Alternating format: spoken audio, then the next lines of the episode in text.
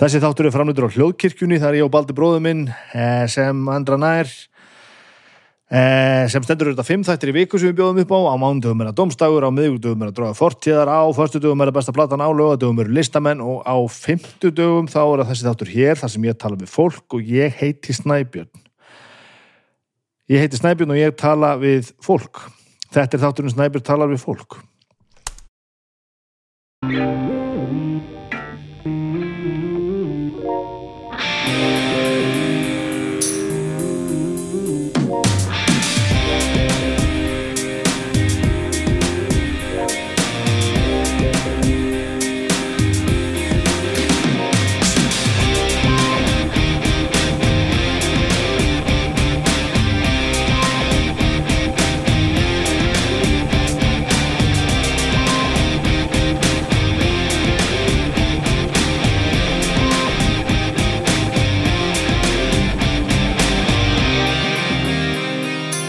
Komið sæl, velkomin í þátturinn Snæbjörn tala við fólk. Við erum hérna á milli jól og nýjár sko. Það er bara alveg jólin búinn og, og við komin í sótkví Við erum komin í sótkví, Hólfsvíður Já, Þetta er svolítið, svolítið svona núna. Við erum bara hérna kvöldin eitthvað að taka upp þetta dót hérna. Þú ert bara já, ég ég er aftur sér satt núna. Já. Það er gott. Já, já, Það ég, er bara ég þannig. lít að gleði einhvern með því Já, ég, í öllu falli, ef þetta er hræðilegt þá er Þá er ég að gleða þig. Já, þá er þetta bæði að gleða mig og þetta er, þetta er já, auðvöldara fyrir mig ef eitthvað er sko. Og svo hlýtur þetta líka að vera, vera til, sko, tilbreyting frá því að Mhm.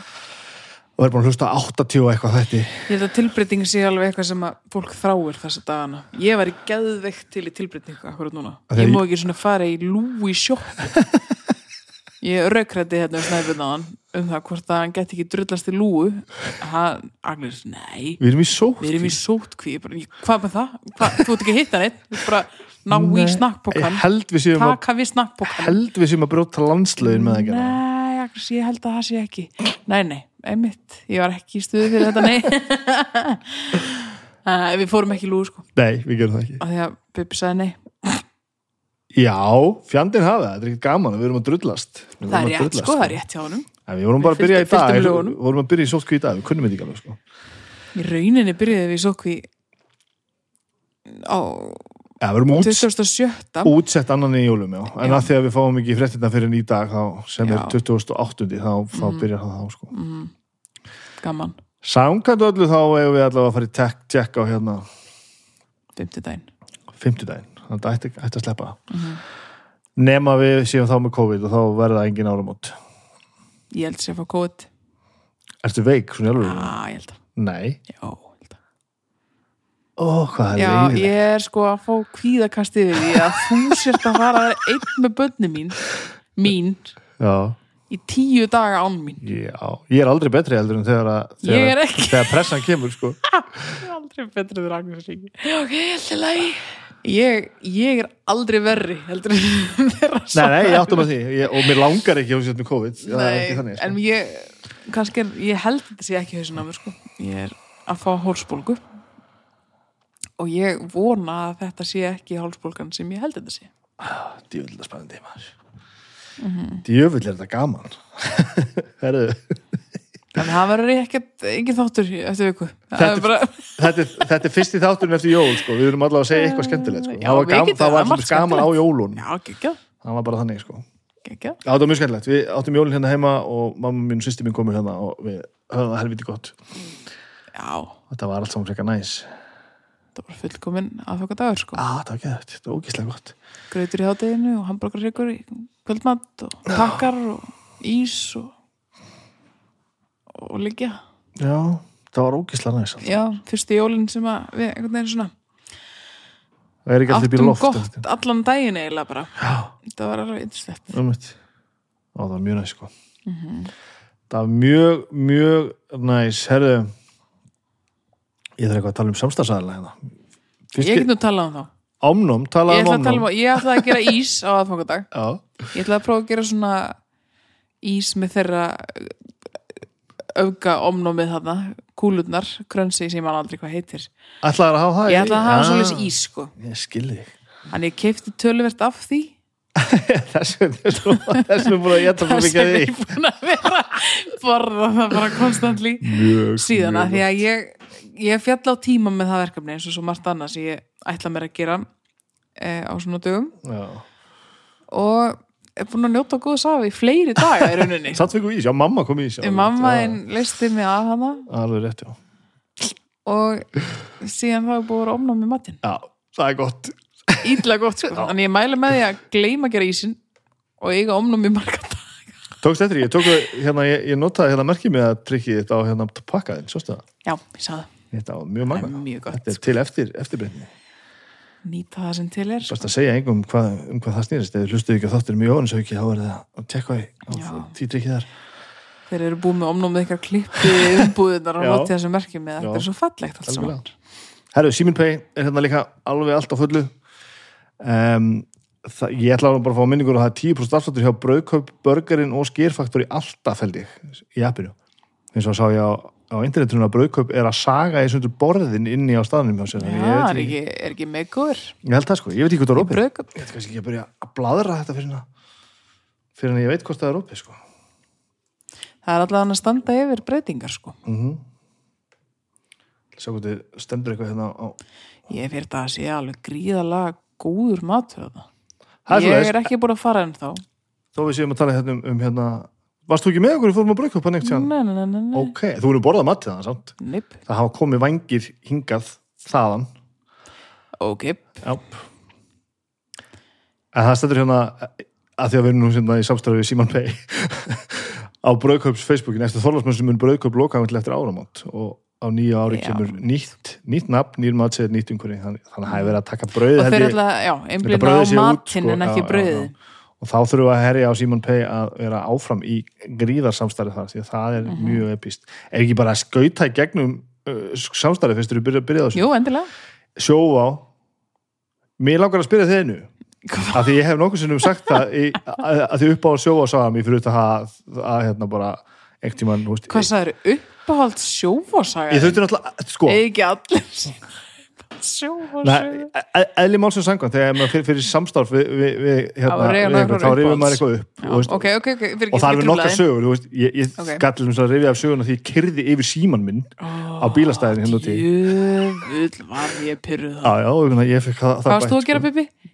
Bakkuðu síma Nei, var ekkert að bakka, ég var ekki einu svona bakka ég skildi hann eftir á bílastæðinu og meðin fór til búð ekki viljandi, hann datt úr vasanum og ég fór til búð og þegar ég kom tilbaka á nagladekjurum þá sá ég svona því að var renna í stæði bara, herri, hvað er hann á jörðinu? Já, þetta er síminn minn æ.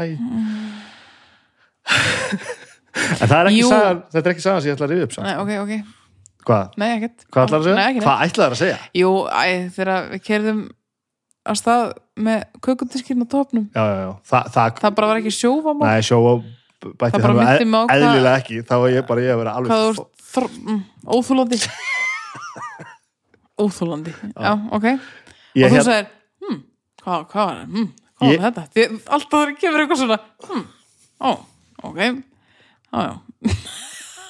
Ég skorist. ekki takk Sæðar sérst svo ég, ég var með kökudisk upp á toppnum á bílum sem, ég- og ég er að fasta barni í, bílstólin nú er bara komið á því sem við ætlum að tala um. Kökudisk sem Bibbi var nýbúin að gefa mér. Já, fallega disk sko.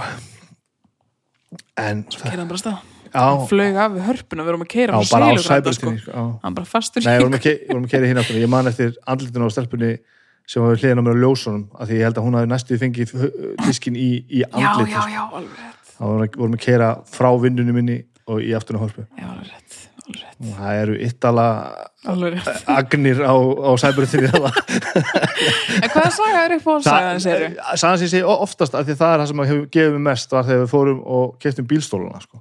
Já, og ég er spáði hvernig þú upplifið það því ég upplifið mig svo innbyttan og, hérna, og markvissan í, í, og fumlausan reyfingum þegar ég fór fórum í, hvað heiti búið Nine, Kids, já, í skeifinni og, og hérna og ég fór og, og hérna kefti Þetta er nákvæmlega það. Snæbjörn fór og keifti bílstóla. Ja, við fórum saman ég, Já, ég, þetta er eitt af þessum mómentum þar sem ég Jæja, núna er Bibbi að fara í verkefni. Var ég ekki að fara í verkefni? Best að ég svona hafi lítið um það að segja því að Bibbi er búin að ákveða hvernig hann brjálaður. að execúta þetta. Ég var hann hann afar var þreyttur á styrlast á einhverjum öðrum bílstólum og ætlaði að kaupa sér almennilega bílstóla. Já.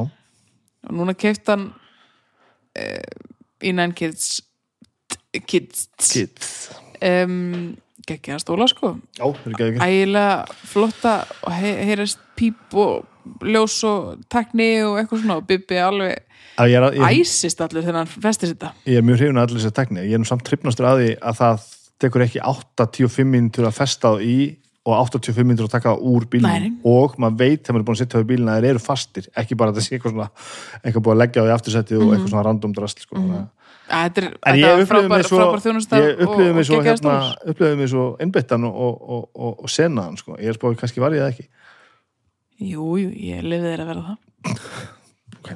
Þetta var bara geggjað. Stólarnir eru eðslir og ég man bara, ég var ég, ég var ekki annað þessu Nei, þetta er ekki gaman og þetta er ekki dótýrst heldur en það er líka frekar næs að geta fengið Ég held að hellingsafsláttur sem við fengum í gegnum sjóa sko. ég er mér bara djúvill við, djúvill eru við eh, slök hérna, nú er ég þess bara aðtuga eitthvað hérna þetta munar mjög Já, miklu, munar. sérstaklega mér að kaupa stóla sem að kannski, þú veist að fara í kannski þess herri prís á munar þetta alveg. Að gera það sko. 20% afslutur af Já, bæðanbílsturum stundur já, hjá AB Valhlutum, Ólaf Oliver og Nine Kids já. Svona við erum örgulega að kaupa sko svona sexinum bílstól. Bara, bara því við erum svo glórulus við vitum aldrei hvað við erum að kaupa og gerum bara eitthvað. Og ég, fólk á bara að kaupa tvo bílstóla sko. Ungbæðastól og svo kaupa einn rándýran geggjaðan stól fyrir batið sem vex ég með honum. og mæli með því hygglust sko. Kaupa Ég- eitthvað massíft sem að heldur vel utanum börnin sko. Og Yes. keirum við gríðarlega mikið á milli landslita og Já, það líka það sko, einmitt. Og Maður, við ekki, völdum þetta mjög mikið út frá því og það var allt sem við þurftum í þessari búð sko. Tjóðlega maður tala mikið um bílstóla. Já, Það er eitt samstarfi viðbót sko já, það er þetta mjög skemmtilegt. Það er, það er bríó. Og ég ætla aðeins að, aðeins að, að sneika mér hjá bríó. Ég ætla að tala um nýja drauga fortíðabjórin já. Ég held sé innan marka sko, ég held sé ekki eins og brjóta lögin, ég held sé 1,9 hann er ekki alveg áfengislaug sko. 1,9% held ég. Hann heitir Lóðastóla Larry eftir, held að sé þriðji þáttur drauga fortíðar sem var um, Já, um Larry sem að það er skemmtilegu þáttur að þið hafði ekki hlusta neitt á draugað fortíðar hann skulle hlusta á Larry í þáttin held að sé nummer þrjú. Hann er alveg meistaralegur sko. og það er sett að koma uh, draugafortjar og borgbrukus uh, voru og eru að bruka saman bjór sem heitir Lóðastóla Larry sem er mjög fyndið, Það er mjög gott. Sem að sjá hérna það eru snildalegar og hann kemur í Vestlanir eftir uh, áramót þannig að þið skulle tekka á því. Lagt að smakka hvernig bjóra þetta? Þetta er okkar að fara í, í tau, þessi taugarnar sem flestum hérna, ég veit ekki hvað tíma að segja þetta upphátt sem flestum svona bjórsnóburum og hann heitir Já. bara millidökkur. Hann er bara svona, hann er bara svona Ah. enga megin Eins og ég vil hafa hann, Eh, að- millidökkur. basically sko, það er ekki svo, "Jú, hvað er hérna, það er bara, bara millidökkur. Okay, Mjög gott. En Baldur sagði að hann var í á leiðin að vera gríðalega vel hefnaður þannig að Ok. það er skemmtilegt. Heru, þetta var Omnum, Símin Pay, Sjóva og Bríó sko. það er nóg að gera. Ekki mikið þessu. Við hvernig ert að tala? í þessu viðtali? Sigur Beintins Sigriði Beintins. Já, það var legendary. Að fá, fá, hana í viðtal sko. það var eitthvað svo gaman. Já, mér finnst hún guðleg. Já, það er eitthvað, eitthvað við að, sko, að fá fólki í viðtal sem að eins og fyrir mig, sko, þá hefur hún alltaf verið til mm -hmm. það er svolítið svona hérna, það er svona Já. önnur típa af af, mér langar ekki að nota orðið fræð en svona uh, það, það, það kemur öðruvísi inn til mín heldur en fólk sem er einhvern veginn- samtíðamanni sko. Hefur hann ekki samt alltaf verið til í þínum huga sem sem tónlistakonan Sigga Beintins ekki sem barna skemmtarinn Sigga Beintins Jú, sem tónlistakon að því að jú, hitt, ég, ég er klálega þar að Já, hann er já, bara í þú söngabók meinar það, já. Já, Já. nei, ég er alveg, það er en ekki... svo- fyrir utan tónlistarkonuna Sigga Beintins þá er hún fyrsta sem ég hugsa um Já, er um, söngabók og eitthvað textabrót þar sem að kemur Sigga og Gretar í stjórnunni og er, það, það er einn ástæð fyrir að við sá að væri í stjórninni. Sem er rángur maður. þú veist það, er kynslámunum skan. Hopp upp í bíla með hverjum sem er, það er Sigga Beintis mm, mm. það er hún að syngja sko. já, ég, ég veit. Já, Við, e, já það var ógeðslega skemmtilegt hérna, skemmtilegt viðtal og, og já, mjög ánægð með þetta. ég sé það er eitt vandamál við að þú sittir, hérna með mér. Þetta verður bara eitthvað svona, við, við erum mjög búin að spjalla bara í svona 20 mínútur bara ok, strax. hættum við þá. Nei, ég verð að tala um eitt í viðbútt sko. Ó. ég verð að tala um það sem við erum að fara að gera núna. Nú er klukkan hálf tíu að vera tíu að kvöldi og við erum að fara að kveikja sjónvarpinu og horfa á Succession. Já, og ég er búin að Ekki tala um Succession áður sko. ekki með neitt snakka því með mikið fyrir lúa því að auðmingja við og ég er hérna það er alltaf búið að mæra þarna þátt mjög mikið. Við erum, erum að koma, komast fram í að, miðja aðra serju þú ert ekki að vera að stytta þetta neitt núna sko. Nei, við verðum svona ég verð ekkert veginn að ég er svolítið fegin að þú ert hérna, sko, því að, því að, hérna þú ert að hætta að krossleggja hendur og vera betri en hinni sko. Ég er ekkert að reyna að vera betri en hinnir þetta er bara hérna ég veit það ekki, þetta er bara mér, og mér finnst þetta ekki leiðilegt sko. Mér finnst þetta ekki leiðilegt. Og mér, meiri sér þegar, þegar hættu, þegar þetta er svona ógeðslega velgert eins og þetta, þetta er alltaf algert svona world class frá upphafi góð og ve, ve, vel hefnað og hvað þetta kallar þetta þá finnst mér gaman að horfa á þetta og mér leiðist ekki neitt en ég næ ekki snildinni sko. Það er bara eitthvað við það þegar mér líður þannig að sagan sem ég hef verið að segja mér hafi ekkert upphaf og engan endi heldur sé ég bara svona þetta heiti bara sápuhópura um leið og ég fæ sápufílingin að bara, já ok ég get bara látið segja mér þessa sögu núna í átján ár af því að einhver, eitthvað rætisrúm ákveðu bara hvert að því þetta að fer. Star Wars er ekki sápópera? Star að Wars, því að það springur ykkur eitthvað, eitthvað staðar, þá er það ekki sápópera? En Star Wars ég horfi til þess að að það sem, sem minnum um það, við erum ekki að það búin að horfa á Mandalorian sem, sem er við ekki gott hjá erum okkur ekki að fara að gera það. En við erum ekki að fara að gera það Nei.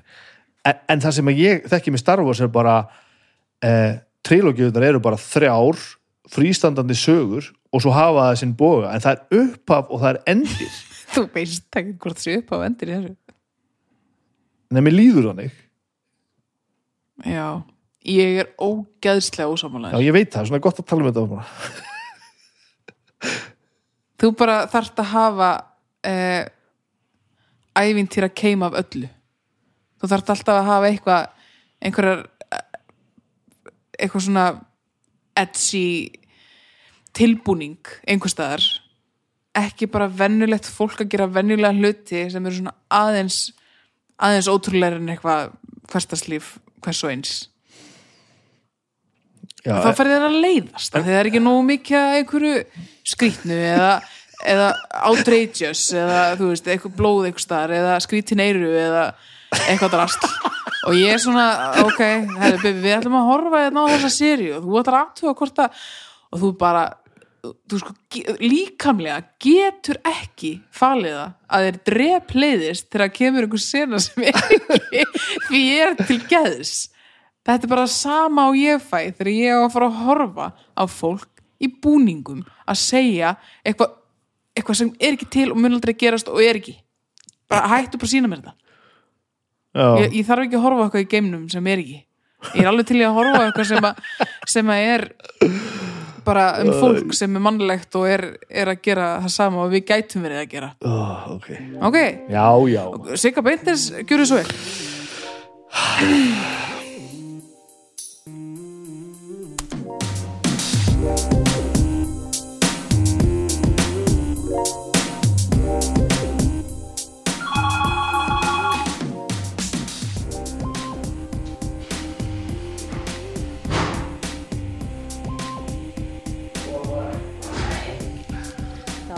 herðu. Já, ég verður bara hérna svona. Já, takk til þess nálættir og þórir. Svona, já, hér er já. kaffi, hér, Já, hér er er vatn. ég ætla bara að fá mig vassopa því Já. ég, bara, ég er ekki kaffekona og hef ekki drukkið kaffi bara, viltu te? veistu, nei, nei, nei, þetta er ekki heldur til Ég drakk kaffi samt þegar ég var lítil, ég drakk kaffi sko, ég var, það var lítil?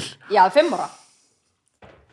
Þegar við áttum heima hérna takk til þess nálættir og þórir. Hvað var ég Já, ég ólst upp skal ég segja þér við hérna uh, Ellegáttnari inn í þarna, eiginlega ekki í Blesugrónu eins og hún heitir heldur inn við Ellegáttnar og, og ég man alveg eftir þessu maður var inn í eldhúsi sko, hérna, og ég skil nú ekki maður myndur aldrei gefa fjagra, fimm ára barni kaffi sko í dag. En sko þetta er mamma og pappa og greinlega verið eitthvað svona líkla á þessu. Þau semst gáðuðu kaffi? Já, já. Það er ekki að þú varst ekki að stelast nei, nei, nei, nei, ég fekk sko kaffi með mjólk og sigur út í. Sko mjólk og sigri, ég náttúrulega örugglega setti ógislega mikill sigur og svo fekk ég svona normalbrauð Já, með smjör og sultu, þetta borðaði ég þegar ég var fimm ára og þetta var alveg besta sem ég fekk en svo bara, Og heldur þú að vera að sækja í? Þú veist, kaffið? ég veit það ekki. Ég veit ekki hvað það var, mér finnst þetta bara svo gott. En mér finnst þetta ekki gott lengur sko. Ég hef ekki drukkið kaffi síðan, ég hef sérlega fengið nóg. Og prófa þess að blöndu samt. Ógeðslega mikla mjólk og sigur já, ég þyrstilega að prófa þetta aftur bara svona á gamla tíma sko og fá mig e- ekta og,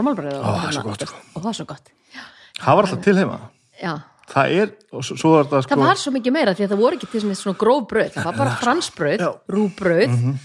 normalbröð, jú til eitthvað smá heilkvitibröð Mhm. en þú veist, þetta var ekki svo í dag flóran í dag er náttúrulega allt önnur sko Já, þetta, þetta var svona ein, eina brauði sem var svona eitthvað annað heldur um bara eitthvað svona, veist, eitthvað sem maður hefði getið kallað venjulegt, sko. já, já, en þetta alltaf var gott, alveg glænýtt það var svo gott Ég man í bakkarinu Húsavík, þá var til brauð sem heit línubrauð. já, Það var heldur til þess að passa línunar, sko. Það var algjört kæftæði. En það var, var, var, sko, og það var heldur bara meira og meira hvít, sko. En það var óleitt magna því. já, það var verið gott Já, það var geðveikt, sko. Og þá var það bara eitthvað pínu spari. já, Ég var að hugsa um þetta því ég fór bara í brauð og kópar en daginn eða eitthvað. Og bara horfði við rekkan og bara, já hvar voru við þegar ég, ég, nákvæmlega og og guð mig góður eins og þegar ég er hérna fjara fimmar og pældi, þetta sikumagnum sem ég hef verið að geta Mhm. ha, aldrei náði að mig síðan nei, tjók, þeir hefða að hlaðarpa á vegum hljóðkirkjuna sem heitir listamenn Já. Valdimar Guðmundsson söngvari Já. og Örn Eldi átgítalari þeir eru að gera topp tíu lista yfir hitt og þetta. Já, og þeir voru með keks um daginn.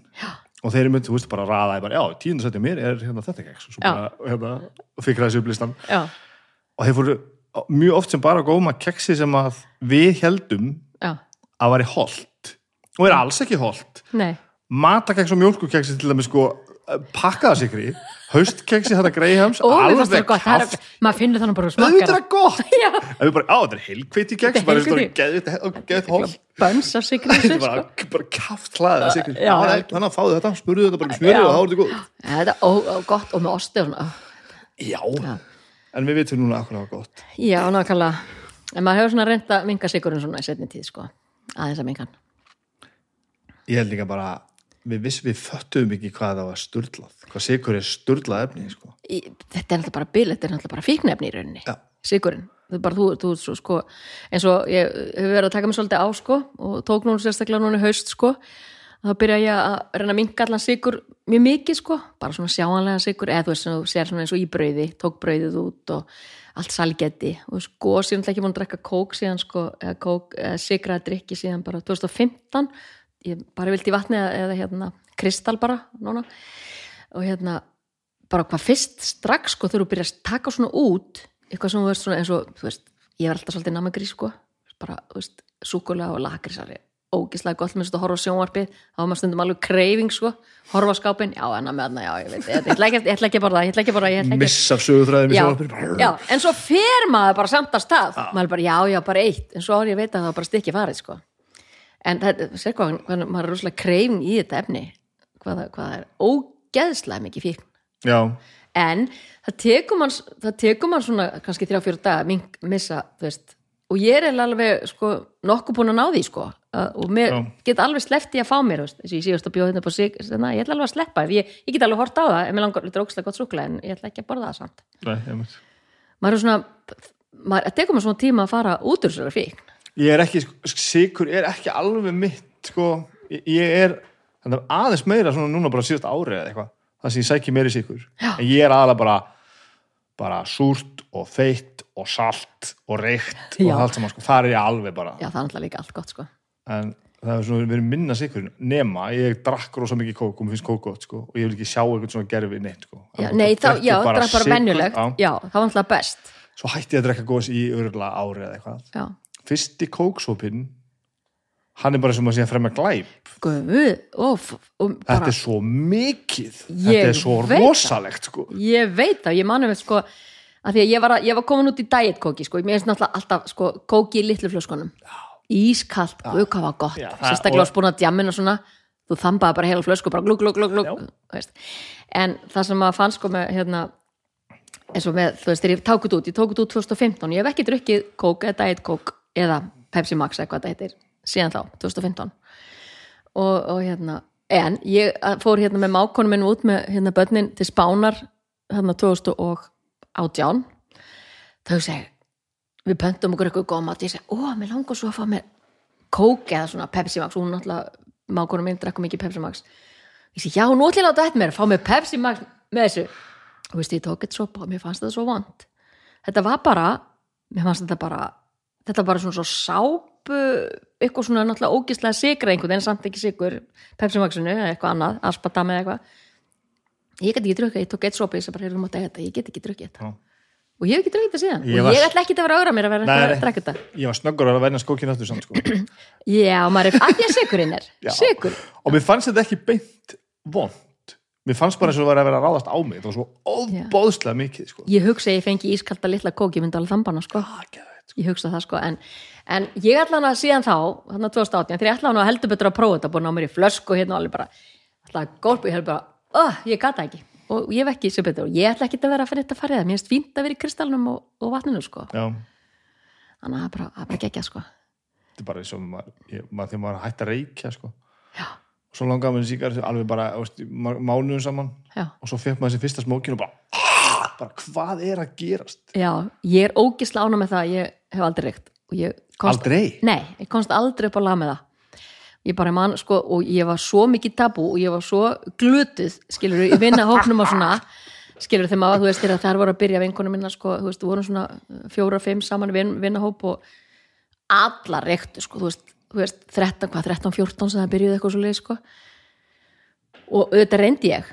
Já, Mér fannst þú hefur samt gert það? Já, ég reyndi að vera, ég ætla að falla inn í hópin maður alltaf að reyna það en svo, svo bara prófaði ég þetta, ég bara, veistu, mér finnst það svo vant og ég bara, bara nei, mér langar ekki til þetta.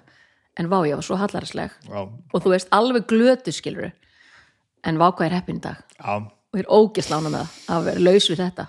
Fyrir utan hvað þetta er dýrt líka. Já, það vestnaði náttúrulega mikið sko. Já, Þetta hvað kostar sigartupakkin dag? Ég veit ekki, veit ég hvað 1200 kalla eitthvað? meira. Eða meira? Já, það, Já, ég, ég, ég, veit ekki, ég komur aldrei síkartur Já, pluss það bara, þetta er bara stóra hætlut að vera þessu helviti. Já, þetta er helviti gott Já, Það er ástæðan fyrir að fólk gerir þetta. Þetta er ég, já, já. En það er ekki gott þegar maður horfir upp á fólk deyja og Nei, nei, núna krabb út og ég er ekki að segja þessi virði. Að þetta er alls ekki þessi virði, það er langt frá því. Mamma minn lést úr, lést úr sko, lúnakrabba vegna reykinga. Og það er ekki, það er ekki eitthvað sem maður horfa upp á. Ég, fyrsta eftir þegar ég ég var svo mikið með henni þegar hún var svona síðustu dagana og, eða bara já, síðustu, síðustu mánuðina. Og hérna ég bara þegar ég sá unga krakkar ekki, mér langaði svo að fara til þér og bara vil ég hætti þessu, vil ég hætti þessu? Þú veist, ef þú myndir sjá það sem ég er að sjá og, upplefa núna, bara please veist, ekki gera þetta. Mhm. forðið ykkur út úr þessu. Mann bara fyrsta eftir en hérna, en skriði ég held að það sé búið að eiðilega fyrir okkur að hætta að reykja.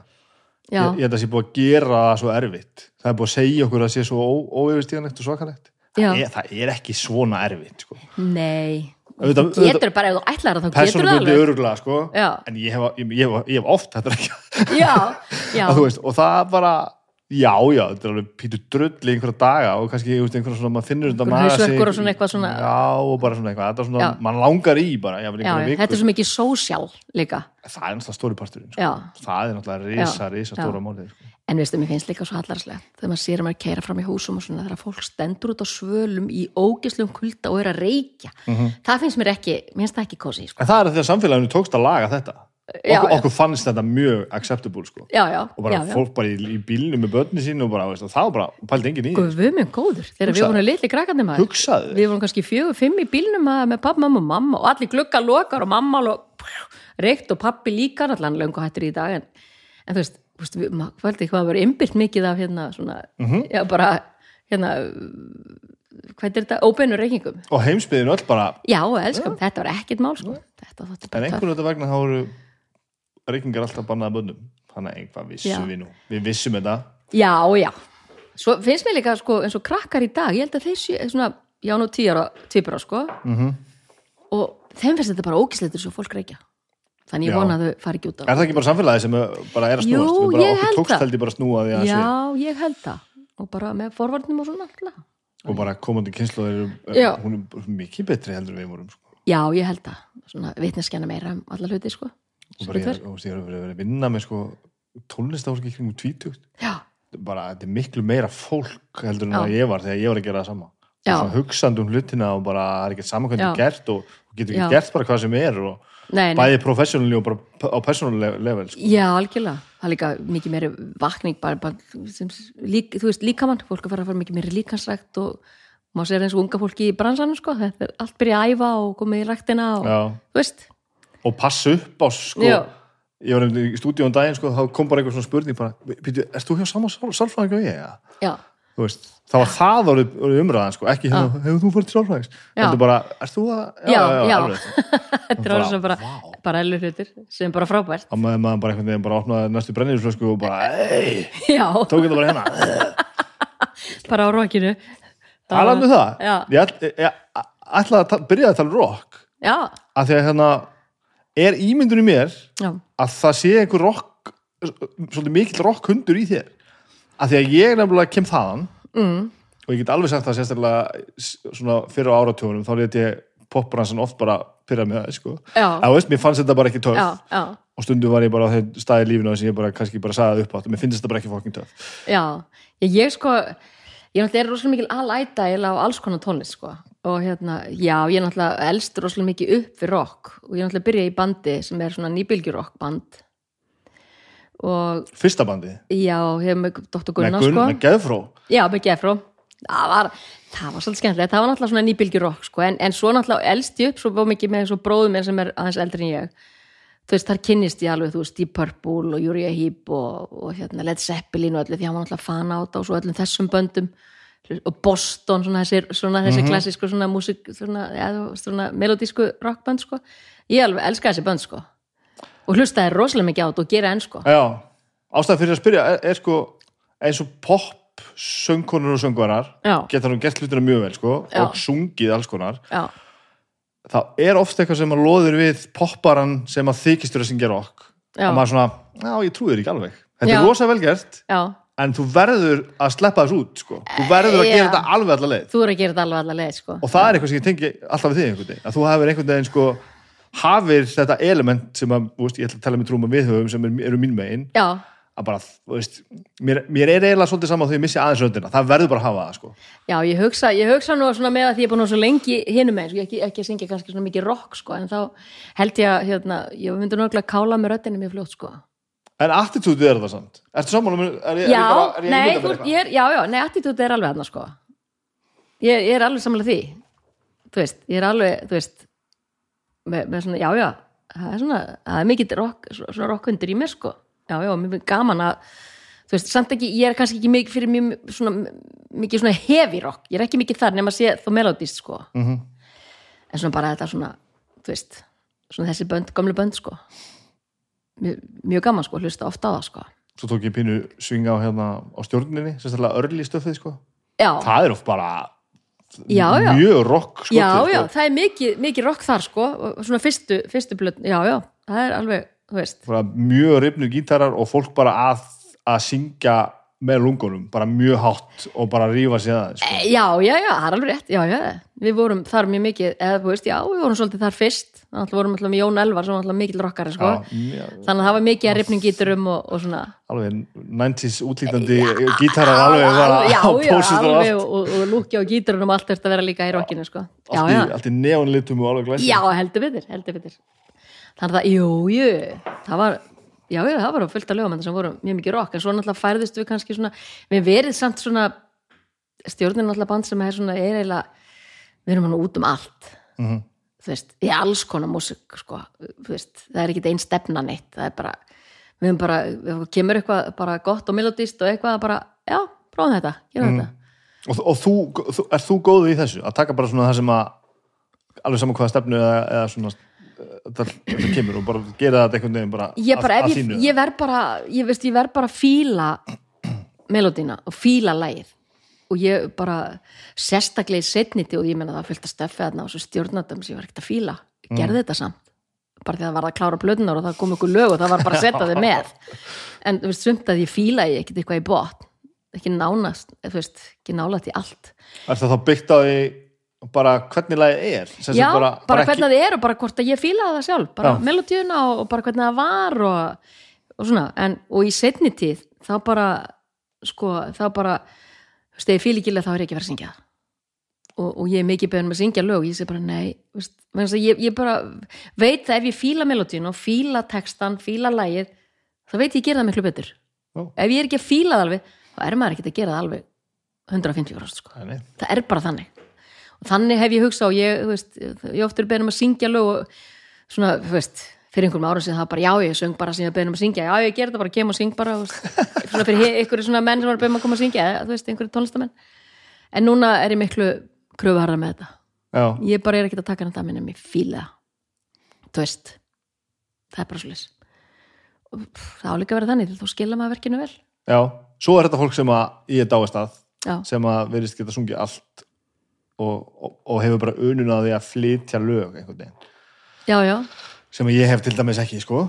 Ég hef alveg unnan að flytja lög en ég, bara, ég verð að finna, finna mig í því, finna tilfinningun og finna hjartað í því sko. Já, og, og ég skil það og ég, ég þeim megin, sko. en svo bara, við hvern var ég að tala alltaf það er Sigur Guðmunds.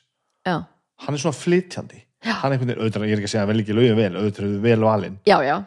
og, en, en það er svona bara svo bara svona syngur hann lagið og maður svona, já, herru, þú vil söngstu þetta lag vel? Ég veit þá, hann alltaf fyrir líka svo rosalega vel með það sem hann gerir og hann svona, það er svona einhvern veginn hann svona, þú veist, þegar einhvern veginn maður verður tilfengur þegar hann fær eitthvað lag í hendur og sko, þá bara, já, og hann svona smígur einhvern veginn svona og hann, ég veit það ekki ég, ég veit það ekki, ég held hann hljóta að velja þau samt. Já, ég, hann, og hann gerir það pottið Já, en, en mér finnst hann einmitt eins og þú segir, mér finnst hann fara ógislega vel með það sem hann gerir veist, og mörg lögin sem hann er að syngja. Og hann er alltaf flottur, bara geggja, það er svo mikið karakter í honum og það er svo það er bara þessi, þetta hjarta já, í því sem hann og gerir. samt líður mann eins og sé bara svona rétt rétt að segja að fara að gera grína þessu. Ég veit það er svona næstu því að sé að hæða mann með því að syngja þetta lag. En þannig er, hann er ekki að því sko. Nei, nei, og hann leikur svo afslappar þetta hann þetta er það leikur svo í höndanmánu eitthvað neginn finnst mér já, algjörlega sko ég er sko ef, þú, ef ekki að fara bara alveg tilbaka bara Já, Ég held það að sé auðvöldast. Já. Ég ætla ekki að fara að tala meira um músík við höfum að tala svo mikið um músík. Það kemur það- bara, bara, bara, þetta fylgir manni kemur bara í leiðinni. Hvað er hérna bara, hvað ertu fætt og hvenar? Hvað er að gerast?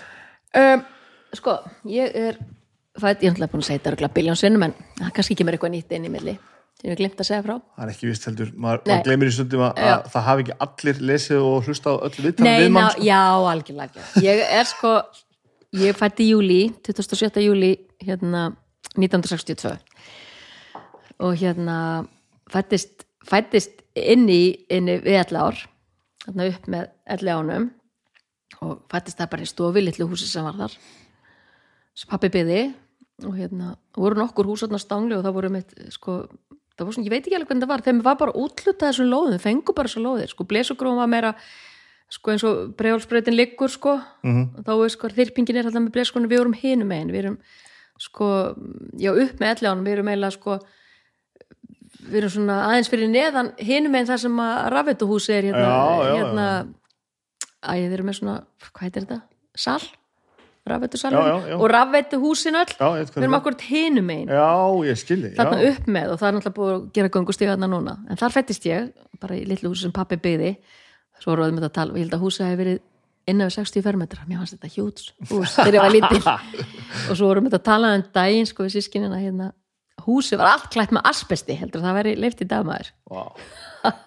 en þetta náttúrulega hefur ódýrt byggingarumni og hérna en ég fættist þar bara inn í Sveinmjörbyggi klukkan 6 á mótni og ólst þar upp og var uh, þar til ég varð ég til 68, ég varð að vera 6 ára þá flytti við, því þarna þurfti að rífa allt og þátt að breyta sjótuista svæði öllu og þannig að húsin þann sem voru þarna voru rifin, ég held að standi eitt eftir Já, þannig að hús sem heitir heimakvamur sem er upp á smá já. ef þú já, lappar þá veit ég hvað þetta er. Okay, Já, þetta er okay, þar, okay. sko. Já, já, já. og hérna þá flytjum við upp í Neðrabröðalt og þá fær pappi útluta uh, hérna í stekkjónum Já. í Neðrabröðaltinu og hann byggir hús þar eða mamma pappi þau byggja hús þar. Og hérna og það var náttúrulega sem ekki, pappi var náttúrulega bara myrkran á milli, sko, þá vorum við fimm börnin, sko, við vorum náttúrulega alls sjö. En þú veist, tvö þeirra koma setna, sko þau, og hérna vorum fimm Er og þið sjö sískinni? við erum sjö sískinni? já, Já, og hérna, ég er í miðinni þrjú fyrir neðan og þrjú fyrir ofan.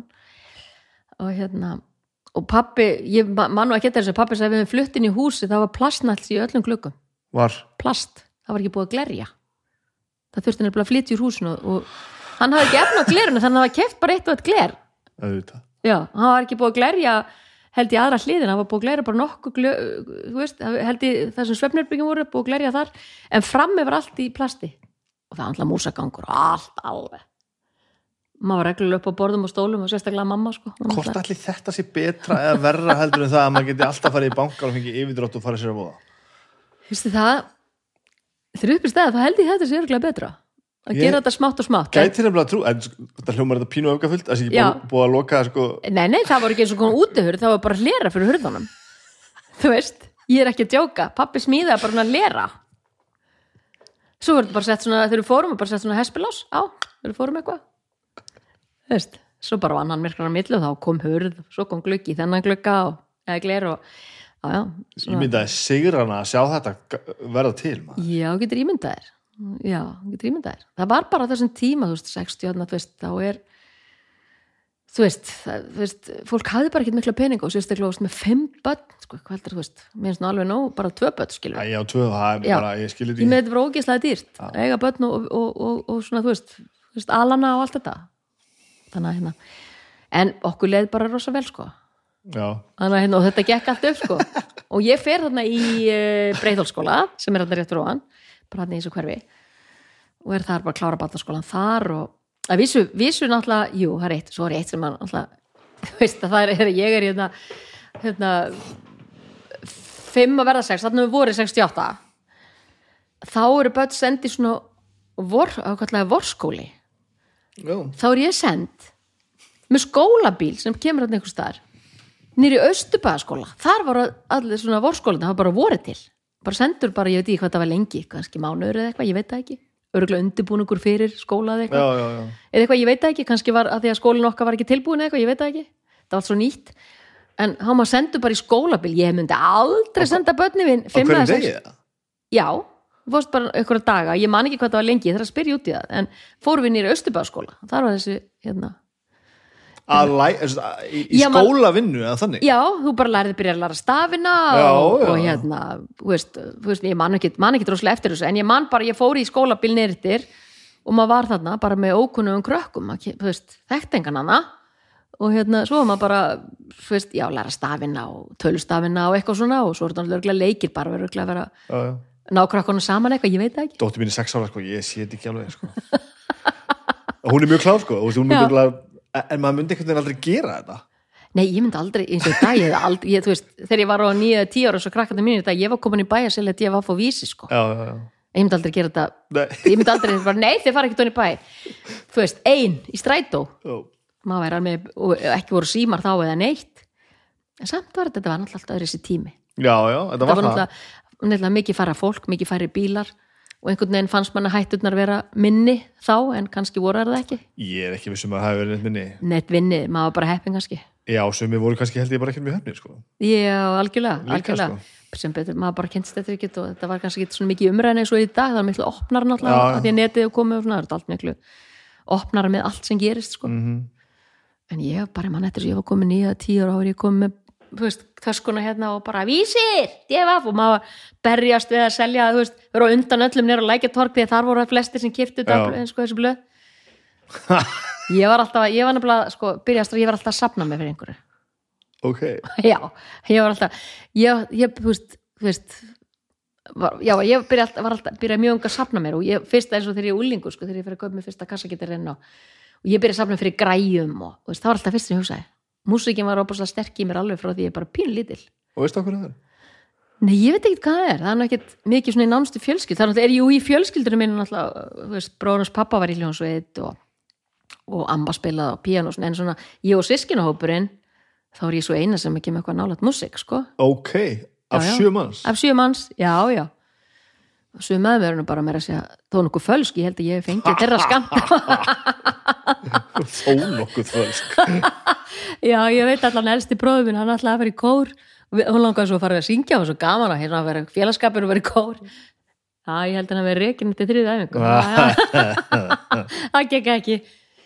En svona, já, þetta er reyla þetta, síðan bara fer ég uh, fer þarna, ég náttúrulega í bregðalskóla og er það uh, öll, öll skóla árin sko, þá ég fer náttúrulega í tíundabekk þá þurfti ég að fara, og var ekki kendur þarna allavega þá. Sem þá var nýjundi vantala Já, þess ekki nýjund, já.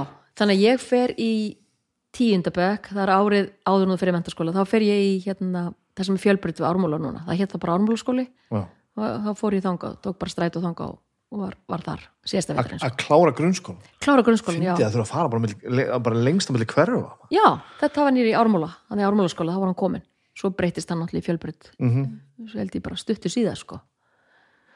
En síðan fyrir ég í já, og svo tók ég mig frí þarna uh, frá skóla eftir ég var búið með þetta fyrir að vinna í eitt ár. Og hérna var búin að náttúrulega safna mig fyrir bíl og allt og var búin að kaupa mig bíl, náttúrulega bíladellu sko Ok, já, já, og hérna þannig að ég var búin að kaupa mér forláta Fiat 127 bíl sem var þryggjaði fjár ára, að og hann beið bara eftir ég fekk bílprófið.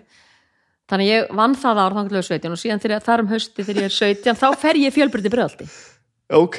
Já, fer að þar hérna á svona vestlunar og, eða sérhæft vestlunarsvið heitir hann víst og eitthvað og hérna kláraði það.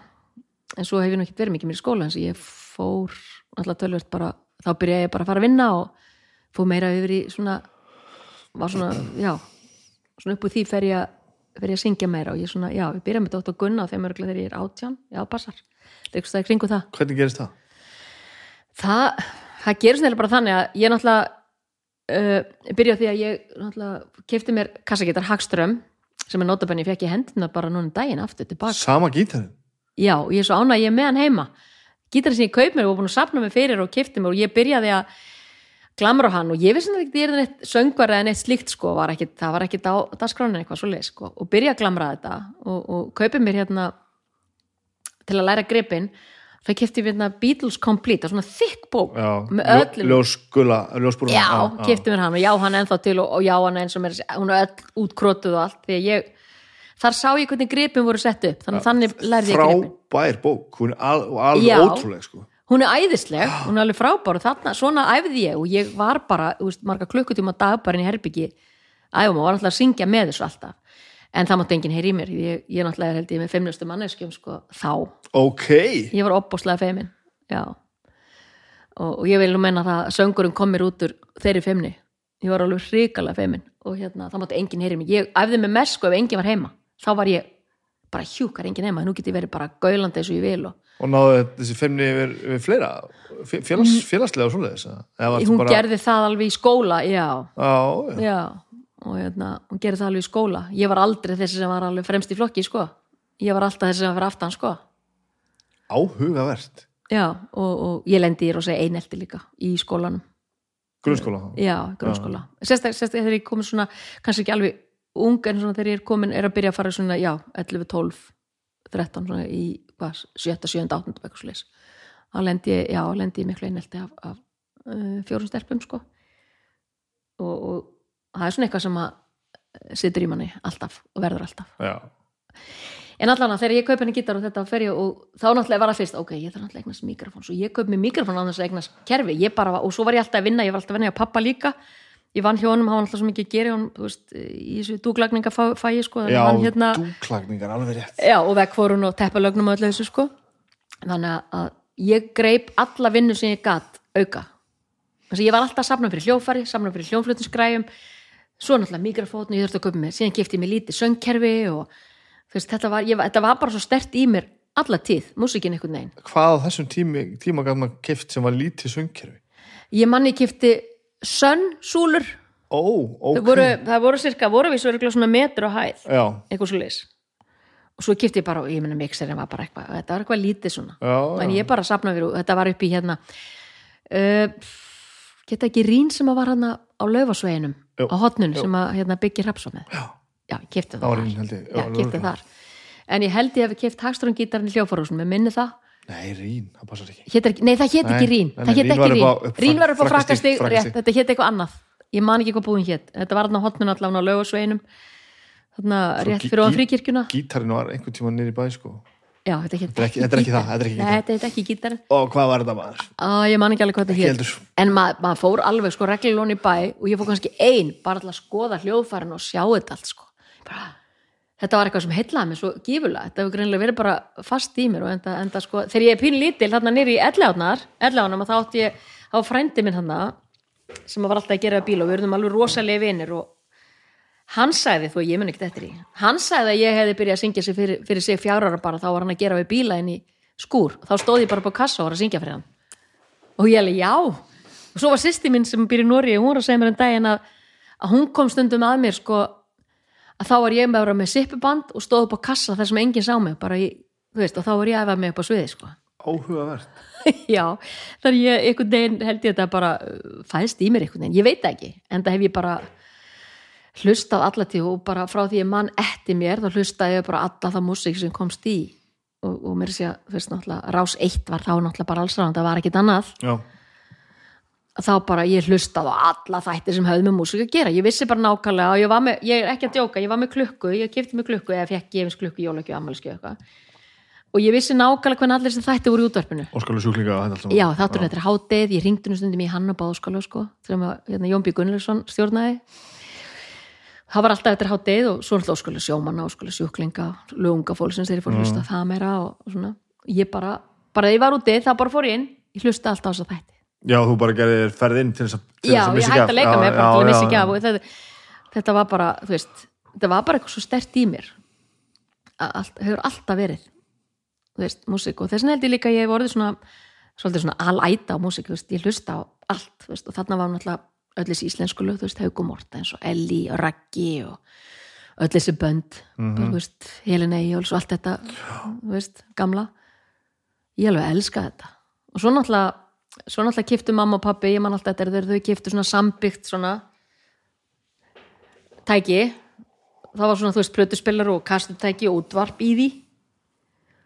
Og þetta, um alltaf þetta var bara bara, wow, þetta var geðvegt Í svona tekmöblu eða svoleiðist nei, það var, nei, í, þetta er aðeins setna en það. Þetta er alveg stæðu já, þetta var svona stæða, svona stórt svona bara sem var á borði, sko og hérna hátar og ég man hvort að pappi var að vinna eitthvað þessu fyrirtæki og við maður gáttum farið, við máttum velja og þetta var svona okkur búð, ég man ekki hvað hún var eða neitt en, en þú veist, þú máttu, máttu kaupa sko, þú máttu taka, þú veist plötur og kassettur og allt þetta og við fórum bara heim með bunkan og þá náttúrulega bara þau kaupa Tom Jones og Nils Sedaka og Elvis og alla þessa kappa Já, já.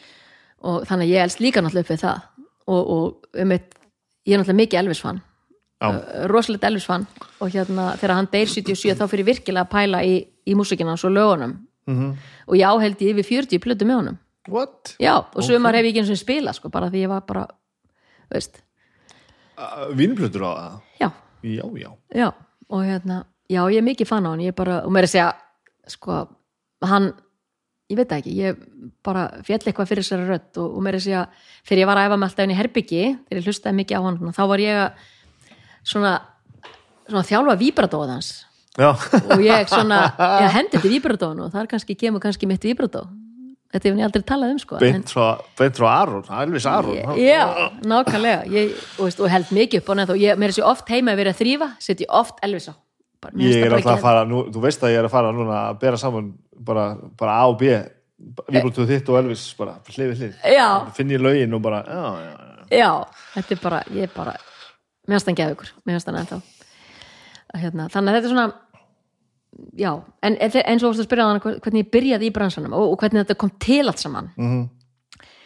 þá gerist það þannig að hérna, ég rykti mér inn í herbyggi alveg gólandi þessi bílalög og eitthvað og, og ein vinkona mín sem að byrja í Danmarku núna hún ég vissi ekki af henni en hún stóð fyrir hann hvort fyrir utan gluggan eða hurðinni hjá mér á herbygginu og heyri mig vera að syngja og, og hérna svo kemur inn er búin. Og ég er náttúrulega alveg róðna náttúrulega bara nýri raskat og bara, hvað erst þú að gera þarna? það er svo bara, það, ég held að þú er að fara að syngja. Og ég sé nei, ég er bara að leika mér hérna að og eitthvað svona. Jú, ég er ekki að djóka. Þú syngur ógislega vel. Ég er, nei, hvað er að þér. Ég er bara að gera þetta fyrir mig og þú veist, maður enginn hlusta á svona.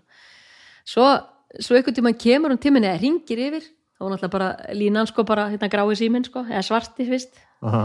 Og hérna bara heyrðu, það er í dagblæðinu, það er verið óskutir söngun eða söngvar í band kópóinum, þá var dóttugunni og hérna ég alveg, hún sagði, heyrðu, förum farðu og ringdu og, hérna, fáðu, að fara pröfu.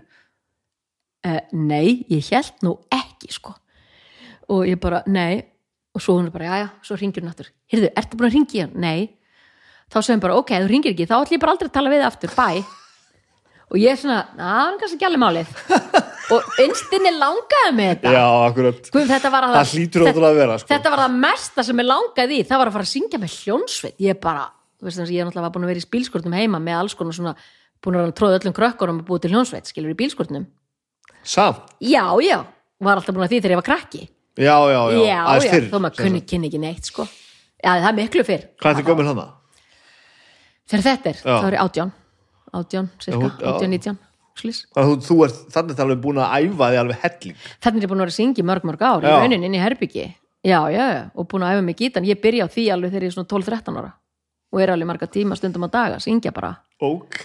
Já, já og, og bara æfa þessi bílalög, ég bara kunna alltaf þessa bók, en ég get ekki bjarga mér í dag á gítar, skilur, ég er bara hætti svo alveg. Það væri partí sem ég var til í að hún myndi setja niður með já, ég, ég, ég þyrfti eiginlega að fara að ná hérna og bara, bara að ganna það þjálfa þetta upp aftur. Já, þú veist, þetta er fljótt að koma. Ég vona það. En en það, það væri gaman, kannski mér að segja setja að strengi bara í hagströmmin og prófa hann. Hvaða leið fór hagströmmin? Þú, Hagströmmin, það fer þannig að ég er hérna meðan bara heima og síðan er bróðið minn eitt sem að eignast þarna úlingstelpu og hann langur svo að læra gítar. Og hann segir, ég ætla ekki að fara að kaupa gítar og hann ætla ekki að fara, veist, fara að spila eitthvað á þetta, má ekki fara að lána hann bara þennan? Ég var ekki að pæli því maður þetta er ekkert merkild þá, en mér finnst merkild í dag að því þetta er fyrsta hljófæri sem ég kaup og þú veist, fyrsta sem ég byrja í bara í bort tónlist. Og heldur ekki drasl, sko. Þetta er ágætt slöfari Já, er það? Já, hagstu bílarnir notuðu hagström, sko? Nú, á, á tíma, sko. Já, ok, ég veit ekki neitt en það. Ég vissi bara að þetta var sænst. En ég lána hann um hann og síðan bara fyrir slistni núna bara já, ég held að sé ykkur 6-7 mánuði fyrir að pæla í þessu. Bara hvar alltaf sé? Þetta alltaf sé ennþá til. svo ringi hann, ekki getur verið þessi ennþá með gítarinn. Jú, jú, hann er hérna. Og segi, maður fá hann? Að sjálfsögðu, þú átt hann. Svo ég er með hann heima í vinnuherbygginu mínu bara. Og bara í ágætt standi og allt svo já, já, alltaf leið með hann, það er bara skiptum strengi í hann Þetta er svo gott, sko. Já, en mér fannst alltaf erfitt þegar ég er 12-13 ára, ég finnst það ekki í dag. Mér fannst hálsinn á hann alveg rosalega breiður. Sem að hann vantalega er að Já, kannski, já. en mér finnst hann Já, en mér finnst hann ekki svo stór í dag. Ég var með miklu minni putta Já, eða styttri, Já, þá. en hérna, já, ég þarf að láta setja í hann einhverja strengi og, Mm. og prófa hann. En hann er alveg lægi óbrotin og alveg heill. Þetta er svo góða sögur, sko. Já, og þetta er, hann er alveg síðan 70 og- hvað er það, 70 og- hvað er það ekki 74, 5 mm eitthvað svo leis, þessi gítar. Svolítið náttúrulega orðin gulnaður greið en, ah, er nú, en, en Þessi eru ekkert, ekkert alveg ég var með þetta hann mikið aðeins sko, ég var að taka til heima, ég var að þurrka á hann aðeins. En hérna, þetta var gaman að þessu en allavega þegar hún segir mér að gera þetta og ég náttúrulega einstinni svo ringi hann ég segi og ég er búin að ringja og var búin að ringja og ég, þeir vildu koma að ég kemi í pröfustrákarnir sko. Þannig að bandið er til hana. bandi var, hann var búin að setja band saman, já Ok. en það var ekki búið að skýra þann einu þeir voru bara þeim langaði bara að stopna band og vantaði söngvara og síðan förum við þarna eitt kvöldið sko og ég náttúrulega alveg bara svitnaði sko, ég var svo feiminn sko ég bara, ég veit ekki hvernig ég þorði þessu sko, bara fann ég svitnaði lóunum og ég bara nema hvaða, svo fer ég hérna á sæfingu og hérna, ég var bara ráðin á stanum bara, þú ert bara ráðin Dóttur Gunni bara, já, þú ert bara ráðin inn og og ég náttúrulega bara, yes, það geðvegt. Og svo byrja ég bara að mæta æfingu með þeim og, og þeir Gunni náttúrulega samdi eiginlega allt þetta stöf sko, Já, eða, eða strákandi kannski saman, en ég samdi sumar af þessum melodíum ofan á lögjum sem þeir komu náttúrulega bara að að spila bara og þá vantaði melodíum til að syngja ofan á. Þannig að ég var svona með í því með Gunna en hann átti samt svona flest lögin og, og hafður eitthvað verið að setja saman eitthvað Nei, nei, áður? aldrei. Ekki neitt? nei, nei, nei, nei, nei, nei, aldrei, aldrei neitt svo leys Og það er alveg komið bara ekkert, mála að fara bara að já, spinn núna og eitthvað Já, þá tókum við bara oft upp á kassut og ég fór heim með þetta og reynda að syngja í kona og og búið eitthvað til. það var svona bara einfalt þannig, Saman sko. við gerum með þá sko Já, það ekki, er Þetta, breyti, bara... þetta breytist ekkert Nei, þetta er kannski eins í grunninn.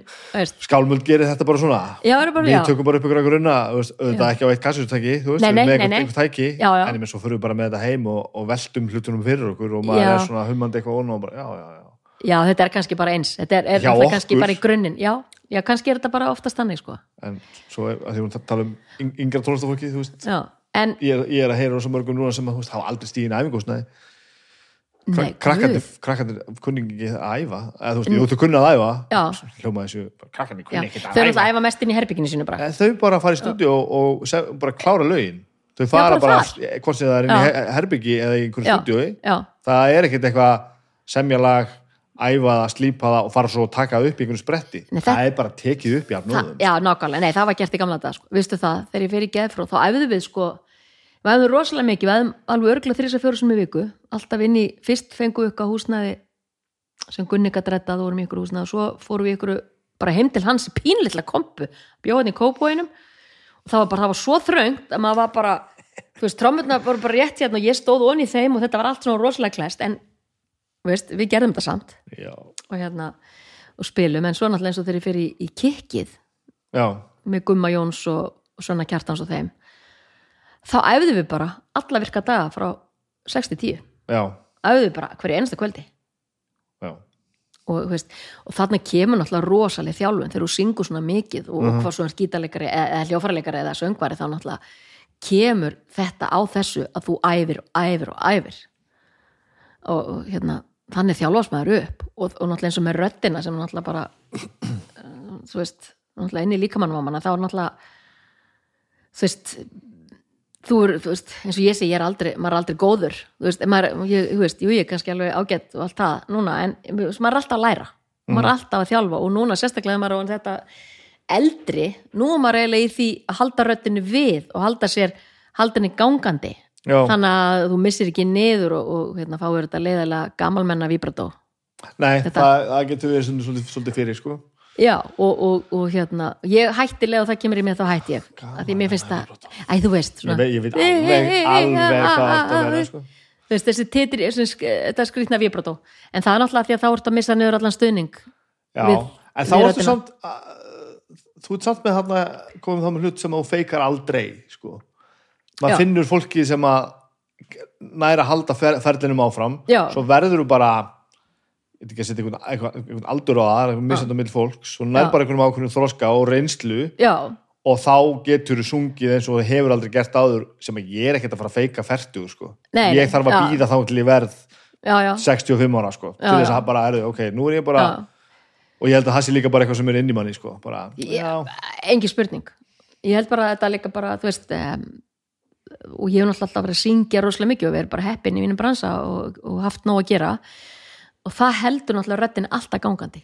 Og þú heldur alltaf og þú ert alltaf, maður er alltaf að ná meira kontról eða meira kontról á röddinni og, og geta stjórnað henni og, og fara með hann þar sem maður vil fara skilur við, það kemur með þessari löngu reynslu og öllu þessari bara vinnu við að vera syngjandi stanslust hvaða leið fyrir þetta? Hann að geðfróðunum bara svona punk nýbylgja einhverja það er svona nýbylgju að- þetta var náttúrulega punk tímanum, þetta er svona 80, 81 eitthvað svo leis í Já, Kópavogi. 18-19. Pitturinn. Í kópóinum, já, algjörlega í miðjunni, Já, sko. já, kópóinum var bara algjörlega Þar var allt punkið En svona, við erum svona meira nýbylgjum en við erum svona, þetta er rock en mjög melodíst Já. og svona, já og mér finnst þetta náttúrulega alveg ógislega gaman og, og, og meðan að þið stóð og við spilum og fyrsta gig okkar var í, í þarna uh, hvað heiti, gerði þarna svona, svona vinnuskóla gig þarna í, hvað heitir það, hlíðagarður já, hlíðagarður, þarna garðurinn í Kópói Mhm.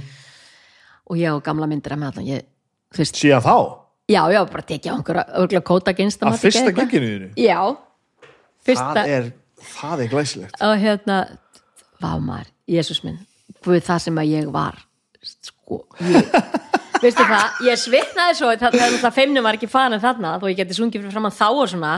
En þú veist, þarna var fullt af fólk, allir úlingarnir maður, þú veist, maður var alveg bara, oh my god, það er allir úlingarnir ah, ef maður fyrir að klúra þessum að þá maður bara, fucked up, sko.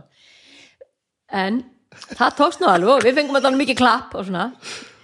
Svo við höldum áfram og erum að spila og við spilum líka nýri félagsstofnum stúdenti, ég veit ekki hvort þú mannst þetta því sem var nýri um, þarna bara í háskólanum. Það með núna ég, það er ykkur, var alltaf bóksala stúdenta var þarna, já, já, þetta hétt félagsstofnum stúdenta þá. Hann er ég bara bara ungur drengur út á landi, ég veit ekkert. Já, þú voru að googla þetta. Já. og þetta var, þarna voru bönd og mér minnir þetta hafi verið á 15 skvöldum, þar sem að bönd kom og það var salur þarna og svið og það voru alltaf græjur og allt. Og þarna komu þessu ungu bönd og voru að spila. Og þetta var alltaf 50 dögum svona tónleikar og þar spiluðu við, held ég annað eða og hérna jú, jú, við fengum alveg góða umsagnir í blöðum og allt sko Þetta er nafn sem er auðvitað náttúrulega kannski að að þú varst í því og Gunni var í því og þetta er svona áveist, Já. fólk sem held áfram að gera eitthvað. Þetta er nafn sem hefur alltaf einhvern veginn maður veit alltaf hvað er sko. Já, sko, geðfró, veistu það? Þó ég hefur í þessu bandi og þeir allir voru að spyrja mig ég var góðin hljónsut, ég var allir að slamonti með það í band, sko? Að ég gæti aldrei sagt þetta nafn mér fannst það alveg hryllingur, mér fannst þetta nafn svo mikið hryllingur, ég ætla ekki að segja það. Ég, ég man að ég hugsaði geðfró fróun geðsins, ég bara mér fannst þetta eitthvað, mér fannst þetta eitthvað tengjast svo einhverju svona kynlíf og einhverju svona mér fannst þetta bara svo ræð, en þetta er náttúrulega auðvitað ekki neitt nála tíð, þetta er náttúrulega bara þú veist, við erum bara, þú veist, þetta er bara geðið og við erum bara, alltaf sér til í, í orðabók þetta ég bara veit ekki. Gunni náttúrulega, ég, mér dætt alltaf í huga sko að Gunni hefur verið að- að að taka sitt teik og drulla þess á hérna brimkló og trúbrót og þetta allt saman. Það getur vel verið þú veist það getur verið, Gunni var náttúrulega svolítið svona uppreisnar kall sko á var tíma að- sko. ég var að- eins og hann er orðin ljúfur í dag skiluru hann, enda, enda gerist það með árunum skiluru maður mýkist með árunum.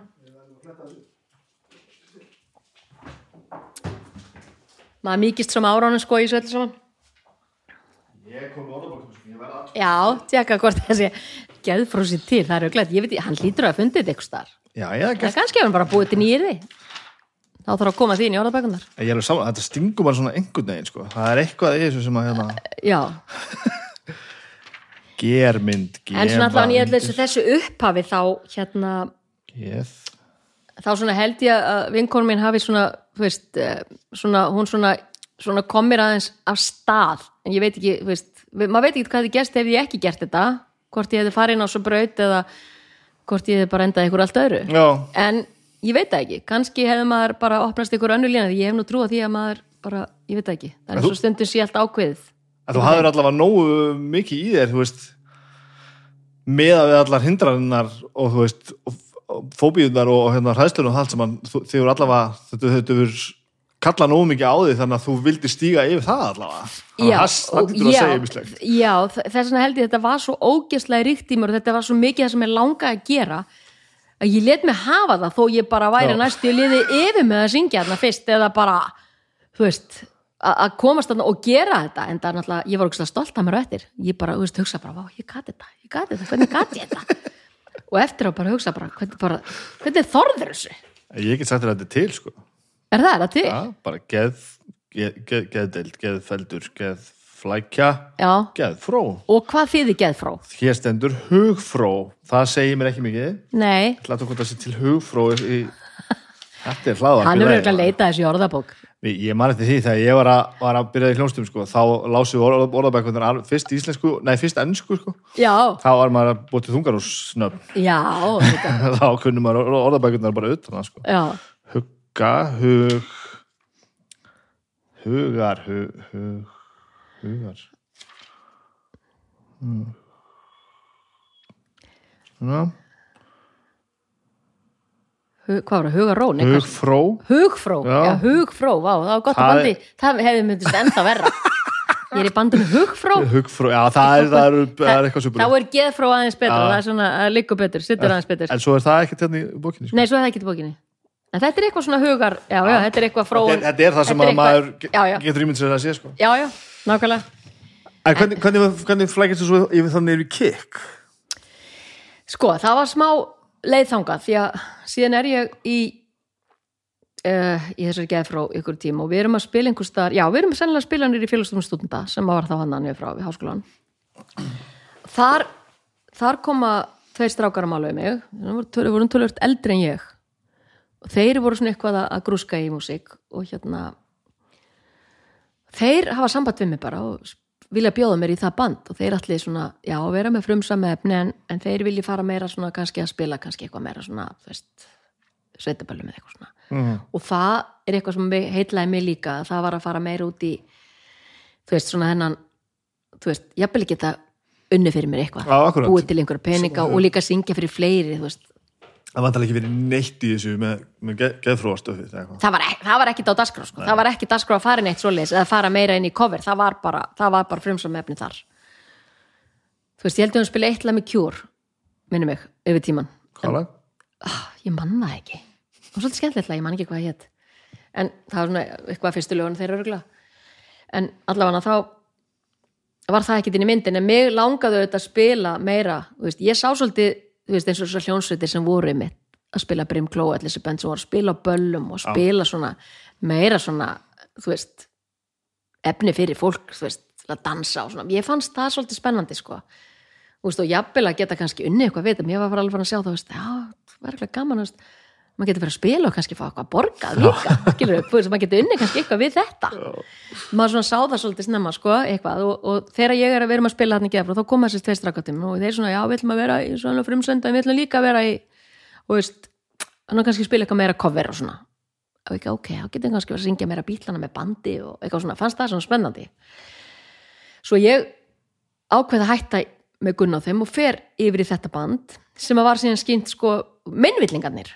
ég að og að mennvillingarnir það heit mennvillingarnir út af því að það var í heimsum ból og ég veit ekki svona hvaðan það nafn kom. Meinvillingarnir, Já. stjórnlega það fyndið maður. Það er líka fyndið nafn. Ég, þú veist það var ekkit mikið betra. En ég fannst það samt skára að segja það heldur ekki eftir þannig að ég, þú veist það var ok. Og hérna þar var til dæmis strákur því bandi sem hétt Snorri og hann var svona gítarsmiður. Veit ekki hvað hann er í dag.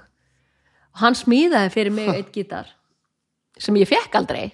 Þú hefur borgað hann. Ég veit ekkit hvað svo gítar endaði þetta er myndað mig með hann hitt Snorri, ég veit ekkit hver svona hann er eða hvað hann Þannig er. að gítarinn varð til. Gítarinn var til en ég fekk hann aldrei því hann átti alltaf að klára hann og ég man að við spilum á músiktilrunum í Tónabæ og við lendum þar í öðru að þrjásæti og þar fekk ég þann stimpil og ég stundi verið að djóka eða þú veist, það hefur verið djóka með hann þar að ég væri mjög efnileg. Þar fekk ég það og ég held bara, yes, það er fínt að þennan stimpil. Það var Steinar Berg sem var í dómar þar og hann sagði bara að söngkonan í þessu bandi hefur verið mjög efnileg þannig ég var rosalega satt með það. Varst að spila það á gítar líka? þá spilaði ég gítar, já, þennan gítar sem að síðan bara á gig- Ramaskítar. Ramaskítar. Og hann var settur saman því hann var ekki búin að klára gítarinn hann var settur saman með krónum hérna aftan. Þannig að það fór allt í rask og þess blundrus bara lega að fara að slá á hann. Þetta fór bara allt vann svo ætlaði hann að taka gítarinn og ég var búin að borga honum gítarinn og allt en ég fekk hann aldrei. Hann var svartur, svona, kom svona í svona þú veist hann var svona Já, æ, svona svartur svona spes eitthvað. Man ekki hvað það kallast þetta lag sem er svona þú veist, en ekki svona í laginu heldur bara ekki svona vaff, jú, vaff, Já, bara flying we bara. Flæ, já, og svo leis en hvað hann er núna sá gítar eða hvort hann er lent á haugunum eitthvað, ég veit það Þú allavega í öllu falli verður að kaupa það svartan flying we af því það var ég til að sjá. Ekki já, ég á mynda mér eitthvað með þennan gítar í mústilunum þegar hann spila og svo kom eitthvað gigga en setna hjá okkur sem við spilum á líki tónabæ sem var eitthvað svona söfnuna gig þá var hann að gera við gítarinn þannig að ég fekk að spila svona Gibson. Les Paul. Já, spilaði hann. En hérna, já, já, þannig að ég spila ramaskittar og setna mér kipti líka Fender ramaskittar, ég fór að læra Jón Elvari, sko. Ok, já, já, ég fór, tók upp aftur og fór að læra hjá hann mattur og ég spilaði einhver gig í stjórninni, einhver nokkuð lög á gítar, sko 1990, ok. Já, já, en svo fór það allt út um þú, sko. En Jónsi var nú góð við mig, hann segi, þú getur, þú ert helvið efnileg, sko, þú getur alveg verið mjög góð, sko. Þannig að hann ræða þig, svo náttúrulega mikið að gera, ég hafði mikið neitt og þetta hætt og bara. En, en það er svolítið mik allavega það sem ég hef gert. Já. það er svolítið mik mikið öðruvísi nálgun að standa einn fremst og syngja eða gera það með gítar. Þetta er ekki alveg sama verkefnið. Nei, nei, er alveg, þetta er alveg sikkert verkefnið, þannig séð, sko. En svo fór ég bara einbytti mér meira að því sögnum, sko. Já. Og bara, veist, svo seldi ég hann að fendir, að ég var eitthvað, ég man ekki, ég var að kaupa mér eitthvað annað. Því ég seldi hann fyrir því og ég sánötti því. En svo er eitthvað annað. Þegar ég er þarna, uh, síðan þegar ég er þarna í geðfrú og því öllu saman, þegar ég er svona 18, 17, 18, þá kaup ég með bassa. Ég elska bassa, ég bara elska bassagitara. Og það var eins og þessi Fender Precision bass Já, og það var bassin sem að var í sem hann rúnar átti í utangarsmönnum e, Nei, Jú. sa- bassinn Áttir þú hann? ég átti hann og ég sé svo mest, mikið eftir að hafa sett þann bassa En þú náttúrulega gerir þjóðinni stóran greiða sko. hvar er sá bass í dag? Hann er til sko já, Já, já. þetta var, þú veist og hérna, þetta verður verið ég náttúrulega ekki ditt á hvort það verið gott hljófærið eða ekki sko. Besta hljófara í heimi sko já, en Sérstakt. ég bara, ef maður hlustar á utangarsmenn þá er þetta bassin sem að ég keipti hann því hann varð að selja hann út- af einhverju þannig að hann Býtu þú festa frá honum náttúrulega ég fekk hann frá honum, þá var hann að selja hann, hann Gunni Rapp seldi mér hann í búðinu hodninu og Mér lögasveið fannst þess að þetta hefur verið hinn áttina sko. Hann hefði fengið hann frá þér nei, nei, Nei, nei, það ég náttúrulega hann af honum. passar ekki nei, það passar ekki Nei, nei. Passar, nei. en ég kaup hann eftir þetta þegar hann já, Býtu, ég hann er selur. samt að ruggla saman bössum Þegar ég er ekkit vissum að ég veit ekki hvað sá bassi er Nei, ég, það væri nú gaman að vita hvað hann væri niður komin þessi bassi, að en þetta var Elskar sandi í Fender bassan, sérstaklega Precision af því að hann er svo, hann er svo þykkur, hann er mjúkur. Já, hann bara geggja þetta sand mjúka urr sko. Svona- Svona grálar á mann á þess að vera svona ég var líka, svo var ég ofta að spila bara heima, var að bara plokka, ég spila ekki til nótum þetta var bara að plokka til lögum, ég bara elska að spila bassa og ég kipti mér bassabók svona stort svona sem hétt hérna, minnið það við heiti ég kipti þetta allt þarna hjá honum bygga, hvað þetta randal eða eitthvað getur ekki passað? Og svo, það var stórt bóks og svo var annað ofan á og ég hafði með þetta inn í litla herbyggin mínu og það var, Bara heima hjá mömmu og pappa já, já, það var oftar en ekki barið á hurðinu, viltu lækka þetta veist þessi klamur, alveg stanslist skilur þannig að hérna það eru fáið sem vita þetta og veitir enginn, ég var aldrei að tala um þetta. En ég sé að þú ert með svona bassa hérna. Þetta er bara það sem ég spilaði með skálmöld sko. já, en ég bara já, ég sé svolítið eftir að hafa selt þann bassa. Já, ég trúi því það Það flottur bassi sem ég var til að sko. Eh, já, veist, ég veit ekki hvað árgerðan er en hann hefur örglega eins að þetta er, þetta er sko 70 eitthvað Já, þe- þessi Þannig að- 76 það er nú ekki já, hann, er, hann er örglega eldri en hann Já. hann hefur tölvört eldri en hann því hann byrjar að spila á hann sko, og er búin að spila á hann þegar ég kaupa hann sko. en ég veit ekki Hvernig var litin þessi? Var ekki hann var viðalitur Já, ég ætla að segja, var þetta ekki natural? Jú, hann var viðalitur uh, já, enga mynda þessum bassa og já, enga mynda með meðan eða neitt mér er alveg glatað mér minnir að platan á hann hafi verið hann sko hvít eða Og verið- hvít. Ef þetta er bassi sem ég er að hugsa um Ef þetta er bassin sem er, já, hann alltaf maður sér á myndu náttúrulega í utangarsmenn, þetta er sábassi Já, það var gaman að vita. Já, það var gaman að vita hvað hann væri hvað hann er niður komin Það lítur einhver að vita það sko. Það er einhver sem á hann, sko. Þetta er okkur geggja hljófari, sko. Ég, Ég var bara heppin að ég lendi hann inn í búð og mér langaði að koma með bassa því ég bara, ég bara veit að ég dyrkaði bassa, sko Eftir ég fór í gítaræðinu og fór ég yfir í bassa og ég bara elskaði en bassa í dag og flotta bassalínur er bara besta sem ég veit. Ég ætla að, ég skal senda að skilja búið þegar að einhver hlustar á þetta og segja mig hvað hann er. Já, Eða segi þér alltaf, það svo sem að líka þetta sambandi en það er bara spurði hvort að fólk vita að þetta sé þessi bassi. Já, meina það. Já, því það stendur ekki hann um að hann hafa áttan eða hann hafi verið utangarsmenn Lúðaðir hann úti eru samt sko við skulum ekki vann með þetta hvað fólk veit sko. Já, það það, getur vel verið. Ég, veist, ég man ekki eins og hvort ég hafi að hvort ég hafi selt hann hvort hjá Gunna aftur eða hvort að ég hafi selt hann upp í Rín Rín var líka með notur hljófari sko þannig sem voru frakka sínum. Já, ég gifti þennan og það er mitt já, sko. já, já. En þetta er allan eitthvað sem ég held ég hef ekki sagt hennar frá. Það, þegar, ég, þegar ég fór í bassa, bassa dæmi sko. Þetta eru rosalega sögur. En ég elskaði bassa. Ég, ég bara, og gera enn, ég bara elska flotta línur og ef að, þú veist, eins og hérna Eður eða, eða Robby spila flotta línur það bara er alveg bara, ah, yes. Það koma svona ekstra skraut og þetta, ég bara dýrka þetta sko. Með Tvo sæmilega menn hann ykkur ykkur Eh, Já, þeir reyndi, æðislega sko. alveg geggjaði bassaleikarar en hérna, já, þetta er nú svona já, sagan, en ég fór aldrei neitt lengra með þetta sko. En hérna, mér finnst þetta geggjað. Fór kikk í þennan bransa að, að spila?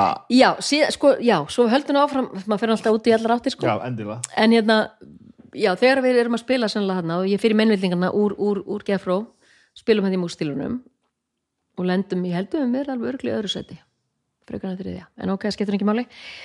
Að þá komum við Gunmi og Gummi Jóns, þá voru þeirra mústilunum mm. og Svenni Kjartans sem er í Sýrlandi í dag. Að hérna, þá bara kemur held í Svenni tíminn á þriðdegi og bara bankar upp á heima, bara þið fundi ykkur eftir heima? Og bara, bara hæ, þú þekkir mér ekki neitt en mér langaði bara að okkur þú vildi koma í hljónsveit já. Og, hvað, og hann sagði mér hvað ætla að gera. Þeir ætla að fara í frumsemi sem gummi náttúrulega byrjar að semja þá náttúrulega og en samt voru kannski að spila kannski líka eitthvað meira kannski eitthvað svona cover meira og, svona. og það heitlaði mig. Þannig að ég fyrir yfir til þeirra og, og var í kirkjun alveg já, já, það var alveg svolítið langlíft band en við æfðum rosalega mikið. Já, og Gummi kemur náttúrulega með hann lög og við gerum hann eina plötu með Mhm. fimm eða sex lögum eitthvað slags og það er náttúrulega allt lög eftir Gumma. Og hérna ég hef ekki hlust á þessa plötu. Hún er pínu skemmtileg. Það er gaman að já, hún er svona svolítið svona hún er svolítið rockuð sko, svolítið svona rámelodist svona, þú veist og rosa, og rosa gaman að heyra, heyra það sem að maður heyri svo margt sem að á eftir að verða já, já, já, já, já, já. bæði frá honum sko og frá Já, þér og einhvern já. veginn svona það er einhver svona íslensku tónn að fæðast þarna sko, sem er mjög Já. áhugavert að heyra sko. ég nú bara að fara að hlusta á þessu aftur, þetta er gott stöf sko. þetta stendur alveg Já, ég þarf myndi að fara að hlusta á þetta. Það voru nokkuð lög það sem ég fílaði, sko. Svo Pictures, mér fannst það alltaf rosalega flott lag. Try for your best friend var lag sem að var tölvert spilað, sko. Fekk nú spilun útvarpinu. er það fyrst skipti sem þú finnur lyktina því að sé vera Já, að svona já, í rauninni. Síðan bara, þú veist, þetta er svo, fyndi með hann feril minn einhvern veginn og hérna, ég veit ekki. Mér finnst alltaf eins og ég bara er einhvern veginn leitt áfram einhvern veginn, alltaf í næsta skref. Því að þegar við erum að taka upp þessu plötu, þá komur Björgvin þangað. Þá er há að vinna ykkur að plötu sko, hvað hann að gera okkur til að vera og ég er eitthvað að gaula hana og hérna þá fæ ég hringingu frá honum stuttur setna, heyrðu við erum að okkur vanta svo háa rödd. Og hann var hann ég að syngja eitthvað í kickstöffinu sem var eitthvað, eitthvað hátt og eitthvað bara og hérna eitthvað. Og, hérna, og hann segir, varum til ég að koma og prófa út í hljóðrita? Hérna, við erum með eitt lag sem að hérna, langar að vantar háa stelpurötti ég held, já, já, ég alveg til það svo fer ég þangað og, og hérna, prófa þetta og þetta var alltaf ógesla hátt. En ég náði því og, og hérna, þeir bara, heyrðu, við viljum bara nota þetta. Er þetta ekki til ég að með? Og, og ég söng þetta bara innan það. Og hérna og þannig að þá byrjaði nú eiginlega allt ballið svona eiginlega. Já, já, þá fór þetta nú allt á flegi ferð sko.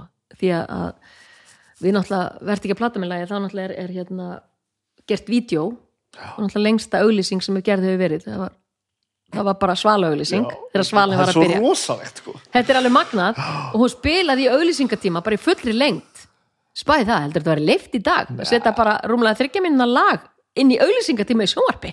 Já, þetta er alveg leift en þú þátt að borga rosalega Já. mikið fyrir byrtingun alveg rosalega mikið sko. já þetta, já, þetta hefur ekki verið ódýrt. En lagi var náttúrulega hitt bara overnight sko. Og þar með var ég náttúrulega orðin líka allt í hennu eitthvað nafn sem ég var ekki alveg tilbúin að taka móti sko. Því ég þessi feimna sko, ég var alveg feimin hann ennþá skiluru mm, en ég var kannski aðeins svona, kannski ekki alveg eins og þegar ég var þegar ég var að byrja. En þú veist, þetta var alveg rosalega skrítið veist, hvað árið er það? 80 og, þetta er 80 og uh, svo ekki 84 já, held sér 84 sem að verð ekki að plata mig kemur út. Þannig ég er sex ára sko. og þe- ég man eftir að þetta var brjálað ég veit ekki hvort það er því ég er sex ára já, en ég man eftir sko ég man eftir að þetta lag var bara alltaf allstaðar sko. þetta var bara þetta var bara hit overnight og þetta var bara bara spila stanslöst wow. og hérna og ég, ég bara, þú veist, þannig er ég þú veist, 84, þannig er ég 22 sko. Og hérna ég man bara hvað þetta var ógislega erfitt fyrst og eftir. Bara, aðtiklinn bara já þú það var bara, nú vissu allir hver ég var og það þekktum allir, bara því ég var í þessu vídeo þá bara, þetta var ógislega skrítið. Ríkalega, og, þú Já, þetta kom svona eins og auðvitað. þetta kom svona alltaf, já, að því að það var gert vídeo við það, þá sáum við allir. allir hverju og náttúrulega myndir í öllum blöðum þú veist, um vídjóðu, um, þetta var stærsta auðlýsingin og, og viðtöl og, og, veist, og ég teki viðtöl með þú veist, hvernig, þú bara að koma í þetta og lalala, alveg óþekkt manneskja líka við, já, eiginlega bara þú náttúrulega bara búin að vera í mústillinum og eitthvað svona þannig að þetta var, þetta kom alveg rosalega, þetta var svona þetta frekar mikill skellur. Þetta skall bara á mér, bara bara eiginlega við nótt. Þannig að þetta var svona að fara eitthvað stóri í bæi eitthvað, það voru allir gláband og mér fannst það alveg hrikalegt fyrst Það allir horfand á mann en nú, þú veist, svo náttúrulega vandist maður ég tek ekki eftir því lengur ég er ekki að pæla í þessu eins og nei en þetta, þetta fyrst en ég var alveg til að eins og, eins og þú varst að tala um aðan að þetta á svo ríkt í mér og þetta var, var nákvæmlega sem ég langaði að gera. Það var að ok, auðvitað segi ég já við þessu og þarna opnar þetta dyr fyrir því að ég geti fara að vinna við þetta og, og gera það sem hefur skemmtilegast. Já, já, og þú veist og þarna upp úr þessu þá fyrir kikki að spila meira, við fyrir meira að spila á sveitabölum og fara, þú veist. Já þetta, þetta, þetta, þetta, breytir yngu hjá, hjá Kik þannig nei, nei, Kikki, já, það er alltaf við alltaf, þá, veist, þá er ég alltaf söngkona sem söng þetta lag og við erum farin þá Já. það, það hjálpar en, því kannski en að bandi heldur bara eins áfram. Þú ert ekkert að stíga, stíga út í því þrátt fyrir þetta allt? Nei, ekki strax. Nei. en síðan tekur, síðan ákveð ég tek svona alveg uppey og ég flytt til Noregs 85 tek bara eitthvað uh, skrans og fer þangað. Og býð þar í rúmt ár. Og þá gæti ég og var að vinna bara í málunni málarmestara og hérna svo bara eftir ár af hverju? Af hverju? Uh, ég var nú eiginlega bara já, ég var nú eiginlega bara að flýja sjálfa mig af því þarna var ég svona að koma út úr skapnum þarna á þessum tíma og ég bara ég held að vera miklu fordómari sjálfur mér og eitthvað og ég bara já og hérna þú veist, það var erfitt heima fyrir fóreldri minn tóku svo illa og þannig ég bara í svona eila flúði. Já, fór bara þangað og hérna var mitt með stelpu þá og hérna við flytjum saman út til Norris í rúmt ár. og hérna ég já síðan bara eftir ár, þú veist, ég var alltaf ekkert að syngja og þetta var alltaf svo stert í mér og ég bara, þú veist, var alltaf, hugsaði bara hvernig get ég komist inn í bransan þar, Þú get ég einhvern veginn komist inn í bransan þar, syngjaði eitthvað og þannig ertu bara komin á bræðið þú ætla bara að gera þetta. Já, veistu það, þetta, var, þetta hefur bara alltaf verið svo ógeðslega stert í mér einhvern veginn, alla tíð, bara verið svo fast í mér. Og, og hérna þá síðan komum við heim, ég manna vorum búin að vinna þarna allt árið og, og bara vinna mikið og, og komum heim í þeim páska 86 og komum við páska og þá bara var ekkert af svona, ég segi bara þá sá ég bara músiklífi hérna og allt og bara allt á fljóð og ég segi bara ég ekki verða að koma heim. Ég verða að færa í bransan aftur. Og við, við gerum það, við flyttum heim aftur. Og ég bara fór af, og var snöggin í bransan aftur sko. Og þá tók kikkið aftur, fórum aftur að hans að stað. Og þetta er 86 og svona alltaf því ég var búin að syngja og Björgvin vissi ég var komin heim og, og, allir, og ég var flutt heim og annað og að 87 þá er mér búið að taka þátt í hérna, sjói sem var sett upp á gamla brotvi sem var í Sambíónu sem var upp í Brjóðaldi já, var það í kellaranum Mhm. ógisla flottu staður, ríkala flottu staður. Og þar er mér búið að taka þátt í sjói þar sem að Björgunni sjálfur og ég, Eyvi Kristjáns og Eiki Haugs sjó sem er Búm. allt villast og þetta var ógislega flott sjó og það var, það var held ég sko í tvö ára næstu, ég. Held að það verið sungið alla fyrst álega þetta og ég held að verið, ég man ekki hvað maður synga það var bara hátt í 300 sýningar á þessu sjói. Hvernig sjó var þetta? Þetta var svona gamalt rocksjó. Þetta var svona, þú veist, það voru gömlu rocklögin. Komum alltaf að rockin eftir, ég er að segja Ég þetta það, endar alltaf þar já, já, sko. já, og ég náttúrulega elska að syngja þetta gamla rock sko, þetta var alltaf þetta gamla stöf. Svona milli 50 og 60 Mhm. það var aðalega sá tími og það var svona söguþræð, það voru dansarar og það var svona, þú veist, sögupersonur og þetta var svona, já, já, svona var- narrativ eitthvað svona, já, þetta var ógeðslega skemmtilegt og þetta var svo skemmtileg tími og þá fer ég það og, og hérna, er, þá er ég byrjað að vinna hjá pappa aftur í dúknum sko, ég var í honum alltaf að vinna meðan fara með öllu þessu í, í dúkaragrunum og því. En þarna 87 þá fer að verða miklu meira að gera hjá mér í söngnum. Þannig að ég hætti í dúknum alveg þannig ég hef unnið við tónlist síðan 87 engangu og hvernig byrjar það, fyrir hvað ertu þá að fá borgað? Eh, þá er ég bara í þessum sjóum bara Já. bæði först á lögataskvöld og síðan var að byrja að vera að fá mig í alls konar svona þú veist, eh, bæði að koma inn í bönd, syngja böllum og annað og, og, og síðan þarna sumarið 87 held ég, þá var náttúrulega tekið hlýja á þessu sjói. Að þá byður Björgum að því þá var hann skemmtarnastjóri Brótvei þá byður hann með að setja saman hljónsveit til að spila þetta við sumarið, þannig að við spilum allar helgar þar. Já, já, bara ball hljómsveit bara ballhljónsveit Já, já. og þetta er náttúrulega mjög, þetta var náttúrulega bara vinsalsta húsi á landinu. Eh, allan hérna í bænum sko. Þannig að það, það var rosalega mikið að gera þarna og hérna, þannig að við og ég var með bara, það var bara bara hljómsveit sig og beintins já, saman. bara þessi basically bara þitt band bara, bit, já, Já, bara mitt, já. mitt nafn nota, það var bara gert fyrir þetta þannig að síðan fyrir, síðan þetta nú svona alltaf að, að skýra svo förum við nýr á, svo var Hótel Ísland náttúrulega nýr í Ármúla uh, búið til og, og það er náttúrulega geggjaða salur og glata, það er engin svona salur til í dag. Nei. það sem er svið í miðjunum það sá allir alveg sama og þetta var ógeðslega flott og Laudal náttúrulega snillingur sko, vissi alveg nákvæmlega hvað hann var að gera. Og þarna, ég náttúrulega er bara heppin þannig að ég náttúrulega er bara fengin í hvað, hvert sjóa fætur öðru ég er með í nánast öllum sjóanum sem eru sett upp. Þetta alltaf Já. þess að heppin. Bara, Já, ég, ég er já, ekki viss um nei, að þetta hafi já, bara já. verið heppni sko. neða, ja, kannski, já, ok. Ok, líka það náttúrulega ég kannski var að gera góða hluti og vandaði mig bara rosalega vel. En þú veist, ok. Þannig að þetta er svona, já, ég leit svona áfram einhvern veginn, finnst mér alltaf. Ég held að þetta sé kjaftaði sko. ok, ekkert bara hjá þér, heldur hjá mörgum. Já, ég held að lífi sé ekkert mikið flóknur heldur það. Ef maður gerir hlutina vel. Já. Og það er annað í þessu og er líka almennileg manneska sem hægt er að vinna með og mætur eftir tíma já, þá er þetta ekkert lengi að gerast.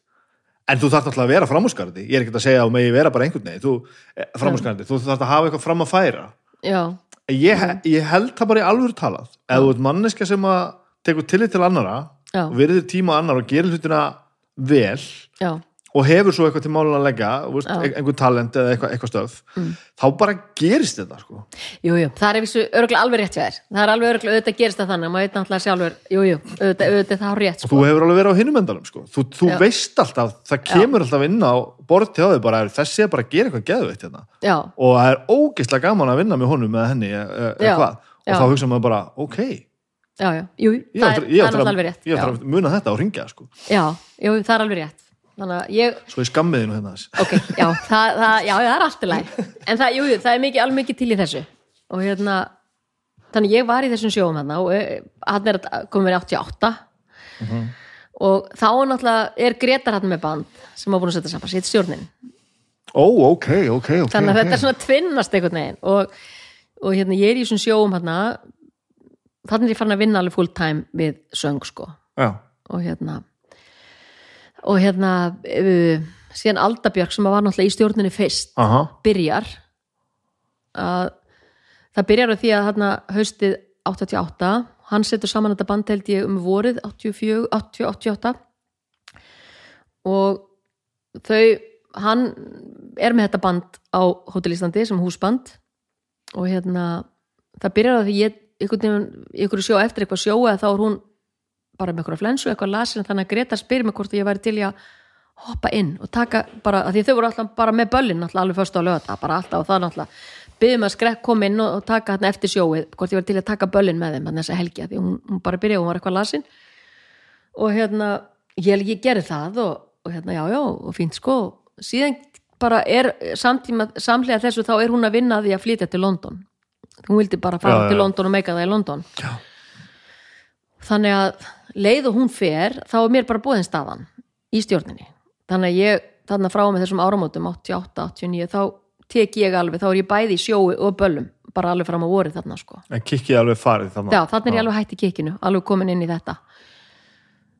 Og, og þannig náttúrulega er ég komin í það að geta verið fulltime vinnað í þessu frá 87, fulltime og bara, þú veist og, og, og bara nóg að gera og þannig ég var bæði í sjói þannig að þetta var, þú veist, þetta var ágætist tekið sem maður hafði að vera bæði í sjói og taka ball já, þú veist, en maður gæti sama alveg kvöld. þá í sama kvöld.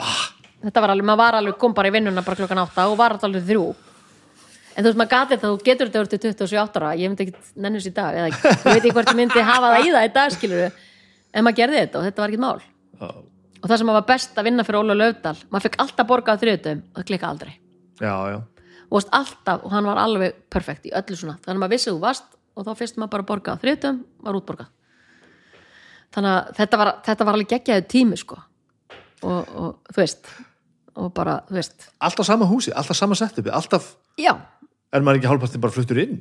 Maður var svona orðið bara húsvagnar sko. maður þarf ekki endilega að fara heim í dót sitt. Nei, nei, nei, það náttúrulega var bara milli helga og það náttúrulega voru sjóin bara þarna og, og maður mætti bara í sjóið og svo mætti maður bara að spila á böllunum og, og við, stjórnin spilaði alveg sko í á Hótel Íslandi ég held að við spilaði örgulega alveg þrjú ár fyrir fullu húsi. Og þetta hús var stort sko, þú veist, þú veist að tala um böll sem voru þúsund manns Já, og voru kvöldi sko. Pluss að það voru náttúrulega uppselt í allan mat og allt en þarna voru þetta ekki þannig ásóttíðina þarna voru bara inni þarna. Og keiftu bara fyrirtækin kannski eitt stórt fyrirtæki sem var kannski 400-500 manns. Þá var bara ásóttíðina þarna, dinner og sjó. Já, og ball, mm fekk náttúrulega allan pakkan og þetta er gott sko já, þetta er ekki til í dag. vera að flækja þetta, þetta já, er glæsilegt. Núna er þetta allt komið út í stóra ásveitin er allt komið út í lögutarsvöll og út um allt sko, í stóra sali. Mhm.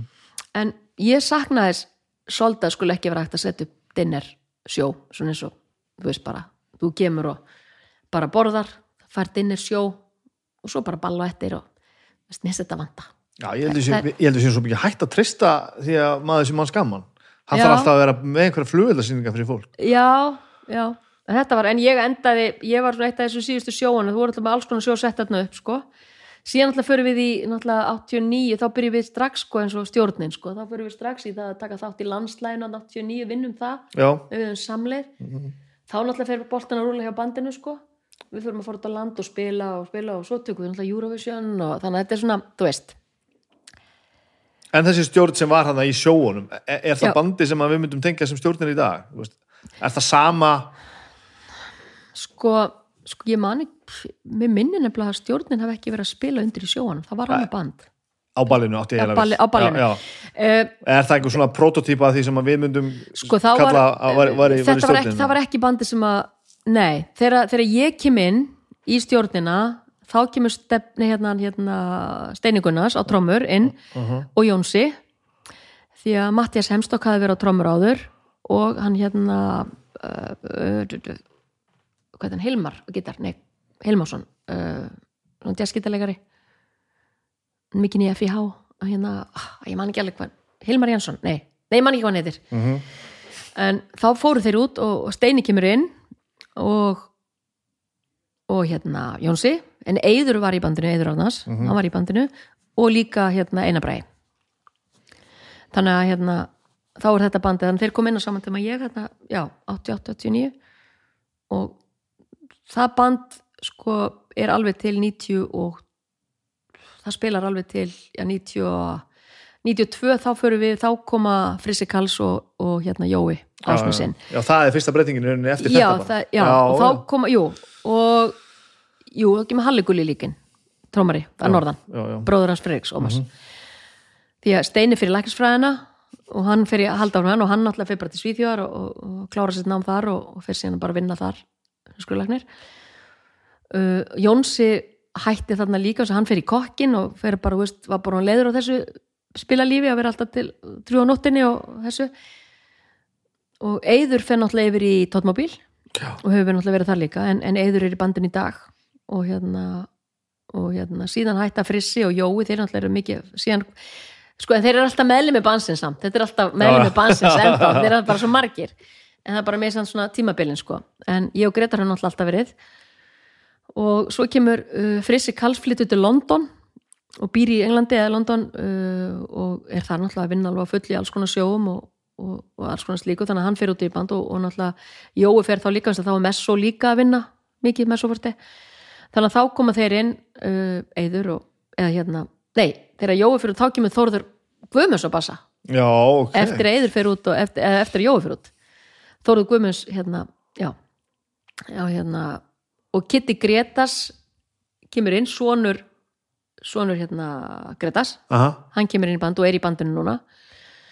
En á þessum tíma þegar við spilum við spilum rosalega mikið líka á þessum tíma kringu 94 5 og 6, ég man ekki voru lengi við spilum mikið í þjóðleikuskellaranum já, þá voru svona band, húsband þar alltaf allar helgar, först á lögata yfir vetartíman og svo fórum við bara í, í sumatúran okkar yfir sumrin. Þetta er ekkert til Nei, Í dag? þetta er ekki til í dag. Að geta gengið eitthvað þegar því vísu að fyrsta lega sé bara lifandi tónlist Já, það sem að geta hættur að dansa Já. og öðrulega að sé svona einhvern veginn eitthvað svona húsband eða svona já, einhver er og lappir inn í sömu stemninguna. Já. að, að helgi eftir helgi. Já, föstur helgi, þú veist bara þá eru byðraðir sko bara dauðast bara niður allir hverfiskotuna sko. Þú veist, og kringum þjóðleikúsið þetta var bara stappa þetta kvöld til kvöld. Og, og, var, og var þetta ekki ógeðslega gaman? þetta var ógeðslega gaman. Já. það var alveg ógeðslega gaman. Hvað, ætli hafi breyst? veistu, ég hel, veit það ekki. Svo eru alltaf tímabilin oft í svona veist, stundum eru livebönd inn og spila uh, balli inn. Svo koma DJ-arnir, þeir Já, taka við já. og DJ-arnir, þarna kemur eitthvað tímabil DJ-arnir dett út, kom inn og þeir taka svolítið yfir.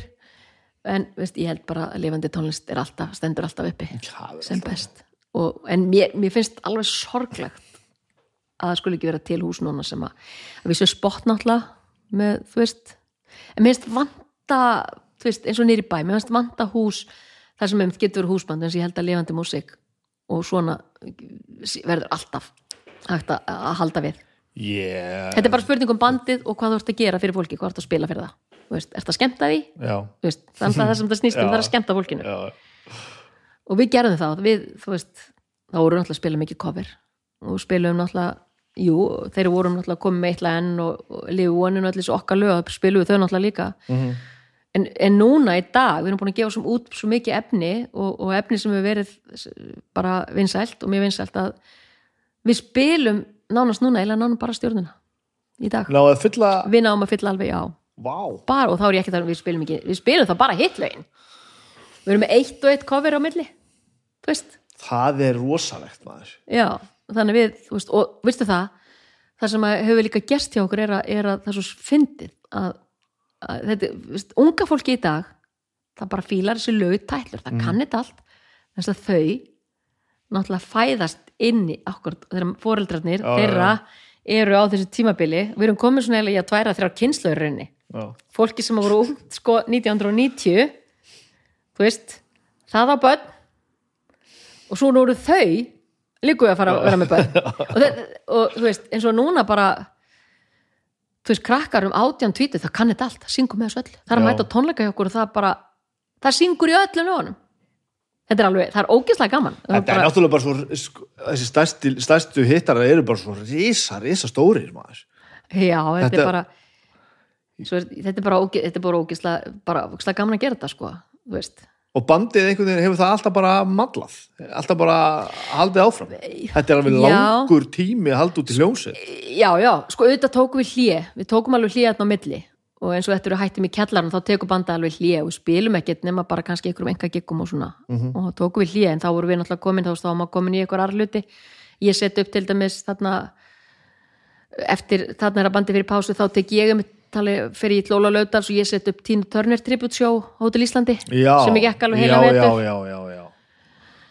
og ég skrifaði það allt handrit og, og, og setti það upp og fekk Bryndis ásmund með mér í það. Ertu þarna komið bara í svona hugmynda vinnu við Já, þarna bú- mér langaði bara því ég er náttúrulega dyrka tínu og, og ákvaða að setja upp tribute show með henni, það er svona eiginlega kannski fyrsta tribute show sem ég setja upp líka, sko. Síðan kom öll þessi tribute show eiginlega eftir. Ok, bítlað sjóin hann og allt þetta Nei, þau voru kannski búin að vera undan, ég, ég lík því. Kannski, bítl, þau voru búin að vera með eitthvað svona tribute show náttúrulega bítla tribute og eitthvað á, á Hotel Íslandi. Já, en, en mitt sjó allan, þetta tíð, það gekk alveg, alveg fram á voru, gekk alveg vetur. En þannig tóku stjórnin alveg pásu sko, en svo er maður alltaf bara í alls konar ég var í bara í alls konar giggum þú veist, var meira þá bara sóló. Varstu í því að þú veist segja basically já til þess að geta gert þetta? Já, já, svo náttúrulega, já, já, svo kemur náttúrulega inn í líka, síðan fyrir við í kringum ára 2000, þá fyrir við Marja Björk að byrja með söngaborgirna batnaefnið þannig að ég er svona, er í öllum deildum sko, ég er svona, er þú veist syngja fyrir smábönnin, syngja fyrir úlíkara já, já. svo er ég að gefa út mína sóloplötur líka. Þannig að ég, veist þannig að ég er svona, og ég syngja fyrir gamla fólkið. Þannig að ég er svona búin að er í svona eiginlega svona allir flórinni, það er náttúrulega bara því ég er náttúrulega aðlætt á alls konar músík. Hvernig að þú segir þessar sóluplötu, það eru alveg margar, það eru alveg sjö eða eitthvað. stjórnin gaf út held ég 6 eða 7 sólodiska síðan gef ég út ég byrjaði að gefa út uh, fyrst byrjaði að gefa út batnadisk sem heitir Flick Flack, hann er 96 eða 7 og síðan gef ég fyrstu sól nei, nei, fyrst, nei, fyrsta platan er desember, jólaplatan Það mín er. jóluplata, já. 90, 93 og ger ég hana. Og það var ég alltaf haldið mikið upp á þann disk því að bara ég lagði allt í hann ég setti bílum minn hálfgerð í pant af því að Já. þetta var dýrasta dýrasta jólaplata sem hefur verið gerð eða bara plata yfir höfuð hún kostaði á sínum tíma sko til 4,68 miljónir What? Já, hún var bara þetta var, ég vildi bara gera almennilega plötu og ég fekk Jón Kjell til að útsetja hana þú veist, allur trommuleikar Já, já, allur já, tvöfaldur já. til að fá þetta stóra mikla sound á trommurnar þannig að það voru prógrameraðar svo spilar og Halliguli spila á hann og alla trommunar Ok. Er það þetta sánd? Já, allt tvöfald Áhugavert. Já, og, og hérna þú veist, Jón Kjell náttúrulega alveg snillingu sko. hann náttúrulega var eitt, eitt stæðsti maðurinn í öllum útsetningum á þessum tíma sko. þannig að hann gerir þennan disk með mér og hérna það náttúrulega, náttúrulega bara veist, rosaverkefni sko. Hvaða brjála er þetta í þér? ég veit ekki, veistu, ég bara þarna var náttúrulega, þarna var ég í pásu frá stjórninni og ég ákvað bara, mér langa alltaf að gera jóladisk og var búin að safna saman einhverju lögum og ég bara, bara ég ætla bara að kýla á þetta það var ekki marga jólaplötur að margir að gera jólaplötur Nei. ekki þannig en þetta er ein hæsta söluplatan hæsta uh, platan í sölu þetta árið Já, já. 94, mm Mhm. fyrir platínu og, og allt sko Platina. hún var þá, þá var platinan 10.000 eintök Tíu, já. já, hún fór byrjaði fyrir gull og þannig að ég, já, ég setti bara alltaf, ég segi bara ok, ég er náttúrulega með bíladellu þannig að ég átti rosalega flottan bílan ég segi bara ok, ef þetta klikkar þá á ég fyrir þessu með bílnum, ég sela hann bara. Og alveg til í að taka þessa sensa bara. já, ég gerði þetta bara, ég veit ekki okkur, ég, ég þorði þessu, ég myndi ekki gera þetta örugglega í dag en ég er bara ákveð, ég sé ekki eftir því því að, þú veist, hún lifir rosalega vel þessi plata ennþá. Og, og það er ennþá mikið spilað af henni og hún svona stendst einhvern veginn svona, þú veist, suma plötur verða þannig að þú veist, það er bara, æ, þetta er gammal stöf, þetta er bara glattastöf, þetta er eitthvað en hún einhvern veginn þessi plata hún heldur einhvern veginn alltaf Mm þú þú veist, þú getur alveg hlusta á litla trómuleikarinn af henni hún algjörlega er alveg inn og Helga Nóttin í útsetningunni sem hún er þessi stóra mikla útsetning og, og hérna, mót Betlehem, hann er alltaf bara alltaf að spila sko. það er Já, bara já. komið í, í klassíska spilun sko. það er eitthvað eh, það er þessar, þessar pródusjónir sem að sem að sneiða hjá því að fara of djúft ofan í trend líðandi stundar. Já, ég held að í Jón lagi að- Kjell hafi náð þessu já, sko. allt er lægi að daðra við það sko. En þegar það farið allalegið í ykkur átt sem Já. er núna í tísku já. þá bara, bara döðar ekki sko. Nei, ég nefnilega, Jóngel, hann hefur eitthvað, hann, ég veit ekki hvort hann er að vinna mikið við músík í dag, en hann hafði eitthvað þarna eða hefur eitthvað svona sem var unikið mitt, þú veist. Og hann bara, þú veist og ég er ógisla, ég er rosalega sátt með svo þetta sánda á hann stort og mikið á og grand allt. Já, og ég bara vildi gera þetta alla leið. Hann sagði ekki að þetta kostar, ég segi, já, mér alls saman ég vil bara gera þetta, það voru nýju lög á henni. Og hérna, ég ákvað bara, ok, já, hann bíl veist, og ég bara, ég sel hann það bara. hvernig bíl var þetta? Ég maður ekki. E, e, e, Jú, örgulega verið Toyota. Ég kert mjög mikið á Toyota. Það var örgulega Toyota Carina sem ég átti, rauð. Örgulega hún frekar en Toyota RAV sem ég átti líka. Þetta var allavega mjög nýlegu bíl Þannig ég átti fyrir. Já, En sem betur þurfti ég þess ekkert Og ég, þú veist, ég fekk allavega tekjur þarna þessar blödu. Hvað er hún tekinu? Hún er tekin út í Hafnafyrði hjá, hjá Pétur Hjaltistegi í stúdíun sem var á Norrbrautinu hjá hann niður í já, og öll tekin upp þar. Allt draslið. Allt upp það var ekkert mjög stórt rými. Nei, það var ágætis salur það samt, eða svona, þú veist, rýmið sem við sungum og svona, en jú, þetta, þetta er Já. ágætis. Ég er að slá saman einhverjum. Já, þetta var, jú, jú, þetta var ágætis rýmið, sko, og fín, finnst það stúdíu hjá Pétri, allt og hann tók um þetta allt upp, sko, hann tók allt upp og, og veist, þeir voru tveir og hann útsetti allar rattir, Pétur og strengi og svona, sko. Þannig að þeir voru hann tveir og, og hérna. En já, ég, bara, ég er rosalega sátt með þennan disk, en ég ger hann hann 94 svo fyrir ég næst í uh, badnaefnið, því mér langaði líka að gera badnaplutu er það fyrsta svona, pró, svona svona fyrst barnapakkin frá þér? Er það Já. þessi plata já, flikkflakk, já. Þá hvað, ég veit ekki ég veit ekki, ég er bara um ekki badna kelling að mér langaði að prófa að gera badnadisk það var bara eitt, en hann var náttúrulega ekki svona dýr svo þetta, nei, nei, það var eitthvað allt annað sko. Máni Svavas, sem fór sín latabæ uh hann var að vinna hann með mér. Og frábær. Og gaf eitt og, og sá diskur gekk mjög vel líka. Og hérna og hérna, hann heldur alveg ennþá eins og af honum er lag sem heitir Ilarie, Já. það er bara vinsalasta lagið í dag, ég er ekki að tjóka það það kom inn á stjórnarprogrammið komin á stjórnarprogrammið já, Ó, það er svo briljant þetta, það er bara, þetta er sko spilað hjá mörgum fótbolstilum út á landi og þetta er bara, ef ekki, getur þetta ekki í lari og það verður allt crazy þegar það teki, ég veit ekki hver það byrjaði eða hvernig það byrjaði, það er ekki okkur vegna þess að Kitty Gretas kom eitt skipti, var eins og vorum ekki að spila og hann segi, heyrðu, heyrðu, vitið hvað er vinsalasta lagið í dag, það er bara í lari þannig að disknum sigga. Ég hefði, ha? Já, við þurfum að æfa þetta. Ég segi, ertu að djóka? Nei, þetta er bara, það er allir með þetta í öllum partjum, þetta er bara að lægi í öllum partjum út um allt. What?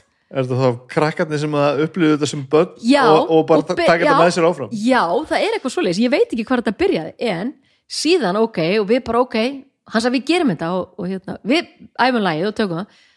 Þegar við spilum lagið, það var allt störglað bara kunna allir textan og allir ílar, ílar, ílar og allir bara það, og það bara voru prógrunum síðan.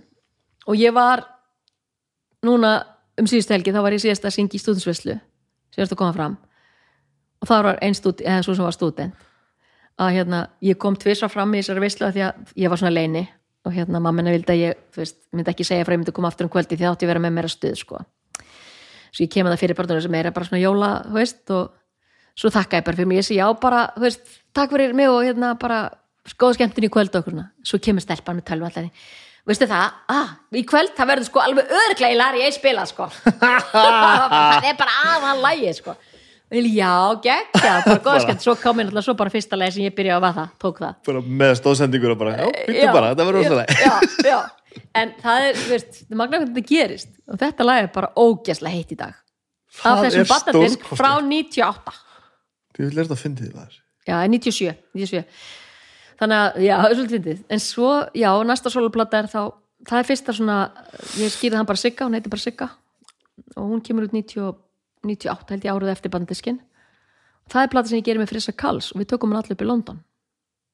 Og ég fer þanga og er hjá honum bara einhverja daga og hann uh, já, það eru þessi lög eins og brúabóðfellin sem ég náttúrulega mikið verið að syngja og, og já, bara fínasti disku sko. Ég, mér sáttu þann disk líka. Hvernig hvernig mótur þetta eins og þá plötu það sem þetta ekki með svona allavega eins og, eins og, eins og ég sé þetta svona ekki, virðist ekki Já. vera svona eiginlegt konsept, þú ert bara svona að búa til bara sóloplötu. Já, þarna býr bara solbrjóta þarna bara, uh, bara ég veit ekki þarna set ég bara lög inn sem ég fílaði bara. Já, einhvern veginn, ég var ekki það sem ekki tók á minn stíl eða neitt, ég meira á þessar blötu eitt jólalag. Það voru allir náttúrulega bara og eitt lag á ensku, ég tók day akkurat, akkurat. Það voru allir bara, ert ekki lægi og bara Íslenska slatta Íslensk, og, þetta íslenska og svo ensku líka voru allir bara ógeðslega nexlaðar á því. Bara þú blandar ekkert ensku við íslensku ég er bara okkur ekki? Okkur má það ekki, er það okkur lög? Eða okkur eitt jólalag, hún átti að koma út um jól okkur ekki að eitt jólalagunni það hjálpaði til við söluna því að jólastjarnan, lagi sem var áni mjög mikið mitt þú veist, þú veist, ég veit ekki það voru allir bara ógeðslega nexlaðar ég skil bara, hvernig þetta verður ég sé bara, nei, ég og það gekk alveg upp. Það sá diskur var alveg lifað. Og hérna þannig að hérna svo gef ég út annan disk uh, sem heitir hvað heit hann á, næsta diskur eftir? Jú, fyrir þig. Hann heitir Mhm. fyrir þig. Og, og hérna uh, t- t- t- ég bara, nú er ég búin að gleyma hver útsetti hann með mér, hvort það var Þorvaldur Bjarni. En allavega eftir þann disk að þá kemur allavega uh, tilur frædiskurinn? Það er svo síðasti diskur sem ég geri held ég. Já, já. Tilur fræ, kemur í þessu sapdiskur að nút á milli? Jú, Þorvaldur var með jú, Þorvaldur Bjarni var með mér fyrir því diskin alveg rétt, hann var með mér. Alveg rétt, þá var hann, bjóða hann er í hérna, réttur snorrabröndum þar var með lítið bílskustúdíu þar. Og hún var eiginlega öll lunnin þar og ég söng þar í einhverjum pínulitlum klefa, öll lögin. En Þorvaldur Bjarni er alltaf æðislegur bara mikið snillingur sko. Mm og frábær. Og hann, ég fekk handlega gera með mig líka tilur frædiskin sem er svona síðasti diskurinn. Já, og þá fór hann út til Bratislava og tók upp uh, bara hundra, rúmlega hundra manna symfóniusveit og allt á hana. Hún er búin að finna það upp og gera það. Já, bara og ég, ég svona þeir diskar sem ég er hvað sko stoltist af er tilur frædiskurinn og decibediskurinn minn. Já. svona þessir diskar sem ég að því tilur frædiskurinn var líka mjög dýr diskur en hann líka ég bara, mér fannst ég þurfa að gera svona disk. Það er mitt bara með mestmegnis stóra ballöður bara. Mm og meðal annars til eru frælæðið sem að hérna Haugum Ortis gerði gamla leið. það er það er gött í stöff að taka það bara og gefa það út. Já, og ég hægði það niður. Já, og það sem var svolítið fyndið við það lag að hérna að hérna ég er á Spáni þannig að þegar, hérna, við erum að fara að gera þetta og, og hérna til eru fræði og þá heyri ég eitthvað intro og eitthvað lægi sem var svo flott, ég alveg get ekki tengt þetta við til eru fræði, mest intro og svo flott. Og svo ég kaupi hann disk með þessu lægi á og ég fætti þorld, þorld, þorld, mér langar ógislega að nota þetta intro í til eru fræði hann segi, já, við þurfum samt eitthvað að breyta þetta er ekki alveg sama sko, veist, þetta er náttúrulega ekki sama hérna, tempo eða sama, te, eða tempo var svipað, það var, veist, það var ekki sömu hérna, uh, skilur hérna þú veist, það var ekki fjórum fjórðu eða Já, ekki sama takti ekki sama takti, en hann sagði, það er ekki mál, ég get breytt því. Svo við skutum in, þessu intrói framan á. Það er intróið á tilur fræ. Bara svona hrútt eitt af þér bara? Já, og mér fannst það bara eitthvað, mér fannst það svo passa. Og hann náttúrulega lagaði þetta allt til en þetta er intro sennilega af öðru lagi sem var sett þarna sem við fann á spáni. Og það er introið að tilur fræ. Áhugavert. En við hægðum tilur fræ mikið niður. Já, það náttúrulega er tölver traðar þegar haugu gerða það sko. Mér fannst það bara eiga við og þetta er lag líka sem að uh, ég tilenga hann disk mömmu sem að dóð þarna akkurat 2007 þetta er í janúar og þetta var alltaf hennar uppbólslag og, og hérna hún var búin að beða mig að syngja þetta sko í bara ég er ekki mörg mörg ára en ég, ég sem mamma, ég er miklu meira að syngja rock og svona bara pop, ég er ekki að syngja eitthvað tilur fræ lag en svo þegar hún deyr þá náttúrulega kom fyrst upp í hugan strax bara, heyrðu tilur fræ verður að vera í jarðaförunni og þá hugsi ég, ok, ég ætla að syngja fyrir hana. Að þurrni já, ég tók það upp að vísu. Ég, ég tók það upp. Mm. og hérna minnur ég fengi Gretar með mér í það að, að taka það upp. Og hérna við spilum það og þá fyrst heyri ég bara þá er mitt hægði ég það eins niður tók það ekki í þessum orginarraða þá heyrði ég fyrst bara hvað þetta er virkilega fallet lag. Og, og textin bara þú veist, þú var náttúrulega búin að vera þessu veikindum og öllu þessu og, og hérna, textin átti eitthvað svo vel og fann ég bara hvað þetta var. Og þá ákvað ég að setja það á blötuna og, og ég var komið með önnu lög en þetta var bara, ég bara þetta verður að fara á hana. Og ég skýrði blötun eftir náttúrulega læginu þá bara heyrði ég að þetta lag er virkilega fallegt. Já, og rosalega falleg melodi og, og bara textin og allt einhvern veginn. Þetta er þau með held ég dæmi um eitthvað sem ég er að finna núna sko. Það er sumt sem maður getur ekkert gert strax. Já, það er svo margt sem að ég er svona einhvern veginn sko, ég, ég finna að ég ræði að gera núna sem ég gat ekkert gert fyrir 20 ára sko, og ég horfið svona á það eftir 20 ára viðbót og kannski vonandi lengri tíma og svona, já, nú, nú get ég gert þetta sko. já, ég líka þetta kemur líka svolítið með þroskanum, sko, held ég hjá manni sjálfum. Já, þú veist, ég held að sé líka líka svolítið það. Þú veist, maður fer að meta einhvern veginn hlutinu öðru svo maður fer að skoða sig og ég meina, þú veist þó með alltaf fundist, ég hlusta ofta til að fræði með hauki og allt það, mm en þetta var ekkit eitthvað sem ég ætla að fara að syngja. Nei. Fyrir en þarna, bara mörgum, mörgum, mörgum ára setna, skilur við þá heyri ég það bara. Sem sé búin að læra einhvern veginn að lesa eitthvað annað úr hlutunum og eitthvað svoleiðis. Já, ég held að maður bara, þú veist, bara með aldrinum og með þroskanum að þá að hlusta maður líka aðeins öðru sig já, og maður heyrir aðeins öðru sig melodíunar og allt þetta, einhvern veginn. Ég held að það er sjálfur rétt. Já, og maður verður mér langar að nota árið vísinni en það er ekki alveg það lýsir ekki alveg sem ég er að segja sko. nei. Jú, maður verður kannski maður, maður verður nátt samt, svolítið vísitni að því maður, maður fer að opna allt miklu meir og maður fer að gefa kannski hlutum sem að, miklu meira pláss sem maður gerði ekki kannski áður. Já, maður var kannski inn, kannski ómikið kannski í ykkur mákunni ramma þannig en svo fer maður að fara aðeins út fyrir hann ramma og þá fer maður að heyra hvað, veist það er fullt af stöfðarna líka annað sem er bara ógíslega og þetta er þetta ekkert annað en vísinni sko. ég, ég finn þetta alltaf bara ég, mín leið inn í þetta er alltaf bara fyrst að þú er þú, þú eða einhver, einhver önnur manniska sem ég ber virðingu fyrir og, og, og veit að er að, að, hefur skoðanir af ástæðu já, en ekki bara svona flýtur út, í kosmosinu og hefur enga skoðanir en einu fyrst að Já. þú sérði einhvern svona ofbóstlega flöt á þessu sem ég er ekki að sjá. Já, þá hlýt ég að geta reynd að setja mig í, í þitt sæti og reynd, að sjá hvað þú ert að horfa á sko. mhm, það er svolítið það, sko. ég var mjög duglega við að sitja bara í hásættinu mínu og Já. benda bara úr þeirri átt já, já þetta sem er hérna fyrir aftan er mjög leðilegt þetta sem er fyrir fram að mig, það er rosa gaman sko. Já, ég, er, já, ég held að sé nefnilega kannski ekki alveg snuðt að vera hérna, nefnilega, ég held ég hef aldrei verið nefnilega nákvæmlega þar, að, að mitt, þú veist, ok, þessi músík, þetta er bara glatastöf, þetta er bara glata, það er bara, veist, það er bara þessi. Ég, þessin held ég, þess, það verið gott hvernig maður ólst upp að, að alast upp við alla tegundir, tónlistar. já, og þannig að, að, að maður svona gefur eiginlega öllu séns. Og ég menna, þú veist skilur mig, það er Já. svona þess vegna held ég að sé, þú veist, þessi viðsýni að þú veist að og ég, ég held ég hef aldrei sagt að sé ykkur ein músík bara ógustlega leiðileg, ég veit ekki. Ég meina ég ég hlustaði eins og Nínu Hagen, hún var eitt af minnum uppáhals Mhm. Á tíma, þú veist eðlilega hún þannig kringum frábær. 80-81 og ég veist, ég elska Nínu Hagen og, og hérna, hlustaði mjög mikið á hann og allt sem hún var að gera þannig að þú veist, ég, var ekkit meðan aðrir kannski eins og vinkonu og bara, bara hvað er þetta að hlusta á veist, þetta er bara, bara ég segi, nei, þetta er klikkastöf, hún er geggjuð sándi hjá hún og svo stúrt og mikið allt. þú veist, þannig að ég hef alltaf aldrei, aldrei haft eitthvað svona eina stefnu einhvern veginn, þú veist það er einmitt, eins og þú veist, það er aldrei neitt eitthvað, veist, þetta er glata, þetta er bara flott. Það er bara þetta sem er flott, ég hef aldrei verið þar.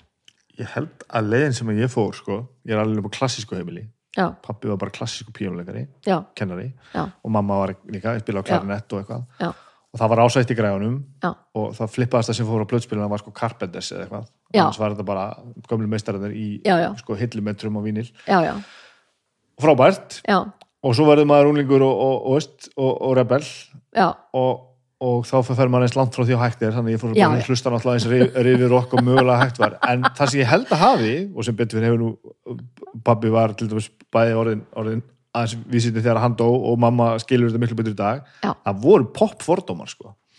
Þetta var bara Já. einfalt og, Já, og ekkert úthugsað eða merkilegt eða, eða þú veist, að því að, að gömlu meistararnir voru svo, voru svo aðri sko já, já. og þó að ég hafi farið í rebelin gegn klassikinni, þá held ég að þið setið í mér sko að búið að segja manni að, að sko poppið væri innan einhverja gæsa bara ómerkilegt. Já, og ég þurfti að læra það, það er nú ekki rétt sko. nei, það er nefnilega ekki rétt en stundum finnum maður svolítið fyrir þessum fordómum ennþá.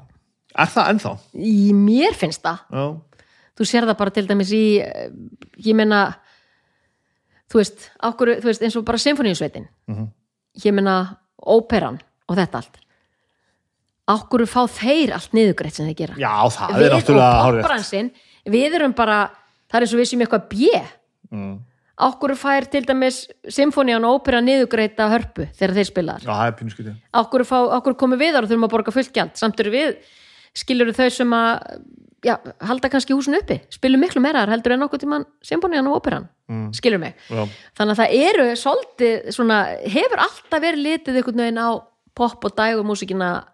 svona, sé svona eitthvað hitt sé eitthvað æðra því, Já það er þannig. En það er ekki þannig. Nei, sjálfsögur er það ekki þannig. Það er öll músik jafn metin. Og pældi því að flest sem að symfónían spilar er mikið af því þetta er allt cover. Þetta er allt cover. Þetta er kóðuband þetta er alltaf bara coverband. Melabandið, þetta er coverband. En auðvitað, jú, og óperan. Þetta er alltaf einhverjur, þú veist einhver cover stöf eftir og tribute tónleikar eftir Að sjálfsögur er þetta ekki einhver annað. eldri mestarna en, Þetta er fóra með einhverju svona, svona við séum að segja söguna og eitthvað svona Já, jú, ég, þú veist, ég sé ekki það að spila cover, ég sé ekki það, mér finnst það líka skemmtilegt mér finnst það líka skemmt, en, en þá sérðu þú veist en okkur er þetta alltaf talið sem þetta sé eitthvað æðra, þetta er bara coverband. Þú veist að sé ekki verið að spila okkur pop eða einhverja dagur músik skilur Svolítið áhverð sem þú segja þetta með einmitt, það sem þetta er bara svona stendur bara á blaði þið fóðu þetta ódýrara heldur en þessi. Já, þeir fá fucking- niðugreitt, okkur fá þeir niðugreitt Svo þeir eru bara að spila cover. sko. við erum við að spila okkar músik og, og bara, halló, nei, þið borgið bara fullt. Helvíti stefgjöldin sko. Að, já, sko, Þegar að- er farað það, sko. þegar þú ert komin í einhvern, einhvern flokk þar sem þú fær meira borga fyrir mínútuna heldur en ég sko. hvað ertu þá að gera?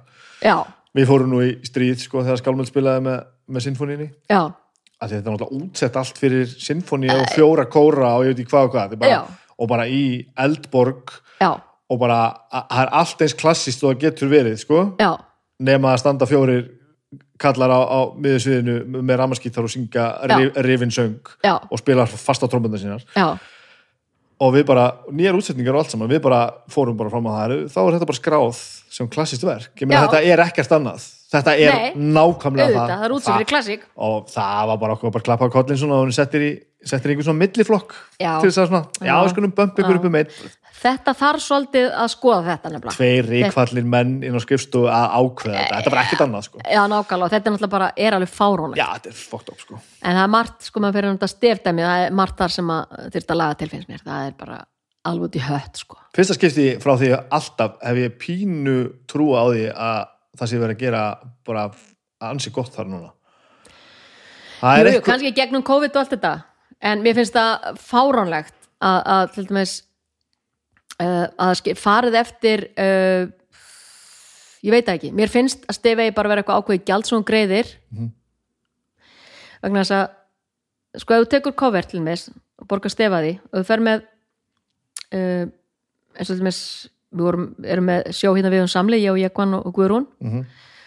sjó sem er búið að ganga svolítið lengi við um samli og verið í salnum í Kópói og farið eitthvað út á land með það og svona og erum ennþá með það.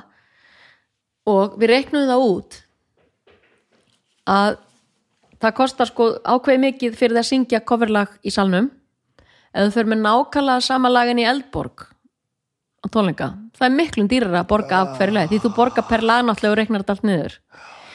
Það er margvalt, ég man ekki hvað það kosta það kosta held ég þrjúðu skall, ég man ekki voru hvort það var eitthvað, eitthvað íslensk gamall lag sem vorum að flytja. Við ákomum að reikna þetta aðeins út. Þannig að þú borgaði 3000 og eitthvað fyrir 3600, 800 fyrir að syngja lagið í salnum en það var komið upp í 18 og 19.000 í Elborginni per lag. Sama lag. Er það bara hausaföldin hausafjöldin og miðaverðið og annað.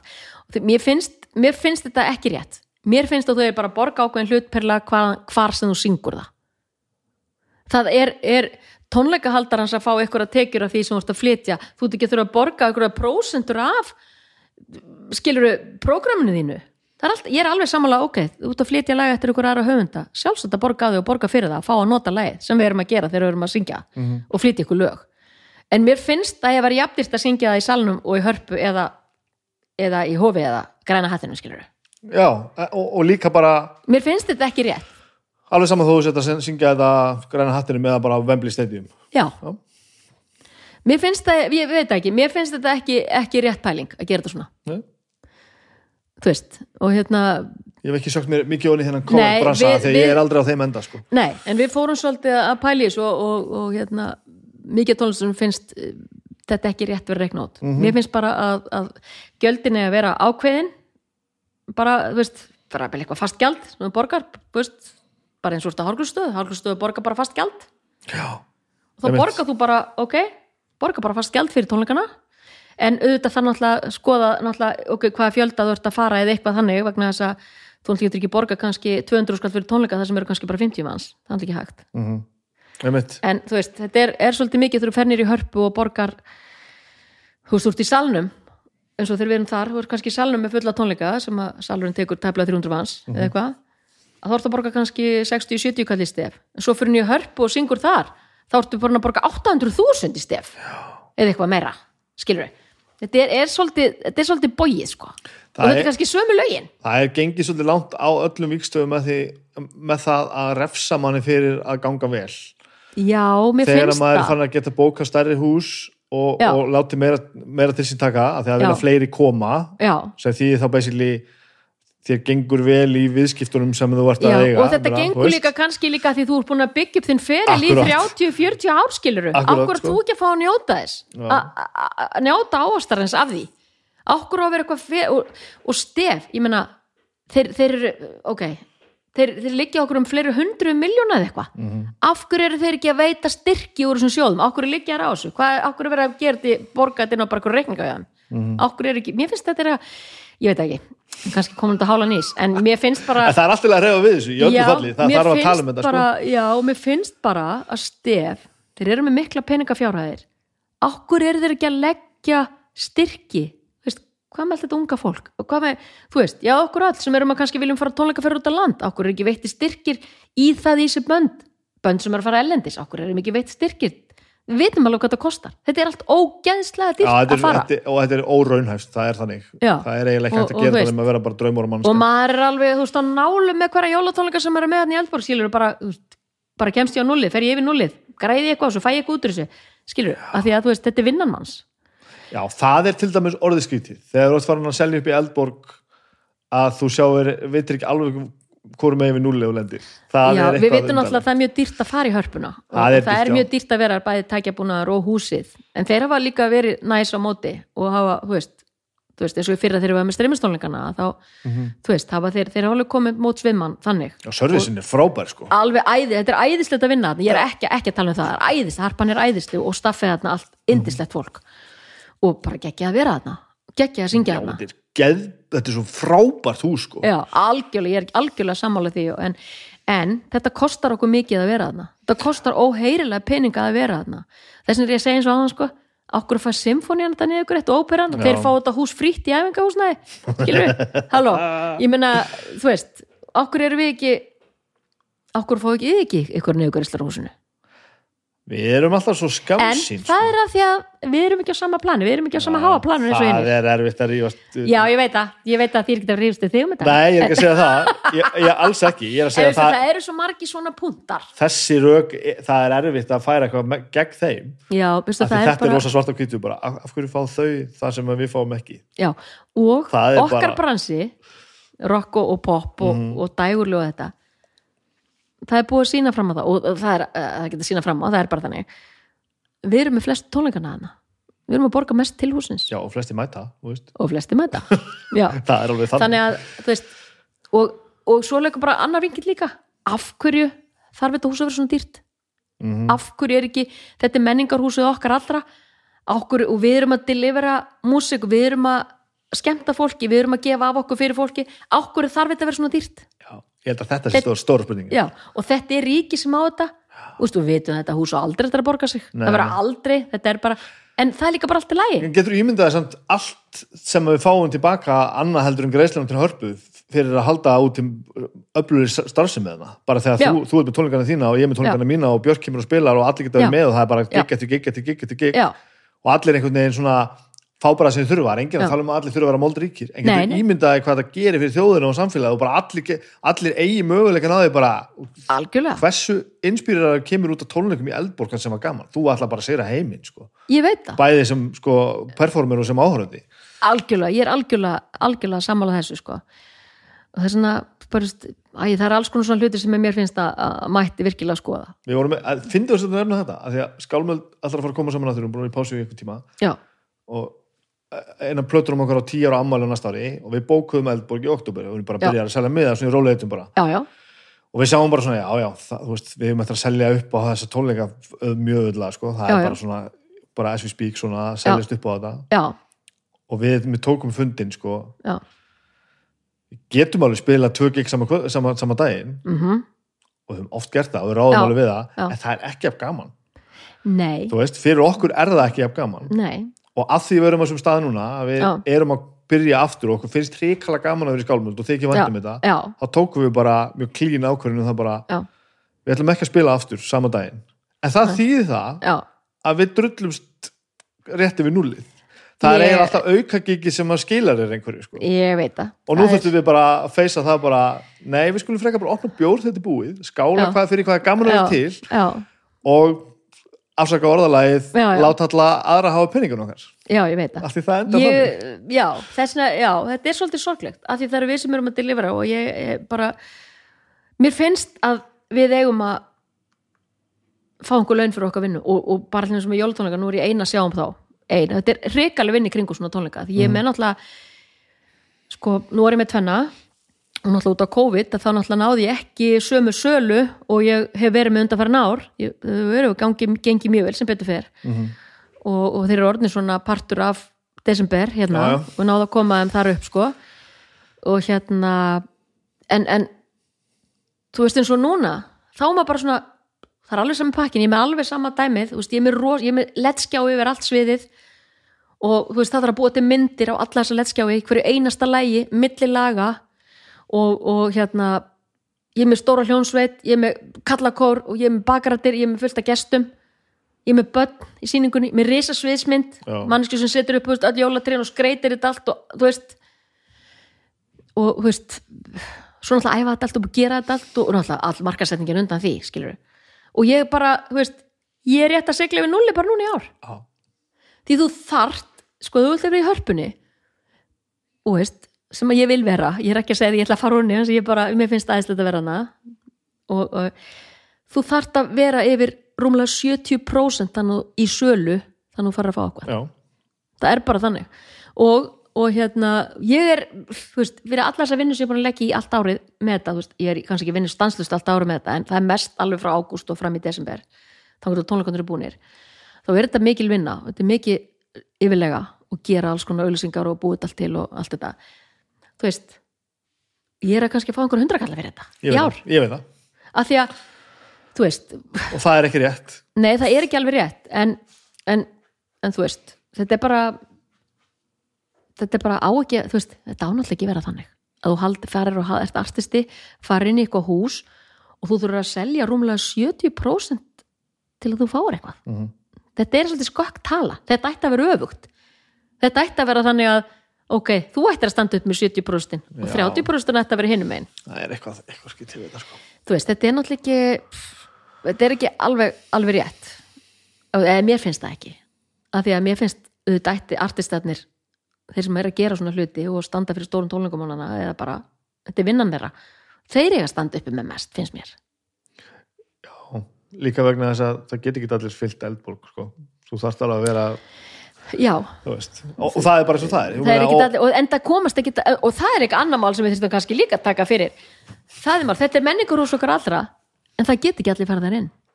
Eins og þú segir, þú verður að selja svo ógislega mikið til að lenda mjög- núl en annars ertu bara í mínus. Mjög margir með að setja að selja sko. Já, og af hverju á það að vera í menningur og svona grallar, af hverju er ekki allir að geta komist þar inn?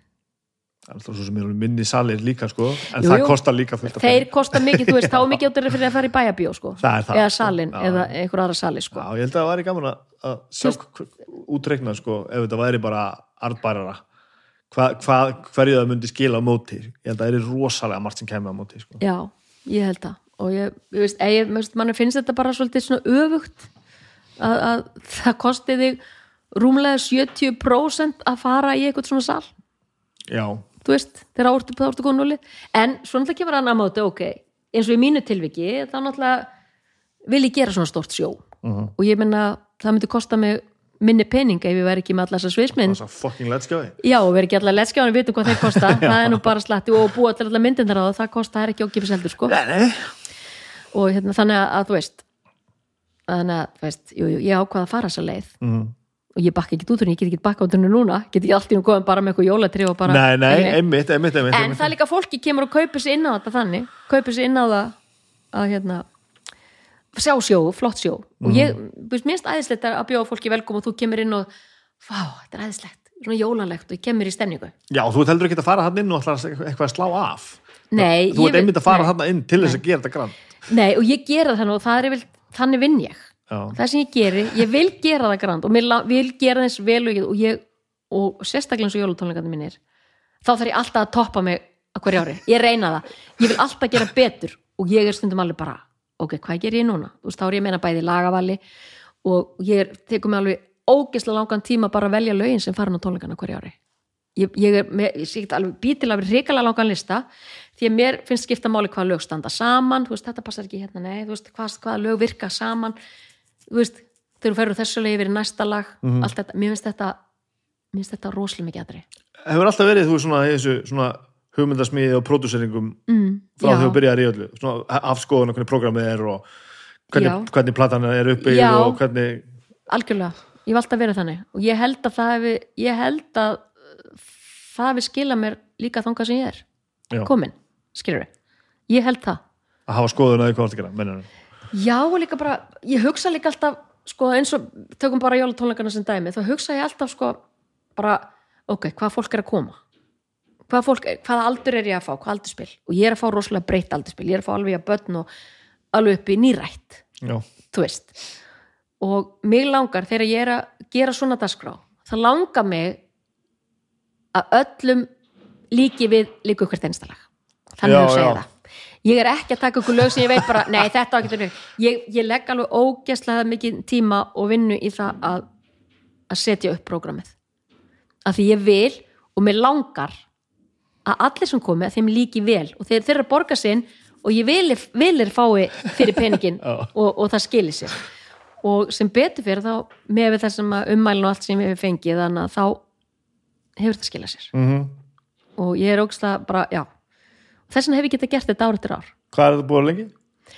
Uh, þetta var 11. eða 12. ári núna já, þetta er búið svona lengi maður. já, ég byrjaði í Gráfúskirkju byrjaði bara lítið, Já. eða lítið ég fylgdi hana nokkur sinnum síðan fer ég yfir í háskóla og það stekkaði það mikið þar og, og hérna þaðan fer ég yfir í hörpuna búin að vera í hörpunni síðan 2014 en svona ofrætla þá finnst mér mér finnst að skiptingin laun versus kostnað það ætti að vera aðeins öðrisi Mhm. Með það sem er lagt í þetta. Og ég veit að þú ert örgulega sammála mér í því að, hérna, já, ég, ég, ég er sammálaðir sko. það er eitthvað það er svona smá bóið þarna og mér þú veist það er náttúrulega, við vitum náttúrulega auðvitað dýrt. Eins og náttúrulega þegar ég er að halda sjólutónleika þá náttúrulega er ég ekki með bandi eins og stjórnina. Ég er náttúrulega með, bara þá er ég að fá hljófærleikar inn mm það er að borga náttúrulega öllum fyrir sína vinnu eðlilega, já, þannig að auðvitað náttúrulega er kostnaðurinn gífulegur og auglýsingakostnaður náttúrulega gífulegur sko. já, já. Veist, þetta, er þetta náttúrulega- bara kostar. Þetta bara kostar. Það er bara það sem þetta já, gerir. já, er eitthvað, og ég skil alveg að maður þurfi að borga meira fyrir stóra sali og, og, og veist, Já, að- auðvitað skil ég vel, auðvitað harpan er æðislu, þetta er flott hús og geggjað hús og ég skil alveg að maður þarf að borga meira fyrir að vera þar heldur en annars og ég skil það alveg. Aha. en ákvörðu þurfum við að borga alveg svona mikið? Mættu við ekki fara á kannski einhvern stall þar sem að einhvern staðar symfónin er eða óperan eða einhvern að- að- mættu jafna þetta aðeins, skilur mig? Mjög fyndið að tala með þetta þegar ég er að gera nákvæmlega þetta saman sko. við erum bara, Já, vorum að horfa á þessar tölur og bara þetta er rosalega tölur maður. Já, og maður þarf að sko, þú veist, það fyrir náttúrulega ómældu tíma líki að leggja niður allt kostnaðaplan fyrir svona tónleika. Já, ok, hvað að gera? Allir nei, ok, heyrðu, ég verð að stoppa þannig eins og núna fyrir ár, tónleikan í ár þá þurfti ég aðeins að taka saman, sko, að því að, þú veist, út á COVID að þá náttúrulega bara þú veist, mm ég misti töluverða sölu já, já. frá því eins og 2019 sem var metár hjá mér. Þá var bara eilu uppselt í salina bara alveg, Já, ok. það var allt hvert sæti já. og, og, og hérna og ég er mitt eins og þú veist að tala um að vera með tónleika saman dag. Þá hef ég, ég vilt ekki vilja gera það. Af því að ég vil bara allir fá sömu upplifun. Þú mætir óþreyttur við tónleikana og gera það. En hins vegar sko, ég veit það ekki, það er kannski ekki rétt að segja kannski þannig, ég, þú veist, maður getur alveg gert þetta. Já. og, og meina og við þú veist, getum alveg gert þetta sko. Og, og, veist, það er, þú veist, og fólk er ekki að fá eitthvað minna. Það er ekki þannig, maður minn, gerir ekkit minna af sér en eitt þannig, skilur maður er kannski bara meira búinn þegar maður kemur heim. Maður er það, maður er Um miklu þreyttar en maður kemur maður er heim. miklu þreyttar en maður kemur heim. Og svona, og kannski daginn eftir er maður svolítið svona eins og góldurska sko. Mhm. en, en hérna en ég hef alveg verið að skoða þetta það munar töluvert að vera Þetta sama munar- degin það munar munar, öllu, sko. munar töluvert í tekjum fyrir mann að gera þetta samdags. Já, þú veist ég hef alveg bretta með mér á hverju ári. Á ég að gera þetta? já og pæltið að gera þetta? Já, ég hef alveg pælt í því. En ég hef ekki gert það hinga til. Það er annar business sko. Það er allt annað að leggja af stað inn í svoleiðis dag en Já, það er allt annað bæði það bara að standa á sviðinu og gera þetta allt og, og þú veist. En það, það myndir kannski skila manni kannski aðeins meiri tekjum fyrir alla vinnuna sem maður leggur í þetta. Okkur fórum við ekki bara í viðskiptafræði eitthvað? Já, nákvæmlega, nei, ég hef ekki nefnt því. Ekki heldur. Nei, en, en samt sko, þú veist, ég bara, mér finnst þetta geggja og þetta er alveg ákveð að standa og, og gera þetta svona tónleika. Þannig fær maður líka, þú veist, eins og þegar ég ger þetta, ég er ekki bara sem ekki jólalög, sko. Ég er með þetta svolítið blandað. Þetta er ekki bara, ég er að taka, hann er maður að taka svona þessi stóru dífulög, þú veist, kannski, þar maður getur fengið að þennja sig og bara nota röddina sem þú ert ekki að gera með stjórnina sem þú ert að spila bara liðu voninni og þetta skilur þau lög. Þarna fær maður að syngja og söngvarnar verið svo ánað með það þarna fær maður að syngja veist, bara eitthvað sem getur hvergi flutt. Já ég skil þig. Þú ert að tala um kannski alveg geggjur lög skilur Mhm. stór og mikið lög sem eru bara ógislega flott. En þú veist, það passa kannski ekki inn í einhverjum annars staðar. nei, þú var ekki að tækja, en þarna getur maður að setja þau inn. Og ég verða, verða að gera það sko við við við við höfum sungið hlumis prayer, ég söng það með gissuri við höfum að taka já og- já, já, við taka eitt sem tók ég hérna Tell Him sem bara bara stæðsand og selin Díónsung við settið það sinni uh, ég tók einu sinni vitni Houston og mömmunar hérna lægi úr hérna hvað söngleik var það? þetta er ekkert litlu raddindar maður. Nei, þetta eru rosalega stór og hérna svo hefur verið að taka bara jafnvel svo stórlega sem ég hef gert sjálf í stúd á plötunum mínum. Já, sem hún hefur eiginlega ekki sem ég hef ekkert verið að gera mikið. sem hún hefur ekki ekkert mikið plattform fyrir að syngja annars eitthvað. Nei, ég hef skotið þeim inni og það hefur bara mælst mjög vel fyrir. Þannig að þetta eru alls konar svona risa stór og, og oft og maður tekur alveg svona eitt og eitt svo leis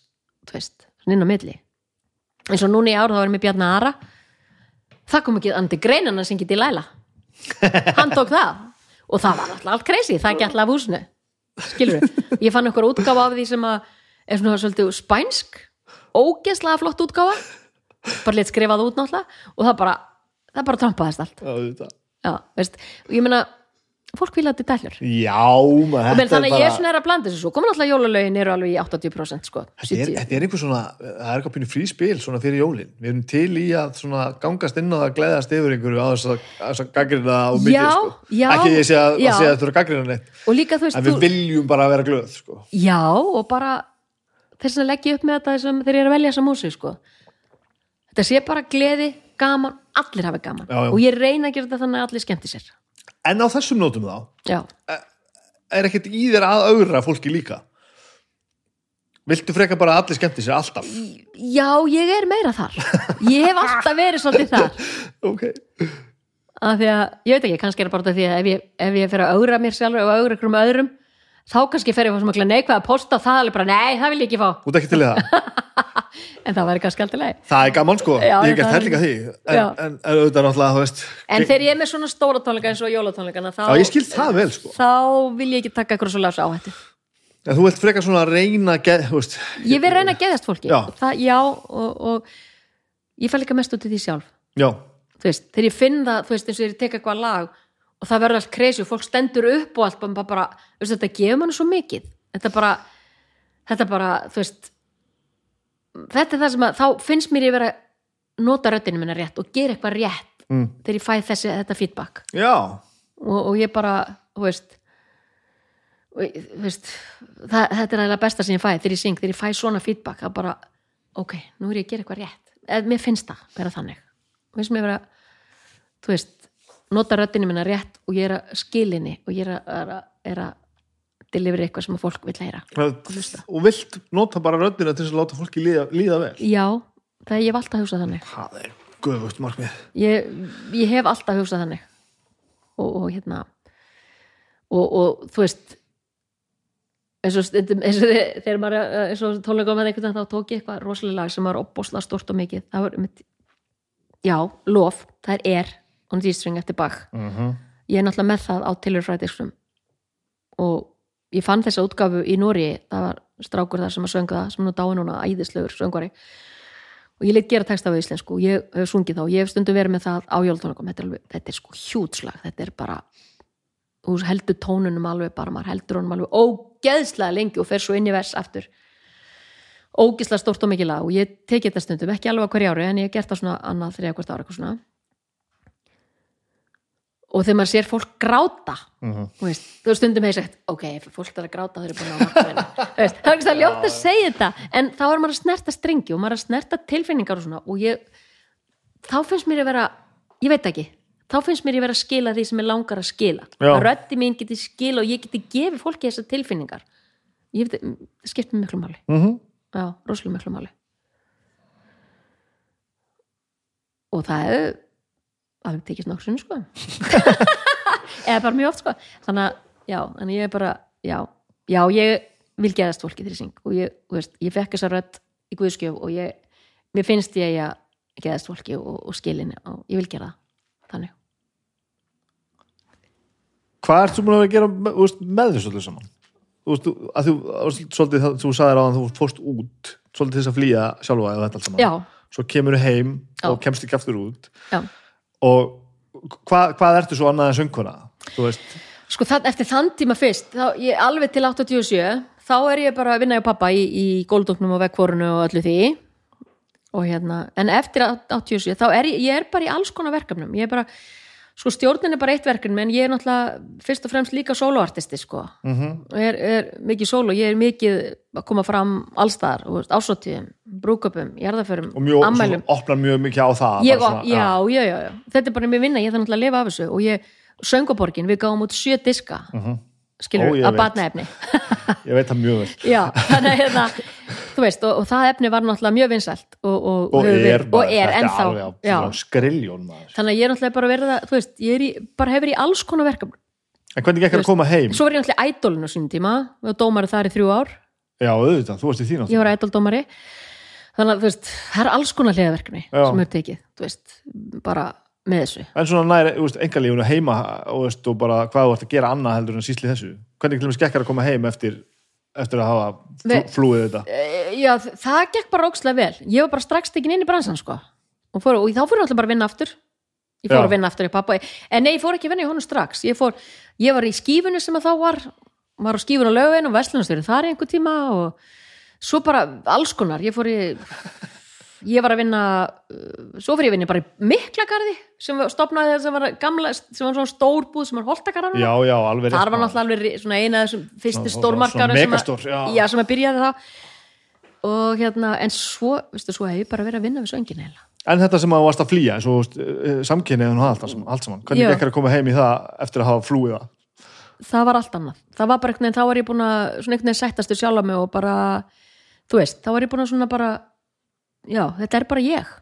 Ég er bara svona og fólk verður bara að taka mér eins og ég er og þá var ég, þú veist, ég var hún sátt sjálfa mig, einhvern veginn og, og bara, þú veist þú veist ég pældi ekki í því þannig.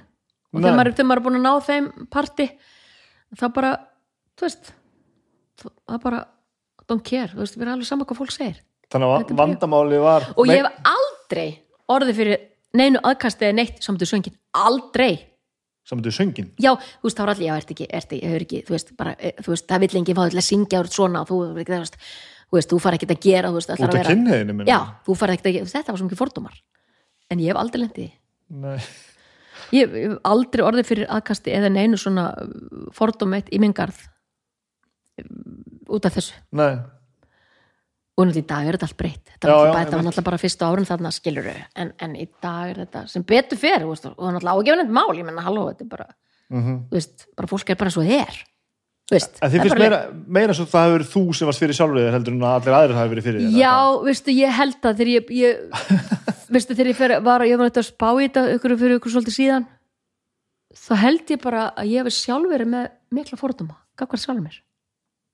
Þú veist ég held bara ég myndi ekki fann þetta að gera og þú veist, það myndi enginn vilja mig vinnu og það, þú veist, og þetta væri bara skilur mig?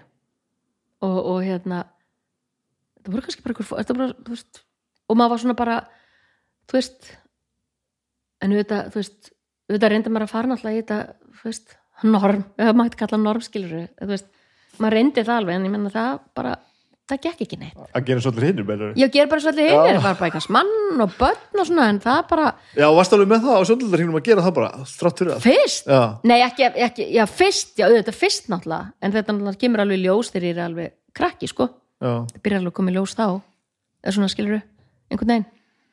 Eða svo, svo byrjar náttúrulega að gera stólingsárunum og, og svona upp í 16-17 þá bara átta ég maður því að þetta er bara þetta er bara svona. Skilur og hérna, ég fer ekki til ykkur aðra leið.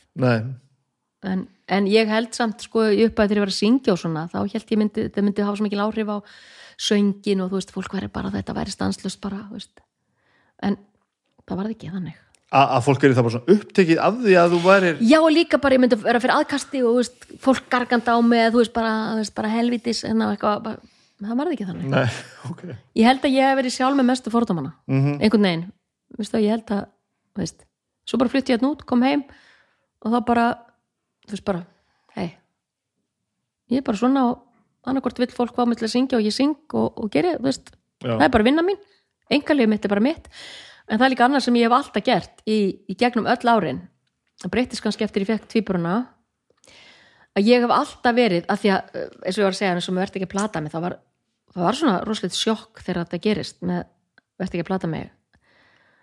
Þá loka ég rosalega mikið á engalífi því það var allir að nýsast svo mikið þú veist, svona einhvern veginn. Æ, þú veist, ég bara fekk að því ég náttúrulega var feimin að upplæði sko, þá, en maður fekk svona svolítið skilur, þannig að ég lokaði enga lífið mitt rosalega og svo þegar blaðum voru að spyrja mig sko, vissu náttúrulega allir, ég byggi með konu eða, þú veist, vissu þetta allir? Já, já, en svo þegar blaðmennin ringir ringdu, þú veist nei, við ætlum ekki að ræða um þetta, við ætlum ekki að ræða um sanginu við ætlum bara að ræða músikinu, við ætlum ekki að fara á það. Já.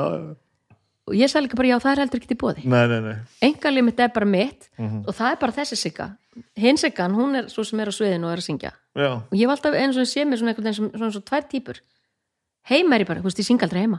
Ég er aldrei syngjandi heima eða hvað, ge- hvað gerir þú heima? bara eins og allir aðrir.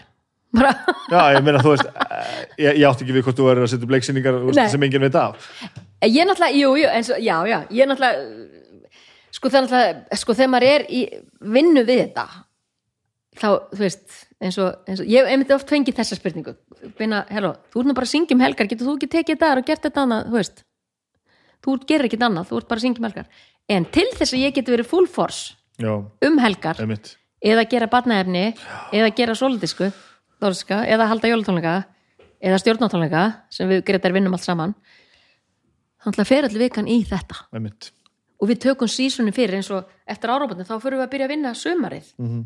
og ég fyrir að byrja að pæla jólatónleikunum. Öll vikan, er, maður er vinnand allan daginn. En auðvitað get ég stjórna vinnutímanum mínum. Ég get ákveðið hvort ég fari í lönns með þér í hátteginu eða, eða tekið mér frí til háttegis ég vinn það bara annað tíma skilur þú tekum að músíkin fylgir ekkert mikið heim? Nei, hún gerir það ekki. Ég fann þetta af því ég var Já. sjálfstafstarfandi Já. list, listamöður að, að ég held, ég var ekki mjög sjálfstafri ég var bara að grafa mig upp úr skuldafinni eða alltaf og álpaðist inn, inn á það að fara að vinna frá 95 já, þá fóru hljóðfærin að fylgja mér náttúr heim sko. af því að meðan ég var á kafi í þessu og var alltaf í verkefnum að vinna Já. þá var ekki pláss fyrir þetta heima ég og, var kannski með kassakitur út í hodni og Já. spilaði aldrei á hann núna Já. þegar ég fyrir bara í vinnuna já, blessunulega og Já. líði mig frábælega í dagvinni sko. já þá kem ég heim og bara og tek upp bassana, kassakiturinn eða rammaskiturinn og byrja að spila sko. já, veistu, ég er svolítið sammála þessu ég er nefnilega, já, ég er ekkit ekkit að gera heima sko. Því- það, það er bara því, veist, þá er ég bara í, er einhverlega í undirbúi giggin og er að, veist, við erum að bóka gigg og, og þú veist, ég meina og til að halda sér á floti í músikin nú er ég eins og næsta ári, þá er ég 40 ára söngamali sko. Þannig að hérna ég meina, og, og það er mikið ungu fólki og mikið tónlistamönnum og tónlistafólki komið inn í bransan. Og ég meina, þú veist maður þarf alveg að, þú veist þú veist, ef ég ætti bara að vera bara heim og býða við síman eftir einhver myndi ringi mig og að syngja, einmitt. skilur þetta bara snýst er ekki þannig, það gerist ekki þannig. Það gerist ekki þannig. Maður þarf alltaf að að minna á sig. Maður þarf að vera að setja upp ykkur prógram, þú veist, ok þú veist, eins og ég og Guðrún og Jekvann við erum hérna við um samlega, það er prógram sem hefur slegið í gegn. Bara grín og gleði, íslensku gömlu dagulögin, bara fyndi við hlægjum, bara það er legið út í gegn sko. Það er svona prógram, jólaprógram er svona, stjórnin er eitt. Þú veist, þetta er svona þú veist, þetta þarf að búið allt til Já, það, þetta er frábær setning. Það þarf nefnilega að búa þetta til. Já, og, eins og söngaborginar, ég meina þú veist, þú veist ég meina klukkutíma prógram ég meina, þú veist, það þarf að skrifa all handritin. Það þarf að búa til, það þarf að finna lögin, það þarf að búa til textana það þarf að, skilur mig? Þetta er svo skemmtilegt þegar fólk er að spyrja mér út í hvað, þú veist, gaman að vera í hljómsveit og bara, bara veist, Já, já, og ímyndin er alltaf bara, já, skellir bara svona tvær þar hljómsdæfingar og svo spilar á tónlingum já, já. Já, það er svona 8% af því sem maður þarf að gera. Já, það er náttúrulega rosalega vinna bak við tjöldin í öllu. Og þessi vinna þegar maður kemur á sviði það er minnsta minnan í rauninni. Það er allir hitt, allt hitt sem er búið að gerast undan. Skilur og líka bara einmitt að undirbúa okkur næsta sísón, þú veist, ætlum við að gera lag eða hvað ætlum við að gera þú veist veist, bóka húsin, gera þetta það er búið til auglýsingar, það þurfa að auglýsa. Mhm. þú veist, það er svona að gera vídeo, það er að gera alls svona, þess, er þannig að maður er í rauninni alltaf í vinni og líkum helgar, skilur við þetta er svolítið þess, en, en fólk, svona venlegt fólk sem að svona veit ekki alveg hvernig þetta virkar að þá finnst það bara, já, þú veist nú er frí alla vikunum her, þú getur alveg gert þetta. Já, það er bara ekki alveg svo lis maður er ennblega alltaf hinn að daginn er maður að vinna í því að búa öll þessi gig til og minna á sig þú veist, svo hefur oft með sett saman power show ég býtur inn á ásóttíður og annað. Þá má kannski tveir til söngar að býja til alls konar power show. Power sem eru kannski 20-30 mínúna sjó bara sem eru bara kestla Já, bara svona einn negla bara. Já, bara negla. Sem bara hefur svínverkað Já, og hérna, þú veist en svo veist, svo eru, þú veist svo náttúrulega er þetta ásýttabinn, svo náttúrulega þorrablótin þú veist, ok, við erum að bóka okkur þau þú veist, ok, da, da, da, þetta er alls konar alls konar verkefni, Já, þú ert alltaf á miljón að gera þessu hluti. Já, þetta er bara vinna mín alla daga, þú veist. En svo kannski, þú veist, ok, einn daginn, ok, nú ætlum ég bara að taka með breyk, ég ætla eiga frí í dag. En svo náttúrulega ert alltaf komin með hausinn stað. þetta, er stærst, þetta, þetta er stærsta breytingin frá því ég byrja að vinna fast. Já, þegar ég uh, gætt hægt að vinna þegar ég hægt að vinna annars Já. stoppaði ég aldrei sko. já, þetta, ég segi sama, þetta er nákvæmlega svona. Þetta var mesta kvíld og, og ég var svo hættur um að ég fara að vinna vinna fyrir mannin, það myndi ekkit verða úr mínum verkefnum, það var miklu meira pláss fyrir mig, fyrir mig eins og ég vinn sko, já, að bara fara í dagurinn sem ég líður vel í. Já, og svo er hún búin og og ég get alveg kúplað með frá henni. Ég er einhvern veginn þannig gerðu sko. Þó hún skiptir mér alveg hellingsmáli. Já, og þá bara svona pressulaus án þess að veltaði fyrir mig hvort ég fái borgað þú veist, já, já. Þá bara svona já, nú ætla ég að gera þetta, sem ég þetta lag eða græja þetta Já, nákvæmlega, og eins og segir sko það sem er gott eins og maður að stöfu bara, okkur var ég ekki bara að vinna frá 9 til 5 einhvers staðar? já, af því að þegar þú fer í vinnu til 9 til 5 þá, þá, þá ertu bara í henni og sinnir henni bara, eins og vel og getur. Svo er kemur heim, þá ertu búin að loka Það þá ertu bara á endanum. við, þá ertu ekki en í okkar vinnu, í þessum bransa það er stanslust Mhm. það er alltaf, og mér er sér þegar ég lest á kottan á kvöldin, þá er ég stundi, já, heyrðu, ok stundur sopna ekki fyrir þrjú, fjóra nóttina því ég er alltaf, já, heyrðu, byttu, byttu, get ekki, já nei, það var einhversi snitt að taka þetta ekki eða gera þetta svona, búa kannski þarna til já, hvernig get ég búið til? Og, og maður er alltaf, að- alltaf að smíða eitthvað þú veist, vera með eitthvað teikniborðin, ok, hvernig sjó get ég gert, þú veist, eins og nú er ég að hugsa nú er ég 40 ára söngamæli, hvað ætla ég að gera? Hvað þarf ekki? á, ég er alltaf byrjað að teikna það aðeins, en ég verð örgulega ég veit ekki hvort ég ætla að hafa eina tónleika eða hvort ég ætla að skiptis upp í nokkra tónleika. seríu bara já, mér langar nefnilega, mér langar að gera Elvis tónleika, þið langar að gera Elvis tónleika? Af því ég er Elvis fan ah, og mér langar rosalega að gera Elvis tónleika.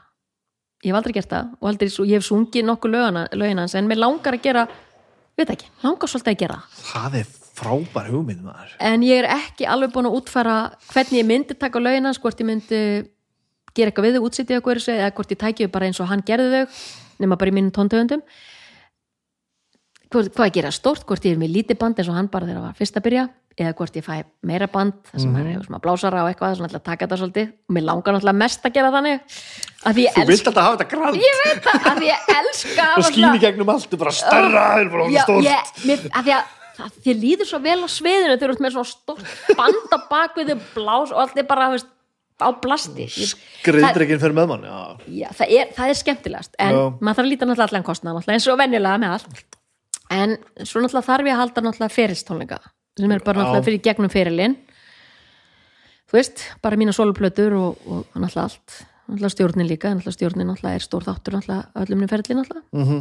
en hérna, en skilur ég held 30 ára ámælistónleika í Háskóla Bjó, Já, bara um fullt úr þar og það var ógislega gaman.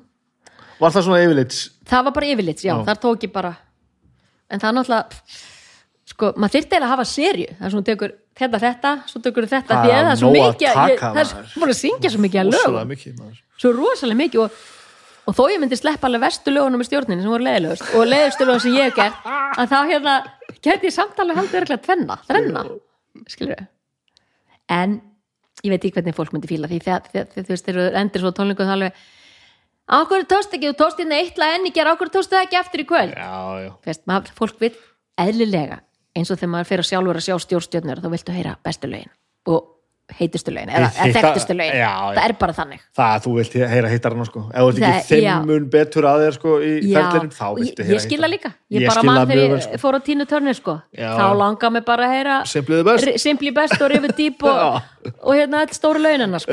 Það er bara þannig Það er lí- það líka annað í því sem að er ekkert ljótt að þá ertu líka að upplifa stemningun í salnum já, veist, Já. þá færðu þá fara allir af stað og það er alveg partur af performancinum sko það er partur að vera í, Já. og þess vegna mæti maður tónleika þess að vera í samkendinni með öllum öðrum sko, að allir upplifa það sama og þegar að hittar allir koma Já. þá ripnar allt upp sko. algjörlega og það bústar líka okkur sem stendum á sviðinu þannig að við gefum það enn meira og það saman, fer sko. allt bara Það á flegi ferð sko. þannig að ég er, já, ég er vonandi búin að þroskast upp því að drullu yfir hittarina sko. En svona það er alls konar svo, já, já, svo er ég hérna, ég er nú alltaf með eitt svona verkefni á borðinu, ég ætla ekki að tala um hvað það er en ég, það er eitt verkefni sem ég er búin að vera með í maðanum minn okkur ára að gera. Og hérna ég veit ég hvort það verða af því að næsta ári. Þú ert alveg bara, þú ert með exaskælu opið alltaf að, að ég, Já, ég er alltaf að pæla og alltaf að búa eitthvað til þú veist, eða þú veist já, ég held að það er líka bara, það þarf að vera þannig að maður ætlar að vera að vinna í þessu og ég ætla að vinna eitthvað við þetta áfram, þá þarf ég bara að gera það. Svo eru mínir vinnir sem að vin- vinna með það að spila böllum Já. sem þú spil syngur stundum með Já, já, bara strákundir í von og eitthvað svona. Já, að þeir tala alltaf um þú sért alltaf, alltaf til bara. Og segir alltaf bara, já, já, já. Ég bara, já, já, það er því að vinna við þetta. Ég þarf að fá launin svo aðrir. Já og bæði að koma og já, höfum þetta svona. Og svo bara, þú veist, jú, stillum við sig ans þú veist, eftir hvernig hend, hvað henda þér. En, en það er aldrei, þú ert aldrei með eitthvað ef við tala um Gunnar eitthvað, sko, Já, trommara sem sem er sennilega vannýtnasti trippil landsins, já, tjófisins maður sem hann er já, indislegur alveg, geðveikur. Að segja bara að það var alltaf gaman. Að Já. þetta væri alltaf, sko, ekki karakterlaust en heldur ekki vesen. Nei, það er líka þannig að vera. Ég meina, þú veist, þú nefnir ekki að vinna um fólki sem er með vesen, sko. Þannig að koma unna það sem ég var að segja á Já, gera hlutina vel og ekki vera með vesen. Það er bara þannig. Og það skila sér bara. Já. Já, Hva, hérna af, þar ma- hvað varstu gömur þegar þú varst móðir uh, ég er náttúrulega á þau ekki sjá, ég er náttúrulega á þau en ég fætti þau ekki. Uh, ég er 49 þar maður að eigna fjölskyldu bara, er það þannig? Sko ég ég mér langaði alltaf alltaf til að eignast börn en það var aldrei pláss fyrir það en sem bransinn og, og djópið mitt tók náttúrulega yfir. Mm -hmm. það var náttúrulega bara, skilur, leiðu eignast börn þá ert þú ekkit á flegi ferði þessu ekki eins mikið, nei, það er bara, það er bara þannig og hérna, en guðmum góður já, ég eignast 49 eða ég var 49 ára og hérna, ég, þetta eru bara demantanda mínu, sko, ég bara ég sé ekki sóluna fyrir þeim, sko ég held nefnilega það segja það sama og ég upplýði sko. ég held nefnilega að ég myndi geti bara humma þetta fram með mér sko. svo bara er það ekkert hægt maður verður að eigna spöld sko. Já, veistu, þetta er bara Já, bara þú veist, ég er náttúrulega, op, ég er uh, veist, ég er ekki barn að gæla sko, ég var mikið með börn sískinar minna þegar ég voru lítið já, og, já, ok. og, og bara, ég elska börn og, og, þú veist, og bara finnst þú geggjaða típur og hérna þú veist, þau eru svo hreinskilin og ef þú lætur þau öllum að sjá eitthvað lag og hlusta, þú veist, er þetta gott eða von það er ekki, að þetta er ágætt, það er bara, þetta er ömulegt eða bara, þetta er geggjað. Þú veist, þau eru svo hrein og bein. Ég náttúrulega var með, var ég með söngskóla í mörg ár og bæði með Mari Björk byrjaði með hann og svo var ég með söngskóla í Nóri í mörg ár, tíu ár.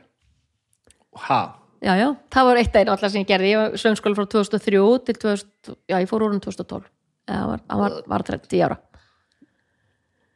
Þannig ég var alltaf að pendla á milli, sko, var alltaf í Nóri og Íslandi, var að kenna, var alltaf með norska kennara en ég fór sjálf og tók masterclass tíma og, ok og að kenna, já, já. Þannig að, já, já, það er ímislega sem búin að þú, gera. er, þú ert að lýsa einhverju sem að mér finnst ekki alveg rúmast innan sólurfinsins sko. já, já, þetta, þetta hafðist nú allt einhvern veginn. En, en getur þú þá slappað af, þú veist? Og hvernig gekk til þess að eiga ég, ég var næst í honum færtur því ég börn. Já. ég, ég var hann alltaf gamall sko. Já, já, ég gæti þetta alls ekki. Já, ég fekk að líki vel í bakið, sko. Já. ég fekk blótappa í hausinn, sko. Og- 2015 og beintengir það við barnaðumildið ég, ekki, ba- nei, ég tengi ekki, ekki uppeldi eða börnin þannig. En álæðið en, sem en sagt. álægið og bara það var náttúrulega búið að vera alveg hrikalt álæg á mér í nokkur ár, áður en þau koma. Bæði spilir í, vera að hoppa á milli Norris og Íslands kenna og, og vera að vinna í þessu öllu, vera að spila og, og gera allt þetta og vera að vaka til þrjú á nóttinni, svo fæðast þau og þau eru mjög mikið bara vökuböld, þau sofa ekki, þau sofa sikurinn tíman og allir er bara láta þetta eru tvíburar sko. Láta þau sofa bara sama tíman en þú, stjórnar þig ekkert með börn. Þú getur ekkert stjórnar, þú sagt, þú segir ekkert bara fara þig núna að sofa, börn sem eru ekki án eins á sinni. Þannig að þau eru sko þú veist, sofa sikurinn tímanum og það var bara, þú veist, þau voru fyrirburu þannig að þau þurftu að gefa maður vissum tíma bara uh, mjólk á fjara tíma fresti og svo var vesin í fæðingunni hjá henni sko, fyrirverandi það var mjög mikið, hún var mjög veik. Þannig að þetta var rosalegt álag og ég kannski að spila á nóttinni svo laðið mig kannski klukkutíma að vakna aftur að því að þú veist, þú veist ég vissi hvernig sólarupgangu var stanslist, bara hvernig hann kom upp og hvað hann kom upp og hvernig hvað. Þannig að það var orðið óbærslega, ég var orðin svo yfirgengilega þreytt sko, ég kerði mig alveg út sko.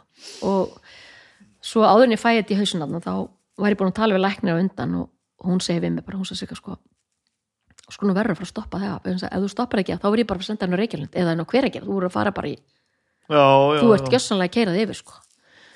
og ég segi, já, heyrðu, hvernig á ég að borga reikningana? Þetta er bara mitt starf, já, þú verður bara að minka við vinna ég segi, hvernig á ég að gera, nú er komið tvö börn, það er allt tvöfalt. Þau eru tvíburar, og ég meina, hvernig á ég að hvernig á ég að, þú veist, hvernig ég meina, einkoman er bara ég. Og ég held bara áfram ég keiri bara á og ég bara, veist, alltaf ógeðslega þreytt, sko, og þeir eru svona lítir, sko, við vorum bara alveg báðar náttúrulega, hún var líka, en hún tók mikið að mér, ég við ekki það alveg, af því að náttúrulega ég var náttúrulega þá fyrirvinnan, hún var heima. Mhm, en þú veist, ef ég ætti að stoppa líka, þú veist, hvaðan kemur það peningurinn? Einmitt. Þú lifir ekki af einhverjum hérna, hérna hvað er þessi sem hún farið þarna fyrir að bætast, hérna farið hérna, farið orlof, fæðingur orlof, nei, af því? Nei, það er ekkert að koma að neitt. Það ekki, en ég held bara áfram þú veist, ég held bara áfram að keira mig og, og er að spila alltaf og, og svona, þú veist en finn bara ógeðslega þreita sko. Alveg bara yfirgengilega þreita sko. Og svo oft, sko, með þess að þegar ég var með kannski mann eftir sérstaklega einu skipti þegar ég er með strákin í fanginu, hann er einsás eða eitthvað, eða innan við einsás og ég held á hann svona og ég dett bara út bara, bara var ekkert að vera dett út, það bara datt út, en síðan skerist í september 2015 að þá þá gerist ég, ég fæ svona, vegan, ég var ógislega heppin samt, Ég bara guðminn góður, ég var rosalega heppin. Ég þetta fyrir máltöðarna sko. Þannig ég, ég svona ég missi kannski ekki alveg máli en ég bara ruggla eitthvað. Já, og ég ræði ekki, Hei- heilin ógislega fríka hvernig heilin virkar. Og ég, ég veit alveg hvað ég ætla að segja en það kemur ekki út. Og mannst þetta allt já, ég mann þetta alveg sko. og ég er bara heppin, ég er að tala við sýsti mína sem býr í Nóri, hún er hjúgrunafræðingur og þannig eitt morgun og þetta gerist þannig að ég er náttúrulega alveg yfirgengilega þreytt. Og ég var fólta með krakkan á leikskólan á mótnana af því að mín fyrirfyrandi hún náttúrulega var í vinnu og þá hana og hérna ég fór alltaf með þau klokkan átta í leikskólan svo þe- þennan morgun sem þetta gerist þá finn ég alltaf í vakna og ég finn bara ég kemst alltaf út úr rúminu ég, var svo ógeðslega þreytt. Hendunar alltaf voru þungar og þetta var svona þá bara allt, ég bara, ég bara eitthvað ég meika þetta. En drulla mér svo, svo segi ég bara, hvað er aðeir drullastu fram úr maður. Farðu bara fram úr. Veist, og maður það að gera, maður fer alltaf íslenska áfram. harkan Já, að drulla já. þess áfram bara. Það var ekkert, ég er bara veik, ég get ekki farið með eitthvað, bara drullaði bara fram úr. Þú þarft að fara að vinna í tölvun, þú ert að undirbúa þetta og þetta og þú ert að fara að gera þetta. Svo hendi ég þeim á leikskólan og kem svo heim og þá finn ég bara, ég er ennþá svona bara alveg að leka niður bara svo ég segi, heyrðu ég fyrir bara í bað, resa mig við lætur henni í bað. Og hérna, svo að redda þessu. Já, redda þess alltaf þú veist, að fyrir styrtu og resisbað þú veist, ég ætla bara að gera það, fyrir bara í gott bað svo fyrir ég í tölvuna. Svo byrja ég í tölvunni meðan að renni bað og er eitthvað að byrja að vinna na, da, da, da. ringir okkur tristim frá Nóri og, í mig og, og hérna, bara eitthvað svona segir mér eitthvað, verði hérna og svo er ég bara þegar ég byrja að tala við hann, ég náði hann að skrúa fyrir baði fer ég fram, eitthvað sest við borð ég man alveg nákvæm, sattu svona borð? Sestur eitthvað bara að tala við hann og þá bara allir bara og ég ræði ekki orðin eins og það bara, það kemur bara bla, bla, bla, og ég veit nákvæmlega hvað ég ætla að segja. Það bara kemur ekki. Það bara, ég gat ekki tala það bara, bara, kom bara eitthvað bull bara, pö, pö, og hún alveg bara, sigga, hvað hva er gangi, hvað er, hvað er að? Og ég bara og, og ég hugsa bara, hvað er að þér, hvað er að, talað? Hvað er að þér, og alveg skýr í kollinum. Skýr í kollinum alveg skýr í kollinum. Ég bara og, og, svo detti ég í sig, ég veit ekki. Og, og hérna, svo eftir smást þetta, þetta er líða svona þetta er svona þetta er kannski svona 5-7 mínútur. E, kannski ekki svo lengi, þetta er kannski 5 mínútur eitthvað svona, 5-6 mínútur sem þetta gera, ég bara síðan, síðan kem ég inn og hún alveg bara, hvað er þetta? og ég bara, ég, ég veit ekki svo fyrstu orðin sem ég næ að segja og, og eitthvað að þá ætla ég að segja eitthvað orð þá kemur allt annað orð. Þá kemur bara, þá, ég ætla mann hvort ég ætla að segja pasta þá kom bara þvóttavél eða kom allt önnur orð. Það er ógslag fríka, hvernig heilin í okkur virk, kom bara allt önnur orð. Ég bara, við erum bara tölfur það er, já þetta eru bara ógeðslega fullkomnar. En nema hvaða hérna þetta var flóknar, ég veit ekki með fullkomnar. Við erum, við, já, við erum örgulega mjög misjafn eins og við erum mörg, en, en þetta er flókist ekki en allavega þá, hérna, upp á þessu þá, þá fæ ég alveg sko þá fæ ég alveg gigantískan hausverk hérna megin. Bara, og ég hef aldrei fengið svona hausverk og ég, mér fannst ekki þetta teiknað heilan hérna, ég fann bara hvernig þetta var bara eins og var í strikar hérna heilin hérna, ég fann bara, ég hef aldrei fengið svona skrítin hausverk, svona ógisla skrítin. Og hérna og ég verð samt ekki trætt sko, ég verð ekki trætt á stundum, ég veist bara nema hvað hún segir, Sigga, ég, ætla, ég þarf að taka eitthvað hérna, ég, ætla, ég ringi til smá stund aftur. Svo meðan hún ringir, þá fæ ég allt inn upp í kollin vá, hvernig var þú veist, blóðteppi, ég var eitthvað að heyra um til daginn. Og veist hvernig það væri, fyrir að googla eitthvað og þá bara þú verður að hafa strax samt um ráðmáttöku ef eitthvað svona gerist. Ég, þá er ég búin að, alltaf ég fekk hérna ríkala haus og ég hef ákveðið að taka bara íbúfenn og, eða parasett, ég man ekki hvað það var. Ákveð bara, þú veist, redda þessu bara fæna hausverki burtu og svo fer ég inn á bað, en nú fer ég í baðið. Og ég var svo örmagna einhvern veginn. Ég hugsa bara, ef ég fer hún eitthvað í bað þá stendi ég ekki upp úr því. Wow. Það er bara, ég fór ekki í baðið, fór aldrei í það. Ég bara, ég, fer, ég get ekki stað upp úr sem ég fer úr henni í það. Svo ég fór ekki, en ég ringda bara á móttökuna sem var rétt að, að ég gerði. Mm. og hún sa bara, þú verður að koma. Og ég segi, já, þetta er búið núna, ég er búin að taka hausverk. Og ég lístur, hún sa bara, nei, þú verður að koma þú ert bara með einn heila, eitt höfuð. Og ef að svona gerist, þá getur þetta gest aftur innan sólarings og þá Ok. getur lent miklu verið í því, sko. Síðan bara, já, svo fer ég að döputir og, og það er tekna blóðpröfur náttúrulega alls konar og alls konar hlutir gerðir og ég er alveg konilega, ég segi bara, "Æ, ég fæ ekki fara heim ég er alveg konilega og náttúrulega bara ógislan hausverk samt en bara, nei, það það töga sérfræðingar að tala við þig. Svo það sem að gerist þar er að hann kemur og tala við mig og hérna þá byrjar hann að spyrja þessum spurninga alveg ógisla rætt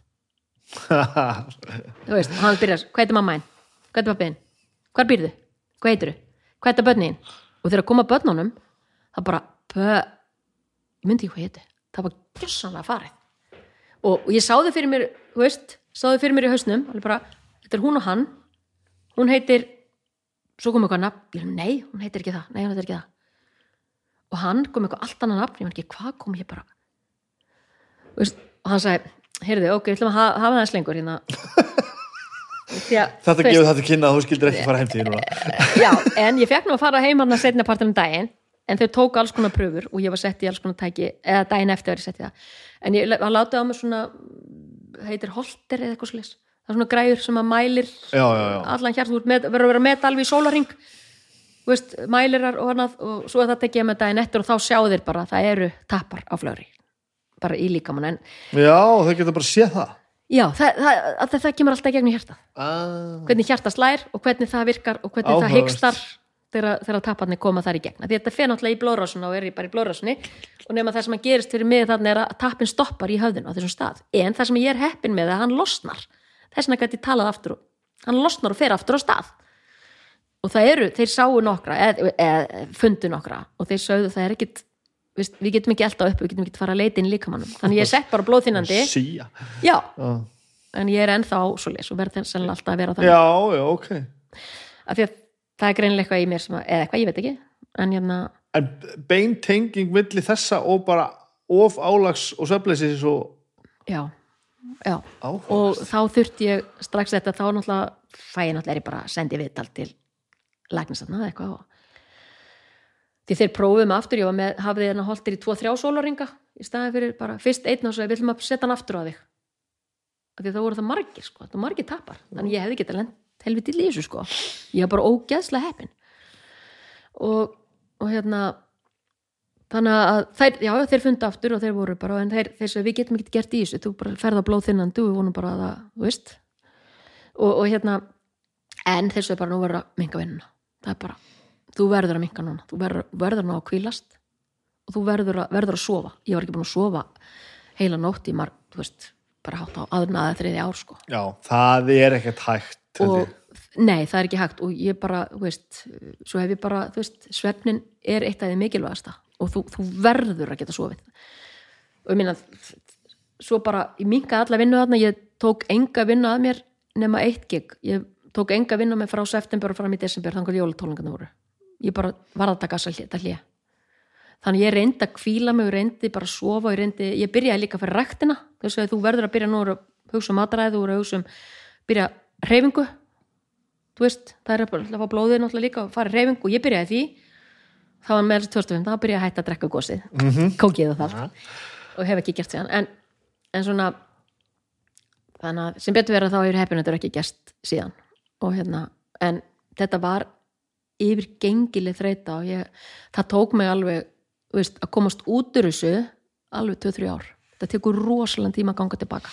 Bara þessi þreita bara. Já, þegar þú- nei, þegar þú lendir í svona áfalli með líkamann, fá svona tappa eða svona Já, áfalli já. þá fer líkamann alveg neða núl já, hann bara fer neða núl, þú veist bara þú veist, það er bara, þetta er svo yfirgengileg þreita einhvern veginn og bara, þú veist, þú ert bara algjörlega kraftlaus, það er bara þú veist, þú, þú er bara algjörlega orkulaus og kraftlaus og það er, þú, þú veist, maður er rosalega lengi að vinna það upp, það er alveg ótrúlegt. Og náður að slaka á bæði það fyrst og svo svona það er náttúrulega að börnin hættu ekki að sofa en ég reyndi að kvíla mig meðan þau fóru að leikskólana þá reyndi ég að sofa Já. og ég fór í byrjaræktinni breytti mataræðinu, byrjaði að taka aðeins sigur út og svona reyndi aðeins að og fór bara að hugsa. Já, en þess að þetta var náttúrulega grín þú veist, þetta hefði geta, hefði geta en það sem að gerist þegar maður lendir í svona þegar þú keirir svona á vegg eins og með þetta.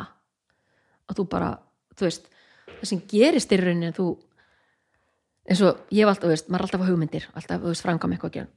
Þetta deyr bara, þú verður alveg bara, þú verður svona eitthvað gufa, þú ert bara aðna engar hugmyndir það er ekkert sem kemur, þú bara ert aðna í þessu 30 ástandi í, já, í þessu Já. trillt ásandi þú, þú veist, þú bara þú ert bara lifandi og þú ert og ert, já, en reyngar hugmyndir. Það er ekkert frumkvæði eða neitt. Það er bara, það deyr allt, þú lendir í þessu. En það, svo fór það að koma aftur eftir bara, þú veist, eftir einhver tíma þá byrjaði maður þetta flæða að koma aftur inn sko, þegar maður fór að ná jafnvægi aftur sko. En ég fóru eina tónleika sem að voru það var hérna þegar Freyri kom að setja upp hérna Tína Turner tribute sem ég hefði tekið þátt í hérna. Þarna fyrrum vorið sko 2015 en hann setur síðan upp í hofi í byrjun oktober 2015 já, vá, þegar ég er búin að lendi í þessu. Og ég ég sagði bara, ok, ég er búin að lendi í þessu og var alveg ónýtt. Og hann sagði sig að þú, þú bara, ég vil ekki taka þátt í þessu ég, bara, ég sagði bara, heyrðu, þetta er eina sem ég ætla að ætla að koma að taka þessu, ég ætla að syngja þessu sjá ég ætla að koma, af hverju? bara þetta var gaman og þetta var tína og ég bara að gera þetta. Og, og hvernig var það? það var ógeðslega töff. Það var ógeðslega erfitt. Og ég flög norður, ég þurfti ekki að keira hann flög með norður og ég var bara herbyggins, bara hótelherbygginu fekk hótelherbyggi og var eins mikið inn á því og ég gat bara kvíla mig sko. En það er svo skrítið að þegar þú setir því þetta mót þú veist, ég var alveg, veist, ég bara veist, ég var svo sletti, ég var bara, algjörlega orkulegs og kraftlaus svo er einhvern veginn þegar þú veist þú ert að fara á svið þetta er adrenalínið fer svo að stað. Ég fór að gera þetta allt. Leiðu að lappa út á vangnum hinum einn þá bara, og það bara stótt sér bett og ég bara, lá bara svona eftir hvert einasta lag? Hafa tekið púls á mér allt sko, bara fylgst með mér og hjúkunar fær einhver þarna. Fylgjast með mér á bakvið allt Vá. var, já, það gekk en ég bara, ég vildi, ég ætlaði alltaf mér að gera þetta. En, en ég gerði ekkit fram með tónleikum þá eftir það því að það var bara, ég bara gata ekki. Ég hafði ekki orku eða þrek í það. Ég hef aldrei verið nálægt í að vera einhver svona stað en það er alveg sama hvað maður er hellaður já, á leiðin á sviðið já, og svo bara kvikna ljósinn og maður labbar inn og þá bara Já. Verður maður að einhverju, einhverju öðru sko. ég veit að þetta er, þetta er já, það er alveg magna hvernig þetta gerist einhvern veginn, það er eins og líka með farið bara í eitthvað annað mót og náttúrulega þú veist, þegar það kemur náttúrulega þetta- þessi orka frá áhraundum og náttúrulega og allt þetta fer alltaf flegi ferð já, og maður klára giggin en þú getur verið eins og flak á já eftir sko. alveg gössamlega sko. Já. og ég fann það oft hana en, en þetta er eina skipti sem ég hef tekið mér þessa pásu bara því, náttúrulega varð að gera mm ég bara, það var bara, læknir að bara, bara stopp núna sko, þetta er bara þú veist, það er bara ekki bóði núna meira sko. já, en hérna en þetta hafðist nátt saman já, og hérna, en þetta tók helvita langan tíma að fara úr og mér langar ekki að fara á þennan stað aftur sko. þess vegna hugsa ég núna mikið um reyfingu, ég er alltaf núna í ræktinni og ég er byrjuð að taka mataræði mikið aftur í gegn, mann alltaf fyrir upp og niður í því en svona tímastjórnun bara álagsstjórnun nærðu nærðu að Nei, gera ekki á mikið er? Nei, ég er svolítið komin í þetta aftur að, ég er svolítið komin aftur í að að loka ekki klukka 5 þú veist bara hvernig þetta er, maður getur það ekkert. Nei, ég en þetta ég hugsa um svefnin miklu meira. Er já, og ég þú veist ef ég segi svo er þá vel ég kannski meira giggin sem ég tek. Öðru sig, ég ger þetta öðru sig já, já, en, en, en, uh, en veistu, það skiptir öllu máli líka bara reyfingin og mataræð, skiptir öllu máli í þessu. Og eftir ég byrja að æfa kemur allt önnur orka inn og, og þú veist, það er allt annað. Bara gegja sko. Þannig, og ég ætla að halda því áfram núna og hefur verið alveg núna, bara ég hef alveg verið núna, þú veist alveg frá 2015 hef ég verið í reyfingu og, og hérna sem er kannski ykkur smá hlýðum en, en bara, ég finn bara hvað það gerir mig gott. Algjörlega sko. þetta er ekki mjög flókið sko. Þetta er ekki mjög flókið. Borða holt og hreyfa sig, Þa, Já, það er langt sem og, að herra þetta og fyrst. svefnin, svefnin Og sofa, er bara já. svefnin er eitt af því allra mikilvægasta. Og það er langt og það er að ekkert margir þetta sem fyrst. pæli því sko. Maður þetta, mamma sagði mér þetta strax. Ég veit, hún sagði þetta alltaf að fara svo fyrir miðnætti já, og ég þetta borða hotlamat já, sem hún enda held að vera mjölkukeks og, og Já. hafrakeks en þú veist, og línubröð já. Já, já, og, og, og hreyfa sig sko. Veist, þetta, við vitum þetta alltaf. Við vitum þetta alltaf en við gerum þetta ekki alltaf. Nei, við höldum alltaf að við náðum já, ég næði nú örgulega að sneiga mig fram í þessu. En það sem ég byrjaði með og með svefnin þá byrjaði ég bara, þegar krakkarnir voru farnir niður, kannski um 8-9 þá fór ég líka bara, já, þá fór ég bara að sofna líka. Passa maður svo að ekki vera að vaka til 12-1 á nóttinni. Þau áttu kannski til að vakna á nóttinni. Þannig að þá er ég að fara að Já, bara hálf tíu tíu og, og bara, já, já, ég lærið þetta þegar ég var með lítil börn sem að sváfu undarlega. Já, að sopna þegar þú getur það. Ok, Já. það er þögn. Ég, ég veit að ég langar til að segja eitthvað svona me time. Það er ekki, það er ekki það er pláss fyrir það núna. Sofðu, sofðu. Nákvæmlega, svefnin er meira verði Ah. og, og einmitt eins og, þú veist, hérna þú veist, eins og nákvæmlega eins og þegar, já, þú veist, ok nú eru það sopnuð, eru nú að fara í tölvun nú þegar ég bara, Alltaf eru það þetta. ekki ekki það. Þú veist, núna bara, nei, ég ætla að gera þetta bara í fyrramáli já, nú ætla ég bara að sofa, þú veist maður byrjaði aðeins að hugsa þess að því að þú veist, ég hefði getað lent ógislega í þessu, sko, Já. ég var ógislega heppin. Og þeir sögðu, þú veist, heppin. Já, þetta er góður ímyndir sko. Já, þannig að hérna já, en heilsan skiptir miklu máli. Ef maður hefur hann ekki þá og ég- og það er söðulega með sigga minn sko, ef þú eru ekki heilsuna þá gerur ekkert giggin Og það, það er alveg satt það sko. er bara þannig, já, það opnaði maður svolítið maður held maður geti bara keirt áfram eins og maður búin að gera alltaf keira, bara keira, keira á allt systemið. Mm. og þetta var bara þetta var bara, ekkert bara þau þetta var bara margra ára keisla sko. Þú veist maður er að keira á sig sko. Það er bara svo leis emitt, emitt. já, þú talar rosa mikið um allt sem þú ert að gera og, og veist, þú þú ert rosa mikið sigabendins Já. og veist, já, gera gigginn og bókaði og búða til og svona. Já. E, e, gerur eitthvað þarna fyrir utan? Það er nú ekkert eitthvað rosalega mikið. Þannig, ég er ekki ég, jú, sumrin ég er svona spilaði golf, ég er farin að spila það svolítið aftur. Núna, ég ætla að að gera það meira því í sumar, Mhm. ég ætla jú ræktin ég, það er svona það sem ég legg áherslu, það er svolítið me time og ég ætla að halda því. Það er bara ég á minn tíma á mótnana í það og ég ætla að halda því svo ætla ég að fara að spila meira golf en ég er svona, jú, svo hitt ég stundu vinni og, og svona skilur Já. en ég er rosa heimakær samt, sko, ég er rosalega heimakær. Er, ég er að finna eitt sem ég þarf að passa mig á. Já, eftir að, veist, að, að þegar ég er að skemmta einhver staðar já, og svolítið mikið, Já. alls ekki að mikið á þú af því að mitt líf er ekki eins þá þarf ég að passa mig á því að sko að ég að hitta vini og fjölskyldu mm, verði afslöpun sko. Að því að mér líður stundum eins og sko að ég er alltaf út á meða fólks. Mm að mér, langar ekki að hitta fólk. Já, ég er bara þú þessi bestu vinni eða Já. eða fjölskylda uh, og ef ég gerir það, þá líður mér eins og ég sé að næstu því að vinna sko. að því mér langar bara ekki að vera með neinum. Já, já.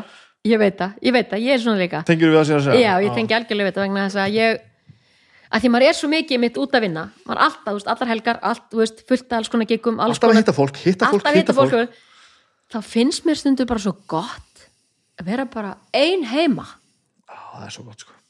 Í þögninni jafnvel, ég seti, hvað stundum mér ekki svona músík á, bara í þögninni eða horfa eitthvað gott, bara eitthvað aðþringu sjónarpinu eitthvað, mm skilur til að losa mann og kúpla mann frá.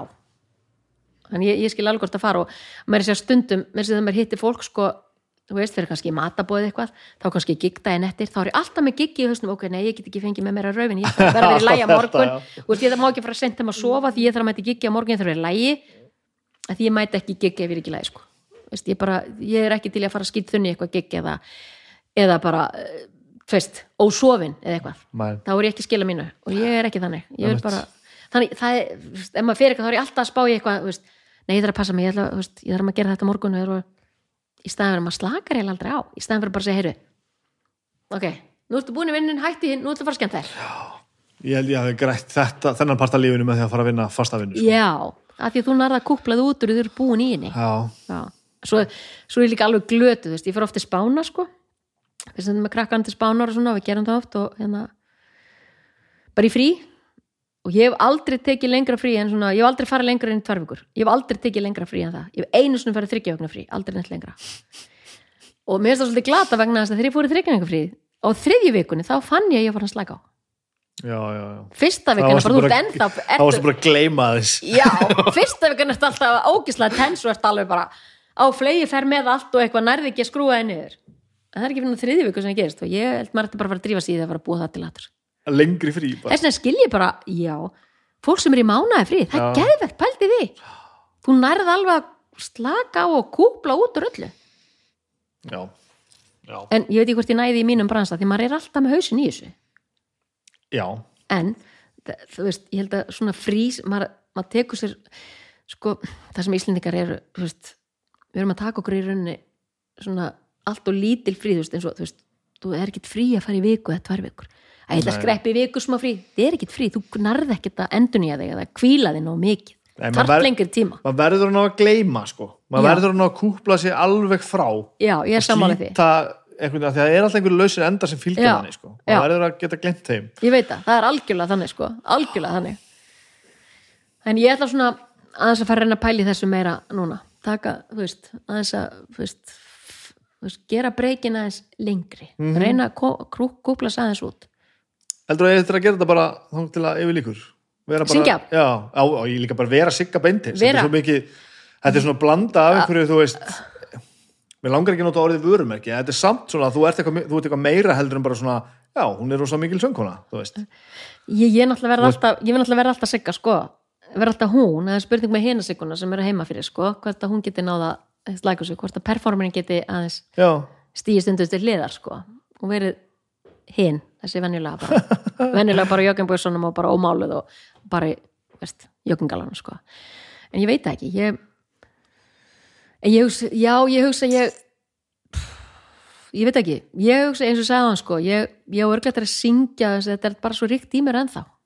Já þið finnst þetta þá bara svona gaman ég, það er náttúrulega bæði bara vinna mín og, lifubröðið og líka bara, mér finnst bara eindislegt að syngja fyrir fram á fólk og bara skemmta því, mér finnst það bara æðislegt. Og ég voni ég gera það bara því að ég voni ég verði eins og raggi syngja fyrir er alltaf gott sko. Bara pældi hann á þessu?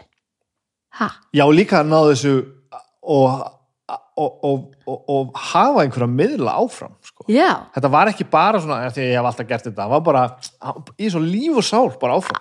Algjörlega og ég hugsaði bara, vá, ég verði svo raggi það er geðvegt það er frábært takmark sko. Já, og ég held bara, veist, ég hef örglættir að syngja bara eins lengi ég get, menn ég bara, menn að fólk vil hlusta. Og líka bara svona, já, menn ég fæði ekki þess að leiðilu vibratorett, gamlu fólk, gamlu manna, Þú en ef, ef, ef hún kemur undan, þá, þá hætti ég. heldur ekki það?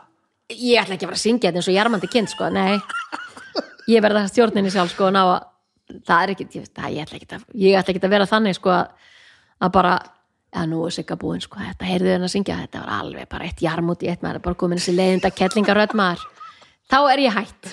ok, Og ég tala um við dittu eins og ok, hún sagði, Sigga, þetta er nákvæmlega eins og ég, leðu það að byrja mér, þá er ég hætt. segir hún þetta? Já, hún sagði þetta líka, hún sagði, ég segi ég bara, þá ætlum ég að hætta að syngja ef þetta kemur. Og þessi, þú veist, en þetta gerist engungu þetta gerist engungu af því að þú ert ekki að þjálfa og ert ekki að syngja ná mikið. Nærmar það er því að þá, þá nýt, notar ekki stuðningin Já. við röddina, því maður notar svo mikið stuðning frá þindin og öllum vöðvum í líkamann þegar maður syngur. Uh, ef þú hættir að nota þennan stuðning þá, þá ert að fara að missa stjórn á röddinni sko. þá fer hún eins og hún vil fara. En núna, eins og núna, því að maður er það mikill í þjálfun að nú get ég stjórna. Þá stjórna ég öllu víbratói, hvort ég vil hafa mikið víbratói lítið það er sko, skilur mig? Það er fólk að spyrja mann sko, er þreyttur í hálsinum? Nei, en ég er mjög þreyttur í maganum sko. já, bara spennir ba- allan kviðin bara í pung sko, alveg bara, það er bara svo leist og það er nákvæmlega þá á maður að syngja rétt. Já. og ef maður syngur rétt og notar röddinni þá getur maður sungið endalust í nánast. Já, nánast. Eða, eða þannig, ég er ekki þannig kannski endalust en þú hefur mikið meir úttald og það er að því að sko við eigum að nota og eigum að nota allas að vöðva. Og ég er rammal samanlega stundum eftir stór geggjus og jólutónleikana er ég að taka svo stóru lög þá eru rosalega þreytt hérna. Já, bara eins og eftir Þá er- 20, já. ég ætla að segja 20 maður ef ég segja 200 já, þá, Vá, það er 20 hér. þá kemur það hérna sko. alltaf við sko. Já, en röddin er kannski alveg í fínu lagi en það er, það er þessi stuðningu sem er að nota við röddina sko. Og þess vegna að- getum við haldið henni. Ég hlakka til að heyra samt þig og Dittu svona 85-90 ára í duett, svona jarmandi svona önnur hæra mér og hinn vinstra mér. já, já ég, held, ég veit ekki hvort þú nára að fá okkur í það en við erum ekki hættar að þér. Ég segi það núna. Já, nei, ég vona bara að maður geti ég veist að ég vona maður geti haldið á sem lengst og hérna, að, meðan að fólk vil hlusta og, og hérna, fá mig til að syngja þá, þá mun ég gera það. Glæsilegt. Já, Þetta var ógeðslega skemmtilegt. Já, geggja. Takk fyrir að tala um mig. Já, takk sem ég leis bara fyrir að bjóða mér, virkilega gaman að koma að tala við þig. Skemmtilegt.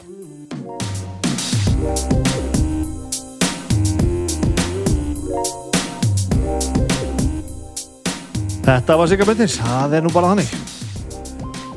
Um, Ég þarf nú ekki að hafa þetta mikið lengra. Þetta er þáttur, sérsti þáttur á árunu og um, þetta er bara búið að vera helviti gott. Svo bara já, ef við losnum á sótkví þá verður volandi bara frekar venjulegu þáttur næst. Ef ekki þá veit ég eitthvað ætla að gera. Þá kemur það bara ljós. En takk fyrir hérna árið, gleðileg jól og allt saman. Um, ég ætla að stinga í aðeins að hlusta á drauga fortíða þátturinn sem, þátturinn sem kom út í gær og hann er um stál. Ég er ekki búin að hlusta á hann en Baldur sagði að það var snild og, og það er bara svo fyndið að hann sé um stál. Þannig að það er af nóg að taka. E, og svo bara keirum við inn í nýtt ár og sjá hvernig það fer. Þetta gæti verið miklu, miklu, miklu verða sko. takk Omnum og Simin Pei og Sjóvá og uh, Bríó. Já eða Lóða Stólalari fyrir að vera hérna með mér í þessu öllu saman ég ætla að segja þetta gott held ég bara. Ég ætla að segja þetta gott. Farið vel með ykkur, ekki drep ykkur á einhvern sprengjum og við sjáumst hérna með vitastofn